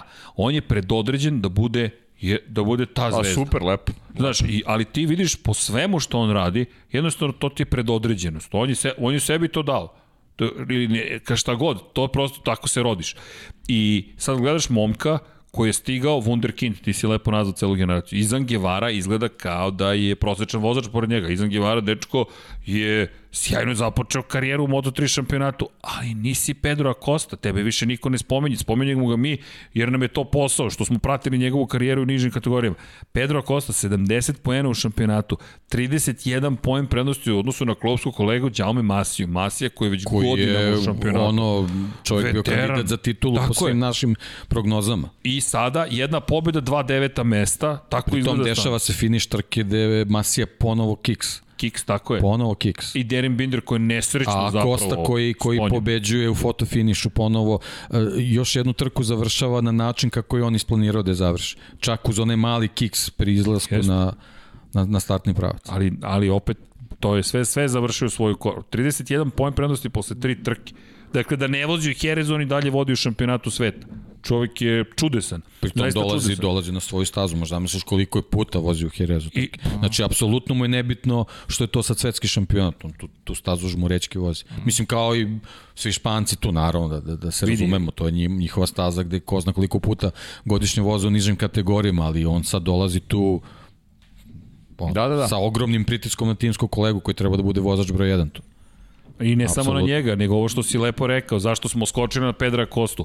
U, vozi za Red Bull KT Majo ekipu. Za Red Bull KT Majo ekipu vozi Remy Gardner, koji vodi sada u šampionatu sveta Moto2 kategorije, a pobedio je Raul Fernandez koji vozi za ekipu Aki Aja, opet Red Bull KT Majo. Veza s Znači, KTM-om. ubedljivo najpripremljenija ekipa na početku uh, šampionata, sva tri, sva Fascinantno. tri šampionata. Fascinantno. I ti sada Gardnera, koji prema rečima njegovog oca Vejna Gardnera, ima ugovor za sledeću godinu za odlazak u Moto Grand Prix, inače dva druga mesta treće, jedino što ne može da zabeleži pobedu.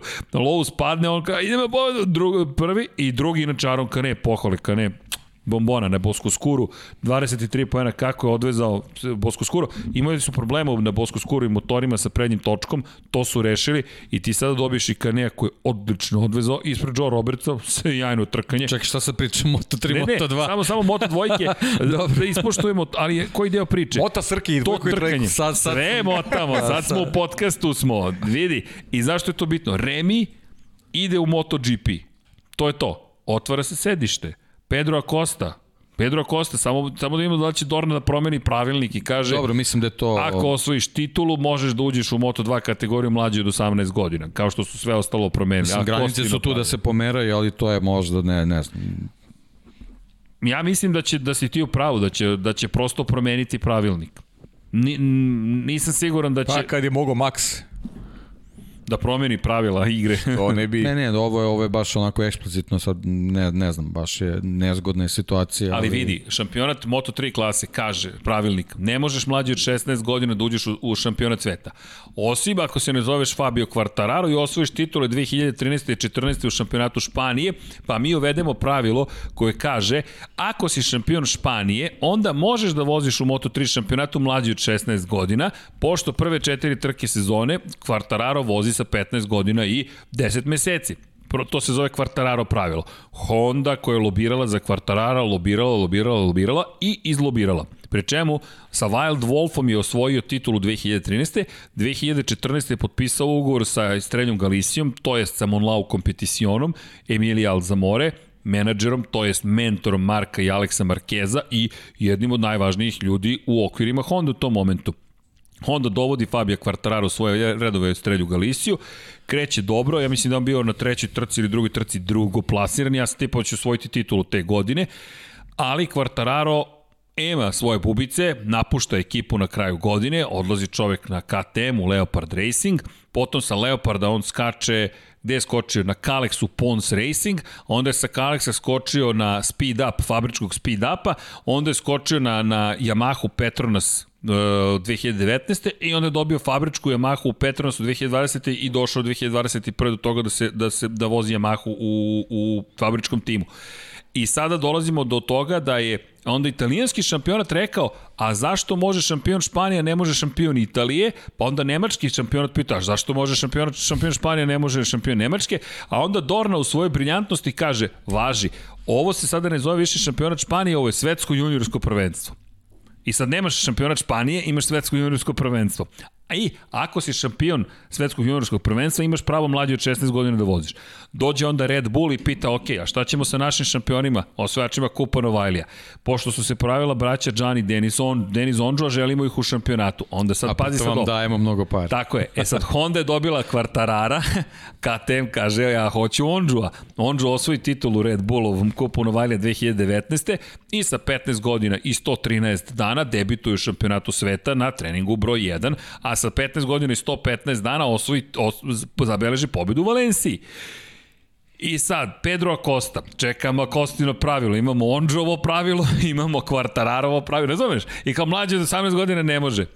Mm, hold my beer. Osim ako osvoji titul u svetskom šampionatu. Na da, primjer. Pa može, da, Zato da. ja ne da. mogu da vozim, znači mlađe Da. do 18 godina ne mogu. Da, da, da. Dobro. Sačekat ću šansu. Morat ćeš da sačekaš. Ali pazi, on je dečko su u suštini, da ne bude klasičan izveštaj se trke. Istorija se piše u upravo momentu u Moto trojkama.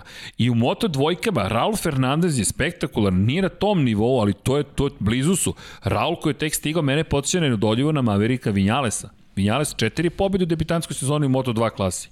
Vinjales je tada baš bio Ne, znaš koja je tu sad razlika? Pedro Costa je ekstremnan talent, zaista. Stvarno E, baš. tako mislim. Ali on nastavlja da vozi motocikl koji je vozio praktično i prošle godine. Raul Fernandez je skočio na, Jest. na, na, na životinju u Moto2 i čovek vlada motociklom neverovatno. Znači, ova trka u Portimao je stvarno fantazija. Da. E, rekord staze po pitanju maksimalne brzine 297,5 u Moto2 klasi. U Moto2 kategoriji. U MotoGP 351,7. Čisto poređenje radi. U Herezu 299 je maksimalna brzina na Moto Grand Prix motociklu. Dakle, ovi klinci, hvala Vanja. Top 10 vozača plus Quartararo, maksimalno, Vanja, A, prati ne fabulu, spava prati Vanja, fabulu, čekaj, a prošla ponoć uveli kod Dom Pablo zaspao u spom fotelji, došao i došao još neko da za selitbu? Niko. Niko. A, Sami ćemo. Sad će prozivka, kad mi završimo, Pa da. da ne završavamo, pravimo vam društvo dok čekate Čekaj, znam da mene prozivaju gospodin Banjac i Brakos. Gde je sada Smiljan Banjac? Zašto se još nije pojavio? Ali, da ne odemo na tu, na tu stranu. Zaspo je možda i on. Zaspo je. Dakle, a, poenta je cele priče, Stari ljudi spavaju posle ponoći. Da, nisam znao. Pa, kad budem star, znaću. pa zato ti U svakom slučaju, dakle, imamo situaciju u kojoj Ralf Fernandez, kao što si rekao, sede, videli smo ovde maksimalne brzine, novi rekord je postavljen i ti sada imaš zaista nekoga ko se toliko velikom brzinom prilagodio triumfovim agregatima od 765 kubika, ti si sa 250 kubika jednog cilindra, četvorotaktnog motora skočio na trocilindraš od 765 i taj skok je sada dosta veliki između trojki i dvojki, veći nego što je bio. I Raul Fernandez zaslužuje ne pohvalan, nego jedan ozbiljan aplauz, ali Remy Gardner, čovek, vodi u šampionatu sveta, četiri pojena prednost, Da, sad pojma šta će se toj, u toj rečenici... Jel stigu Smiljan Banjac? Tako je, prozivka. Do, dobre, nije me čuo. E, Znači. teleport. Ja sam rekao da stari ljudi spavaju posle ponoći, ali evo, pojavio se. Tako je, ovde se polako okuplja ekipa. Hvala za pomoć. Dakle, Gremi Garner, Ralf Fernandez, Sam Lowe's, pazi, to je šest pojena deli vodeću trojicu i onda dolazi Marko Beceki. Četvrti, četvrti, šesti. Bojim se da je Marko u vrlo teškoj situaciji. Nova lica se pojavljuju. Sa svih strana napadi, Bukvalno samo nekoliko krugova je mogao da, da parira sve ostalo ne. i katastrofa. I videlo se ono, posle u garaži kad je skinuo kacigu. Nije to to. Nije ni jasno ni njemu. Nije to, to mora nešto se menja iz korena.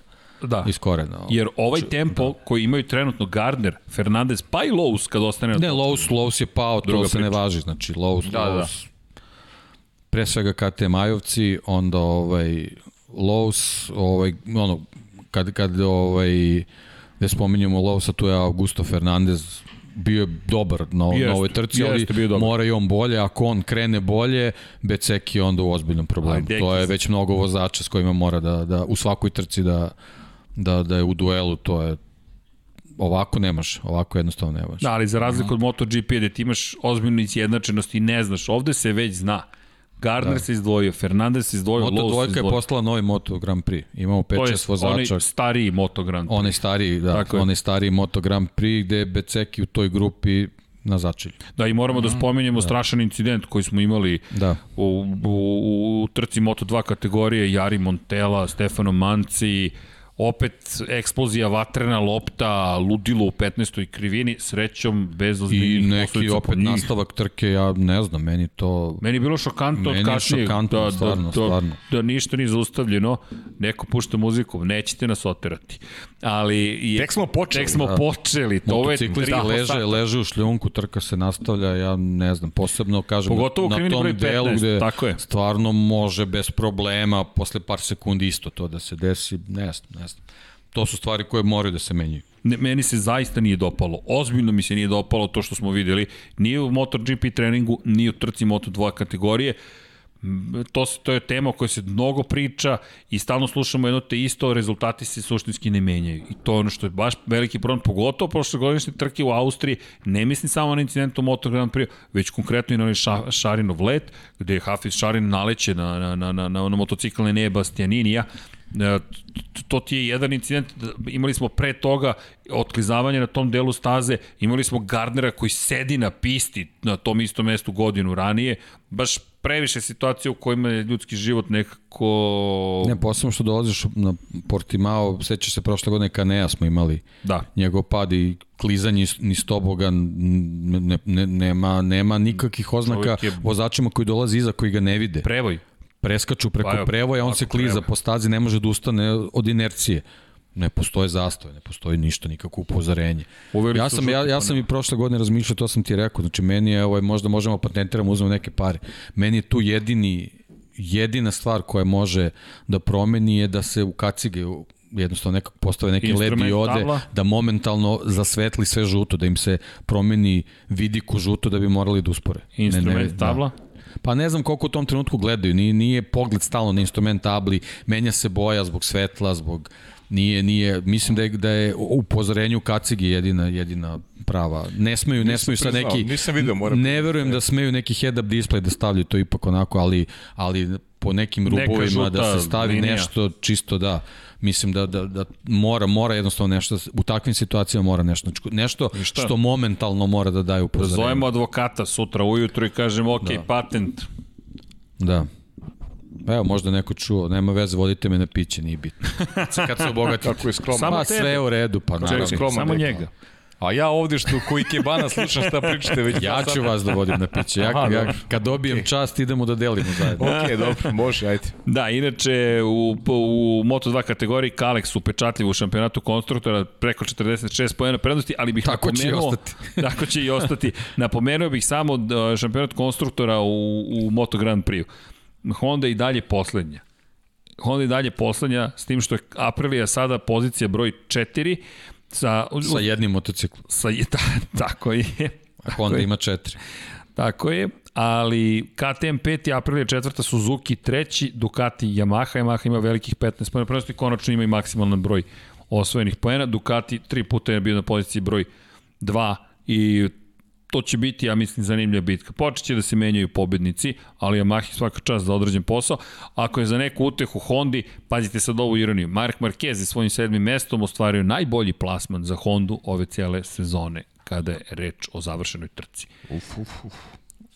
Da, Baš loše. baš loše. I to je nešto što Repsol Honda ne, ne zna još uvek kako da reši, ali eto, nadaju se Honda, da će... Repsol Honda, sad ćemo s Polom i Spragarom. Koliko smo pričali o njemu Nije pre početka trku. sezone. Nije završio trku. Ali dobro, to je to je to je, To je sad- mač sa dve oštrice sa kad si u takvom timu. Hteo si u je Repsol to. Hondu. Evo je Repsol Honda. Baš teška sezona, pre čemu ja mislim da on propustio taj svoj mali prozorčić koji, to je prozor koji je imao, Marquez se vratio, ne sam ni da zamislim kako se osjećaš da ne završiš trku, a čovek koji je bio polomljen, povređen, operisan, jedva došao i napravio bolji rezultat od svih vas zajedno u prethodne A dve trke. možda osjeća pritisak. Preko puta. Tako Nije je. bilo Markeza, osjeća pritisak. Možda sad bude, možda bude lakše sad. Misliš? Kad se vrati Marquez. Pa bit će onako svetla javnosti u, u, u, usmerena na, Pa da. na Dobro, možda Markeza nekom i to možda, pomogne. Pa možda mu pomogne, da. Da nekom to prija, nekom ne prija. Tako biće je. To za, bi, biće svako slučaj zanimljivo. Nije svako za tu ulogu lidera. Nije se snašao Espargaro očigledno u takvoj poziciji. Da, to je baš lepo rečeno, uloga lidera. Ti si tu bio da se nametneš kao lider, nisi uspeo tome. Pa Mnogi vidi, su on je došli. bio, bio je lider u KTM-u, drugi su pobeđivali. Pa eto, pa i to govori Da. dovoljno o njemu. Deki u glavu. Da, ogne, ogroman, ogroman glavu, doprinos, ogroman doprinos razvoju motocikle kad je trebalo da se to unovči, neko drugi uza slavu. Pa eto. Da, i da napomenemo u šampionatu Moto Trojki Acosta, wow, 31 poen prednosti, nevjerojatno 70 poena od mogućih 75 i kad pogledaš kroz šampionate, najviše poena ove godine. 56 inače ima vodeći u Moto2 klasi, u Moto Grand Prix 61 Pedro Acosta u Moto trojkama. Inače, Masija jeste drugi Derin Binder, moramo da napomenemo, direkcija trke, da li je zaslužio Opet kaznu? direkcija trke, da. Možda je i zaslužio, ali to je moralo da se završi dan ranije. Ne može da čovek čeka da završi jutarnje zagrevanja i onda da imaju sastanak šefovi timova i direkcija trke da bi se onda njemu saopštilo ej, ipak ćeš startovati sa začelja. Posle cele noći, posle svih priprema, posle jutarnjih zagrevanja, neko ti kaže trka ti se upravo promenila. Bez poena, bio je treći i drugi, i to ozbiljan problem. Treći u šampionatu sveta, ali izgubljeno mnogo poena. Nikola Antonelli, pohvale za Nikola Antonelija na, na stabilnost, čovjek je četvrti u šampionatu, slično važi za Andreju Minja koji je bio treći, svaka čast na prvom pobedničkom postolju ove sezone. I pohvalio bih Denisa Fođu, Leopardu je to bilo preko potreba da se završi trka, među osvajačima pojena, najzad druga pozicija, vrlo, vrlo, vrlo dobro. Nismo baš gledali onu uobičajenu trku Moto trojki, Pedro Acosta počinje tu malo da, da, da krivi sliku, ali, ali, ok, sada je na drugim Možda da kaže, treba čekaj. gledati trku kao da nema Pedra Koste na, na stazi. Pa vidi, idemo polako. Prošle godine, Raul Fernandez na ovoj stazi, 9,5 sekundi prednosti u jednom momentu imao. I gledali smo trku kao da nema Raula Fernandez. A, A pazi, Pedro Costa uzme prvih, njegovo prvo mesto. sedmorica su bili u 70-inki. Uh Mhm. -huh. Sve je to blizu, ali ono šta smo navikli, Da, i ono što se. smo- Jednostavno, izgleda da tu otpadaju vozači koji ne mogu taj tempo Ali da prate. pa dobro. ti vidiš prosto da se Logično, neće završiti uz takvu dramu. Ti vidiš kako, gde, gde to ide. Gde to vodi. Bukvalno vidiš. Ali dobro, Pedro Costa je nova velika, veličanstvena zvezda. I tako. Pratit ću ga sad, hvala vam Da. na ovaj... Viš koliko poruka Naučio sam, ovde. naučio sam svašta.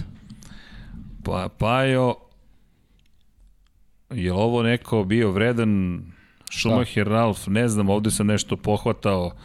Chat pokušavam da reaktiviram, ali evo, oživeo je. Dobro. Pajo, si uživao? Pazi, Jesam, da. Malo smo bili naučio sam kompaktniji. nešto, jeste, da, naučio sam malo, ovaj, vratio sam se. Možemo da pričamo sad malo ozbiljnije. Ne, jedini je problem što su ono trkački vikendi, Formula, Moto Grand Prix zajedno, ne možeš da Ne odvojiš, mogu da da, ispratim, odgledaš da, lepo. ne mogu da. da ispratim. Da. Ne znam šta im to Rossi- znači sad, ko će i sad sledeći vikend, loš, šta ćemo da je loš, radimo, pa da ne- krečimo bez veze, ne, nemamo šta da radimo, nema bravo. trka, nema, nema Dobro, sad pratim Morbidelli, imam sada sada. Ali ima reli u Hrvatskoj, tako da imamo da, šta reli u da gledamo. Pa nismo Da. ni u Naskaru pričali večeras, ali dobro, ajde drugi pa ćemo. Pa IndyCar, tek IndyCar je počela počeo, sezona, još da. Sezona. sve znam. Dobro, i ajde, ovaj Naskar Kako imamo... ćemo sve da spakujemo? Naskar, Naskar i radimo u direktnim prenosima, tako, da navikli smo malo da odvojimo vreme za Naskar, ali ajde, mislim da možemo i sledeće nedelje. Možemo i sledeće. Vezat ćemo dve trke sledeće nedelje. Mo, pa pazi, sledeće nedelje, e da, sledeće nedelje se vraćamo u redovnim terminima, utorak, sreda.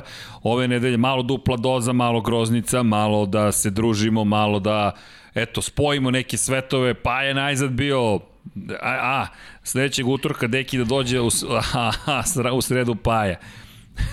Ja, ja. ja, pa jo, ja, ja, ja. Tako. Da, u svakom slučaju, ja se nadam da... Neka budemo parali onaj rekord, onda ćemo svi zajedno. Ponovo. Ne, kad budemo barali rekao, bit će tu mnogo ljudi. E da, pitanje za 99 yardi, da li će biti u petak? Neće biti u petak 99 yardi, ali ne brinite. U Nema nedelju- ništa nedelje, ni pod kapicom, ni 99 yardi ali, sledeće nedelje. Ali, ali, snimamo kombajn. Ili ti idemo u teretanu, pa će Vanja, Jimmy, Miksa i Srđan da se takmiče u trčanju. Šta će Vanja u skoku teretanu? Vi, ba, nemam pojma da, da odlomi nameštaj. Ma više Nikak treba hokej. tebi i meni teretana nego njemu. Pa mene neće pustiti u teretanu, znaš, moraš, moraš se bočno da uđeš, pa ako ne možeš, samo ti kažem, ne možeš da uđeš. Ali da, ali poslušao, trčat ćemo. Vanja, šta radimo? Sprint, skoku vis, skoku dalj, dizanje tegova, je li tako? U četiri discipline, pa ko je najbolji? Lepo. Treću ih, pa jo. Pa znam. Hipujem na tebe, kladiću se. Kladi se na mene. Važi. ali da. Imam višak, imam višak love. Deki, na koga ti tipuješ u tom velikom duelu? Mora, mora bi da pratim Paki, to, ne da, mogu pazi, da, da. Pa evo, Deki mora, Paki, a opa, Paja, Deki, Paki. Postali smo intimni, znaš. Da, Prošlo da. tri sata. Kao, Prošlo je tri, da, da, da. Pustili smo se skroz. četvrti Da, sat. da, da. Ali da, e, ljudi, hvala vam. Uh, ne, nemojte, Amir, nemojte o sprintu. Sprint u smislu mi, tr, mi ćemo da sprintujemo, mi ćemo da trčimo po veštačkoj travi. travi. Ali dobro, Boris, Boris, te četiri discipline može sam na računaru. Pozdrav Da, za ko Borisa. na, na Komodoru, na olimpijada što je bila, pa... E, da, da, da. to? Šta? Olimpijske igre na Komodoru, bila igrica. Ja, sam- mislim, ja sam A na Deki, Komodoru. ne to pratiš, gde nam je da. joystick? Da. Deki, ne daj. znam, pa kakav joystick, tastatura bilo, Čekaj, ma- udaraš po tastaturi, Ma kakvom ne, crnom ne, joysticku. ne, ma čekaj, deki, nema, ovde su profesionalci. si dole ovaj. Ovde su profesionalni gejmeri, ovde... Ma ne, to. to. Ma kak, jao, pa nemoj, deki, je- ovo to je smo, korak ovo dalje smo bilo, demonstrirali to u je- 99 Da. yardi. Dakle, ajmo ovako, evo demonstracija u Lab 76.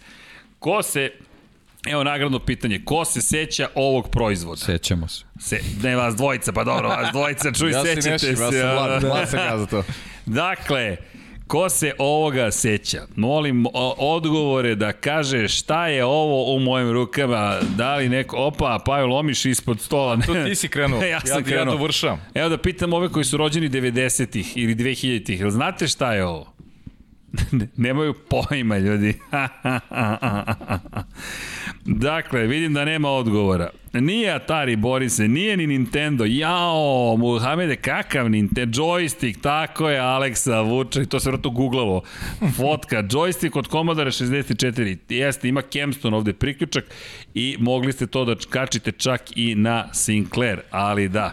Tak, jao, quick shotovi. Nije baš quick shot, ali tu je blizu. Spectra video u svakom slučaju. Made in Hong Kong, model 318101, čisto da znate. I menjač nije Stefane, ali liči. I evo ga Miksa. Miksa, ovo smo mi demonstrirali u 99 yardi. I uradit ću da Miksu zasmejem ponovo. Kako se igrao Decathlon, to je kako se igrao Daily Thompson Challenge. Dakle, nema ovo, pa onda skok, jer to onda otkinete od stola, nego okrenete ovako.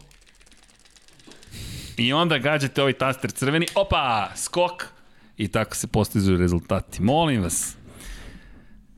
To je, to je iskustvo. Bacili smo ga u njegov teren. detinjstvo. U njegov teren. Jeste, evo stiže ovde ekipa Igrica. za selidbu, ovo, ono, ali ne selimo se, samo će malo da menjamo stvari. U, ča, u svakom slučaju, hoćemo pitanja za MotoGP, ajmo dok nam je Paja tu da iskoristimo ovu situaciju, a gaming podcast to ćemo jednom da napravimo, da, da spojimo sve stvari. Hoćemo miksu F1 ili Moto Grand Prix podcastu. Vrm, vrm. To, to, to njegovim jezikom znači da. A, jako, jako. Jel krećemo s pitanjem? E, Joystick je okupirao pažnju. Ajde, ajde, pitanje, ajde. Evo ga, Lazar Slović, evo, minimalno. mogu ću ja da krenem. Može, može, može, može. Lazar Slović, da li vozači mogu poput Markeza u Portimao da prosto odu na neku stazu napred i da voze krugove? Ako da, da li su ograničeni, šta mogu da testiraju, šta ne mogu? Fabrički vozači. Pa da, pretpostavljam na vozaču u šampionatu. Fabrički aktuelnom, vozači, osim vozača Aprili, ne smeju da voze staze koje su planirane za za šampion, to jest postoje testovi za koje smete da deklarišete. To je, sad, to je, COVID je to promenio malo. COVID je to promenio, ali imali ste priliku, na primjer, da testirate na stazama, e, imate pravo, ne sjećam se tačno sad koji je broj staza, da prijavite da ćete testirati i onda ih vozite. To se događalo prethodnih godina. Ducati je uvek testirao u Muđelu, planski, da bi bio što bolji u Muđelu. Testirali su, na primjer, svojevremeno Marquez, to je onaj čuveni preokret 2016. čini mi se, kada su testirali u Brnu i pripremali motor zapravo za nastup na Red Bull ringu.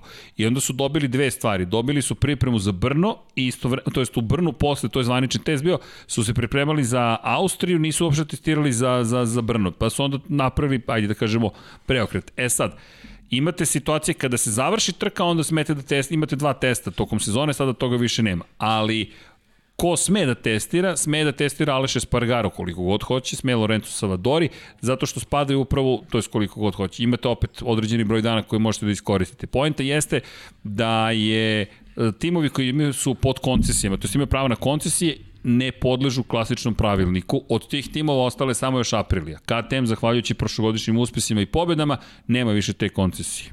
Tako da, eto. Da li ti mislite da će Alex, Aleš Espargaro da zadrži formu gde ga vidite do kraja sezone? Andrija, mislim da će da zadrži formu. Iskreno. Da, ja tipujem na neki dobar rezultat. Da, da. mora, da, mora da, bude dobar rezultat Da. na ovaj način kako, Da. kako napreduju. Da. E, Mislim da će mislim da će zaista doći do toga da u jednom momentu imamo čoveka koji koji se koji uz malo sreće može i na pobedničko postoje, ali mislim da mu treba da mu treba baš sreće. Jer još uvek, još uvek to malo nedostaje. I njemu, nemojte da zaboravite, Aleš Espargaro ima dva pobednička postolja u karijeri. On čovjek vozi skoro 15 godina u svetskom prvenstvu. 2011. je bio u Moto2 klasi na pobedničkom postolju i 2014. u Moto Grand Prix sa Forward Yamaha. Nije, njegov brat je ipak svetski šampion. Marquez sledeću trku u top 5, čekajte, da, s obzirom da je prošlu sezonu Fabio Quartararo ispao iz trke za šampionat, da li mislite da sa ove dve pobjede može da se odmakne od rivala i da li može da nastavi istim tempom? Minimal, ide čovek na, u Jerez. Dve pobjede prošle godine. U šampionatu Španije u kojem je bio dominantan je bio sjajan u Jerezu. Mislim da može opet na pobjedničko postolje, što da upravo dovodi do toga da može da se bori za titulu šampiona sveta. Mislim da, da vraćamo se na početak sezoni najavu godine, Zašto su mi Marquez i Mir favoriti? Zato što verujem da će se Marquez vratiti u formu i početi to da ređe. Drugo, treće, pobjeda mesto, što te dovodi do titule. I Mir koji ima tu konstantnost. Quartararo, to je sada odgovor. Nemam odgovor na to pitanje. Prošle godine bio sam ubeđen da Quartararo nema šanse za titulu. Posle prve dve pobjede sam rekao, ok, dokazuje da grešim. A onda se ipak vratio unazad. Eto, tako da čekamo. Mislim da ćemo odgovor imati tek posle Muđela. Zašto? Idemo sada u Jerez. To je jedna kratka, zavojita staza, zahtevna, ali staza kojom odgovara. Idemo potom u Le Mans. To je domaći teren za Fabio Quartarara. To je nova vrsta sada pritiska ili motivacije, vidjet ćemo sad šta pobeđuju u toj priči. Ima i Zarka koji će takođe u Le Mansu želeti uspeh i onda dolazimo u Mugello. Ako Mugello, koji je, koji je kao hipersvemir, to je super mega giga brza staza, on odnese pobedu nad Ducatijima i ostalima, ili bude dovoljno blizu. Ljudi, to je sada već neki novi Fabio Quartararo. To znači da on posle trećine sezone on je možda na prvoj poziciji u šampionatu sveta. Eto, to, to, to mi je to mi je utisak, moramo da sačekamo. Diablo ima da padne u Herezu, nadam se da ne. Pa da, nećemo tako, da, nećemo Da. tako da prognoziramo. Da, da, mi to, mi, mi smo tu više za... Da, inače, pitanje za fantazi, evo reći ću vam i u fantazi, nisam prijavio prvog vikenda ekipu, ali ne da se nisam proslavio u drugom, e, znate ko mi je bio, u, ko mi je u timu? Maverick Vinales. Maverić će bit ćeš smenjen, Joan Mir mi je odradio posao očekivan, on mi one sigurice, to su sigurni poeni. Zarko, Eh, jao, Zarko. I Banjaja. Banjaja, mi je otišao srebrne vozače, Francesco Banjaja. Tako da tu malo ćemo morati da, da miksamo stvari. Eto, to, to, to neko, nemojte mene da pratite po pitanju Fabio Quartarara. E, dve, um, um, možete li desiti da Aprilia čak ove godine zavidi Savatorija sa Dovijem? Ne, ne, ne verujem da će ga zameniti, ali da vidimo Dovija na nekoj trci nije nemoguće. Oni imaju pravo na šest wild card nastupa ove godine sad. Na njima je, to jest na Doviju je pre svega da vidimo da li će da se desi. Da li KTM može da propusti priliku sa Kostom i da ga upeca neka veća ekipa Honda ili Yamaha kad za to dođe vreme? Apsolutno. Apsolutno, ali s obzirom kako KTM radi, propustili su zanimljivo, Martina su ispustili. To je meni, to, je, to mi je nešto što mislim, jer Martin kada je potpisao za KTM, toga se dobro sećam, 2018. kada je osvojio titulu, znam da, da je bila cijela priča kako je to projekat ulaska u Moto Grand Prix. Međutim, nekako ne, ne, nešto se tu nešto tu dovelo do promene, da li možda KTM prosto nije bio po ukusu Martinu ili nešto drugo, ne znam, ali I to je veliko pitanje, opet KTM mora da dokaže, pazite, KTM još nije potpuno dokazao da je Moto Grand Prix konkurentan, da je to motor gde ti zaista dođeš i siguran si da nisu toplo-hladne sezone. Niz pobeda mora da, da, tako da je, bude. mora pa, niz sezona čak da tako da bude je, da kažeš je. KTM je taj. A, a Costa sa, svojim, am, sa svojom ambicijom i svojim planovima, pre mislim i mislim da, ste, da mislim da je tu Honda broj 1, zašto? Honda se stalno vraća špancima. Stalno se Ma, vraća špancima. Nije samo stvar u Hondi, stvar je u onom ispred Honda šta piše. Tako je, Repsol. Repsol, ok, ajmo tako, Repsol. I oni hoće španca. A Pedro Acosta, ako je taj, onda želiš da imaš ga u svojim redovima. A šta misliš Repsol KTM? Malo da promenimo istoriju. Da vidi sad, to je, to je sad jedna ozbiljna tema. Može, to je, zašto da ne? Svašta može da se dešava. Može da se e, da, to kad smo već nemam pojma kako sam se setio, Suzuki je konačno potpisao ugovor sa Dornom, Ja, do jeste. 2026 da, ih imamo, ne smemo je, to da to je juče izašlo. Važna već, stvar, svi su tu, svi su ostali. Svi su ostali. Od fabričnih Na još pet godina. Da, to je, sad smo mirni. Jeste, jeste. To je Mi, super. Bukvalno smo mirni. E, šta ima? Još samo, izvini, od njih čekamo samo još par motocikala u nekom privatnom timu i još, još dva fabrička motocikla i onda smo stvarno ozbiljan grid imamo. E, Nikola Milić, evo samo da, da iskoristimo Paja što je to. Da li mislite da bi Lando bio na podijumu da nije bilo crvene zastave, uzevši obzir da je Čeko bio na 0,6 sekundi iza Sainz 5 sekundi, a Leclerc bio na plus 26 sekundi? Uf. Pa, da, da, teško reći. Teško pitanje, zaista. Manje bi mu bile, ja mislim, šanse. Pa sigurno. Jer sigurno onaj potez mu i doneo pobjedničko postolje na restartu. Tu je Leclerc pa, dobro, i, i meke gume, dobar izbor McLarena, Kao sve je bilo. Možda bio i bolje da je bio start iz mesta, mislim, ne možemo sada da nagađamo. Pazi, bio bi sigurno bolje da je start pa, iz mesta. To ti kažem, da, da. Sigurno Teško je bio bolje. Da li bi, ne, možda bi ovi drugi promenili gume, pitanje, sad mislim ne. to je sad šta bi bilo kad bi bilo, ali Ma da, ali odradio je posle bio je bio u dobro, u dobrom tempu je definitivno bio. Sad da li bi posle uspeo se odbrani veliko pitanje. Uh, da li očekujete da Rossi ima mnogo pitanja? Uh, u Herezu bude u prvih 7 do 10. Pozdrav, Stefan. Da li oče, pa iskreno očekujem.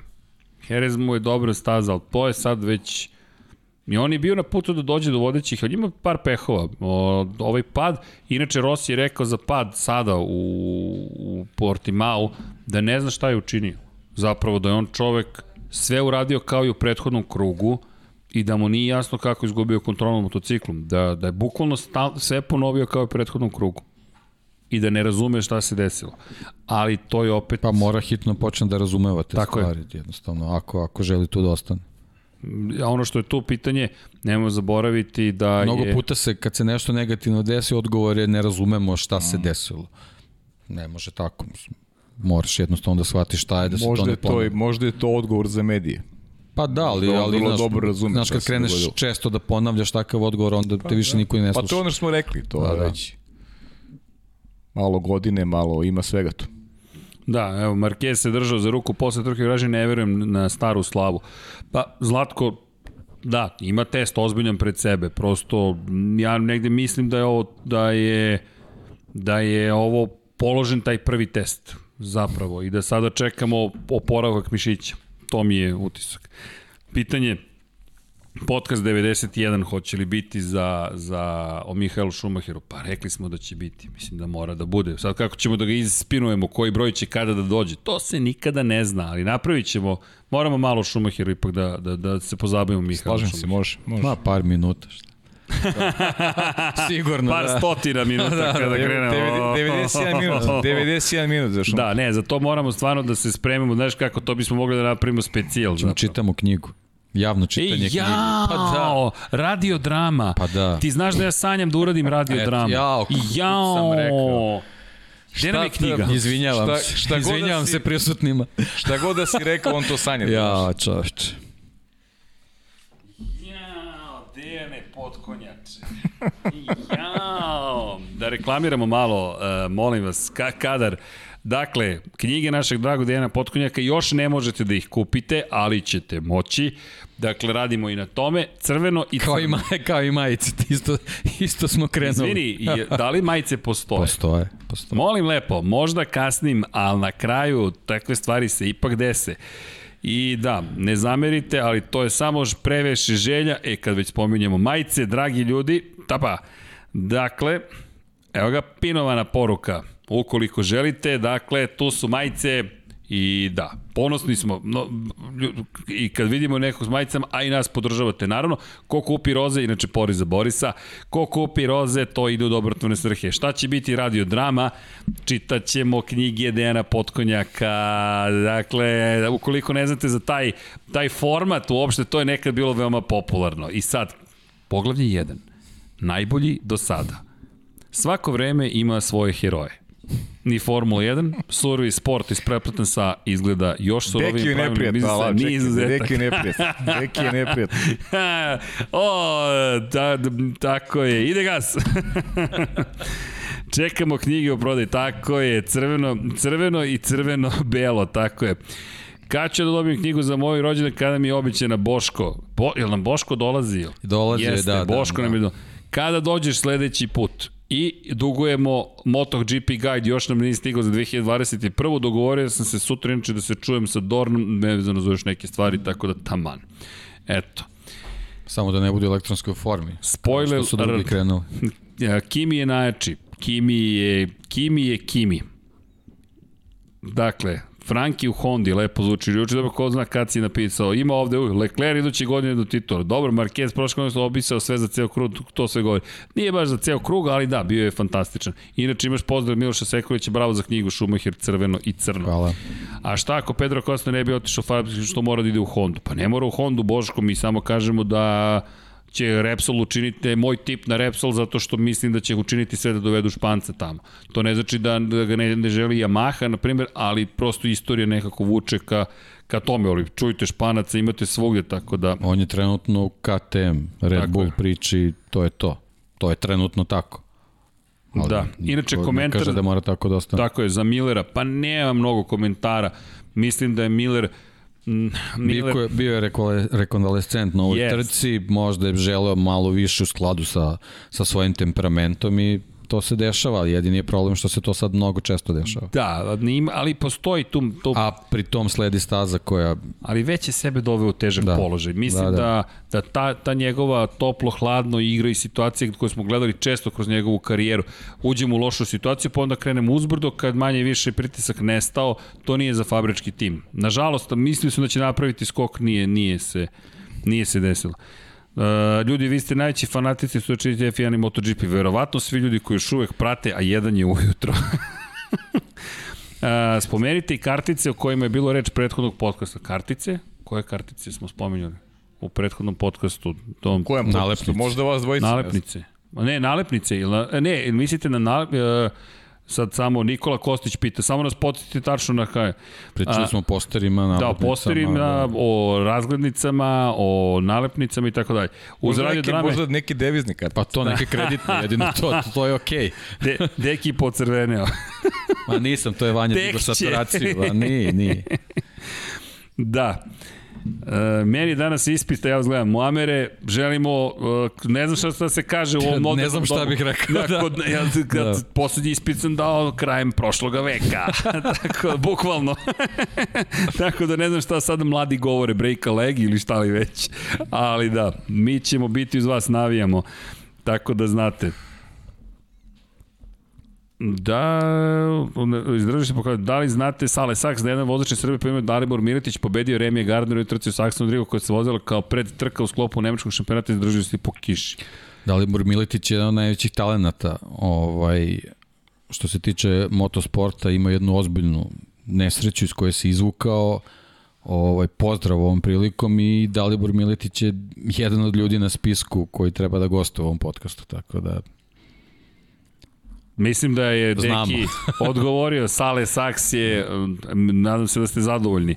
U svakom slučaju nalepnice, nalepnice, Nikola bez brige, nalepnice, bit će nalepnica. Evo, već me posmatraju mrko svi koji su došli da pomognu, a mi smo još uvek u podcastu. Ja mislim da će da, da, će da pobegnu. Kaže, Srki kao minuta. Orson Welles, je li to dobro ili loše? Plašim se u svakom slučaju. Da, hoće li opet biti Martin Nađi i Boži Tatarević? Boži, da, Boži, Boži, nismo Boži zvali, a Boži hoće da diskutuje u Formuli 1, to bismo mogli. ga. Pa taman možemo sledeći put da ga zovemo da vežemo te dve trke naskara, malo se pozabavimo i tom tematikom i da i da najavimo trku Formula 1 koja sledi, eto. Jeste. Mada smo obećali Igora Markovića sledeće nedelje u stvari. Ja ne znam šta smo već obećali. Pa pazi, generalno Igora posle, ver, posle VRC-a mogo bi Igor da... Mi mogu bi Igora, da, zaista. Da. Neku Mogu bi. poruku mi šalju. Da. Šta, šta? Šu, Šumacher, dobro. A pa- da, da, šta imamo Da, to. Schumacher, Da. da. Napravit ćemo plan. Evo sad studio, pošto se renovira, onda možemo da napravimo jasan plan šta, gde, ko, kako, kada. Renovirat ćemo i planove onda. Sale Saks kaže bio sam mehaničar na toj trci. Mm, A, Sale, čestitamo. čestitke i pa čućemo se svakako. Pošaljite nam e-mail lab76.infinitylighthouse.com može. Boris Trutin, Borson Vel se bavio radiodramom. Znam, znam, samo ne znam, pa čujte, kad su stigli sa Marsa, to je početak, početak Koliko smo jedne... puta spomenuli Mars.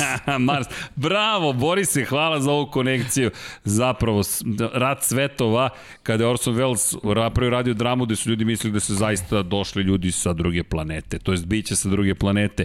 Ali da kažem, Helikopter iz druge planete. Orson Welles ima jedan kompleksan život, zato ne znam da je dobro ili loše, ali sjajno.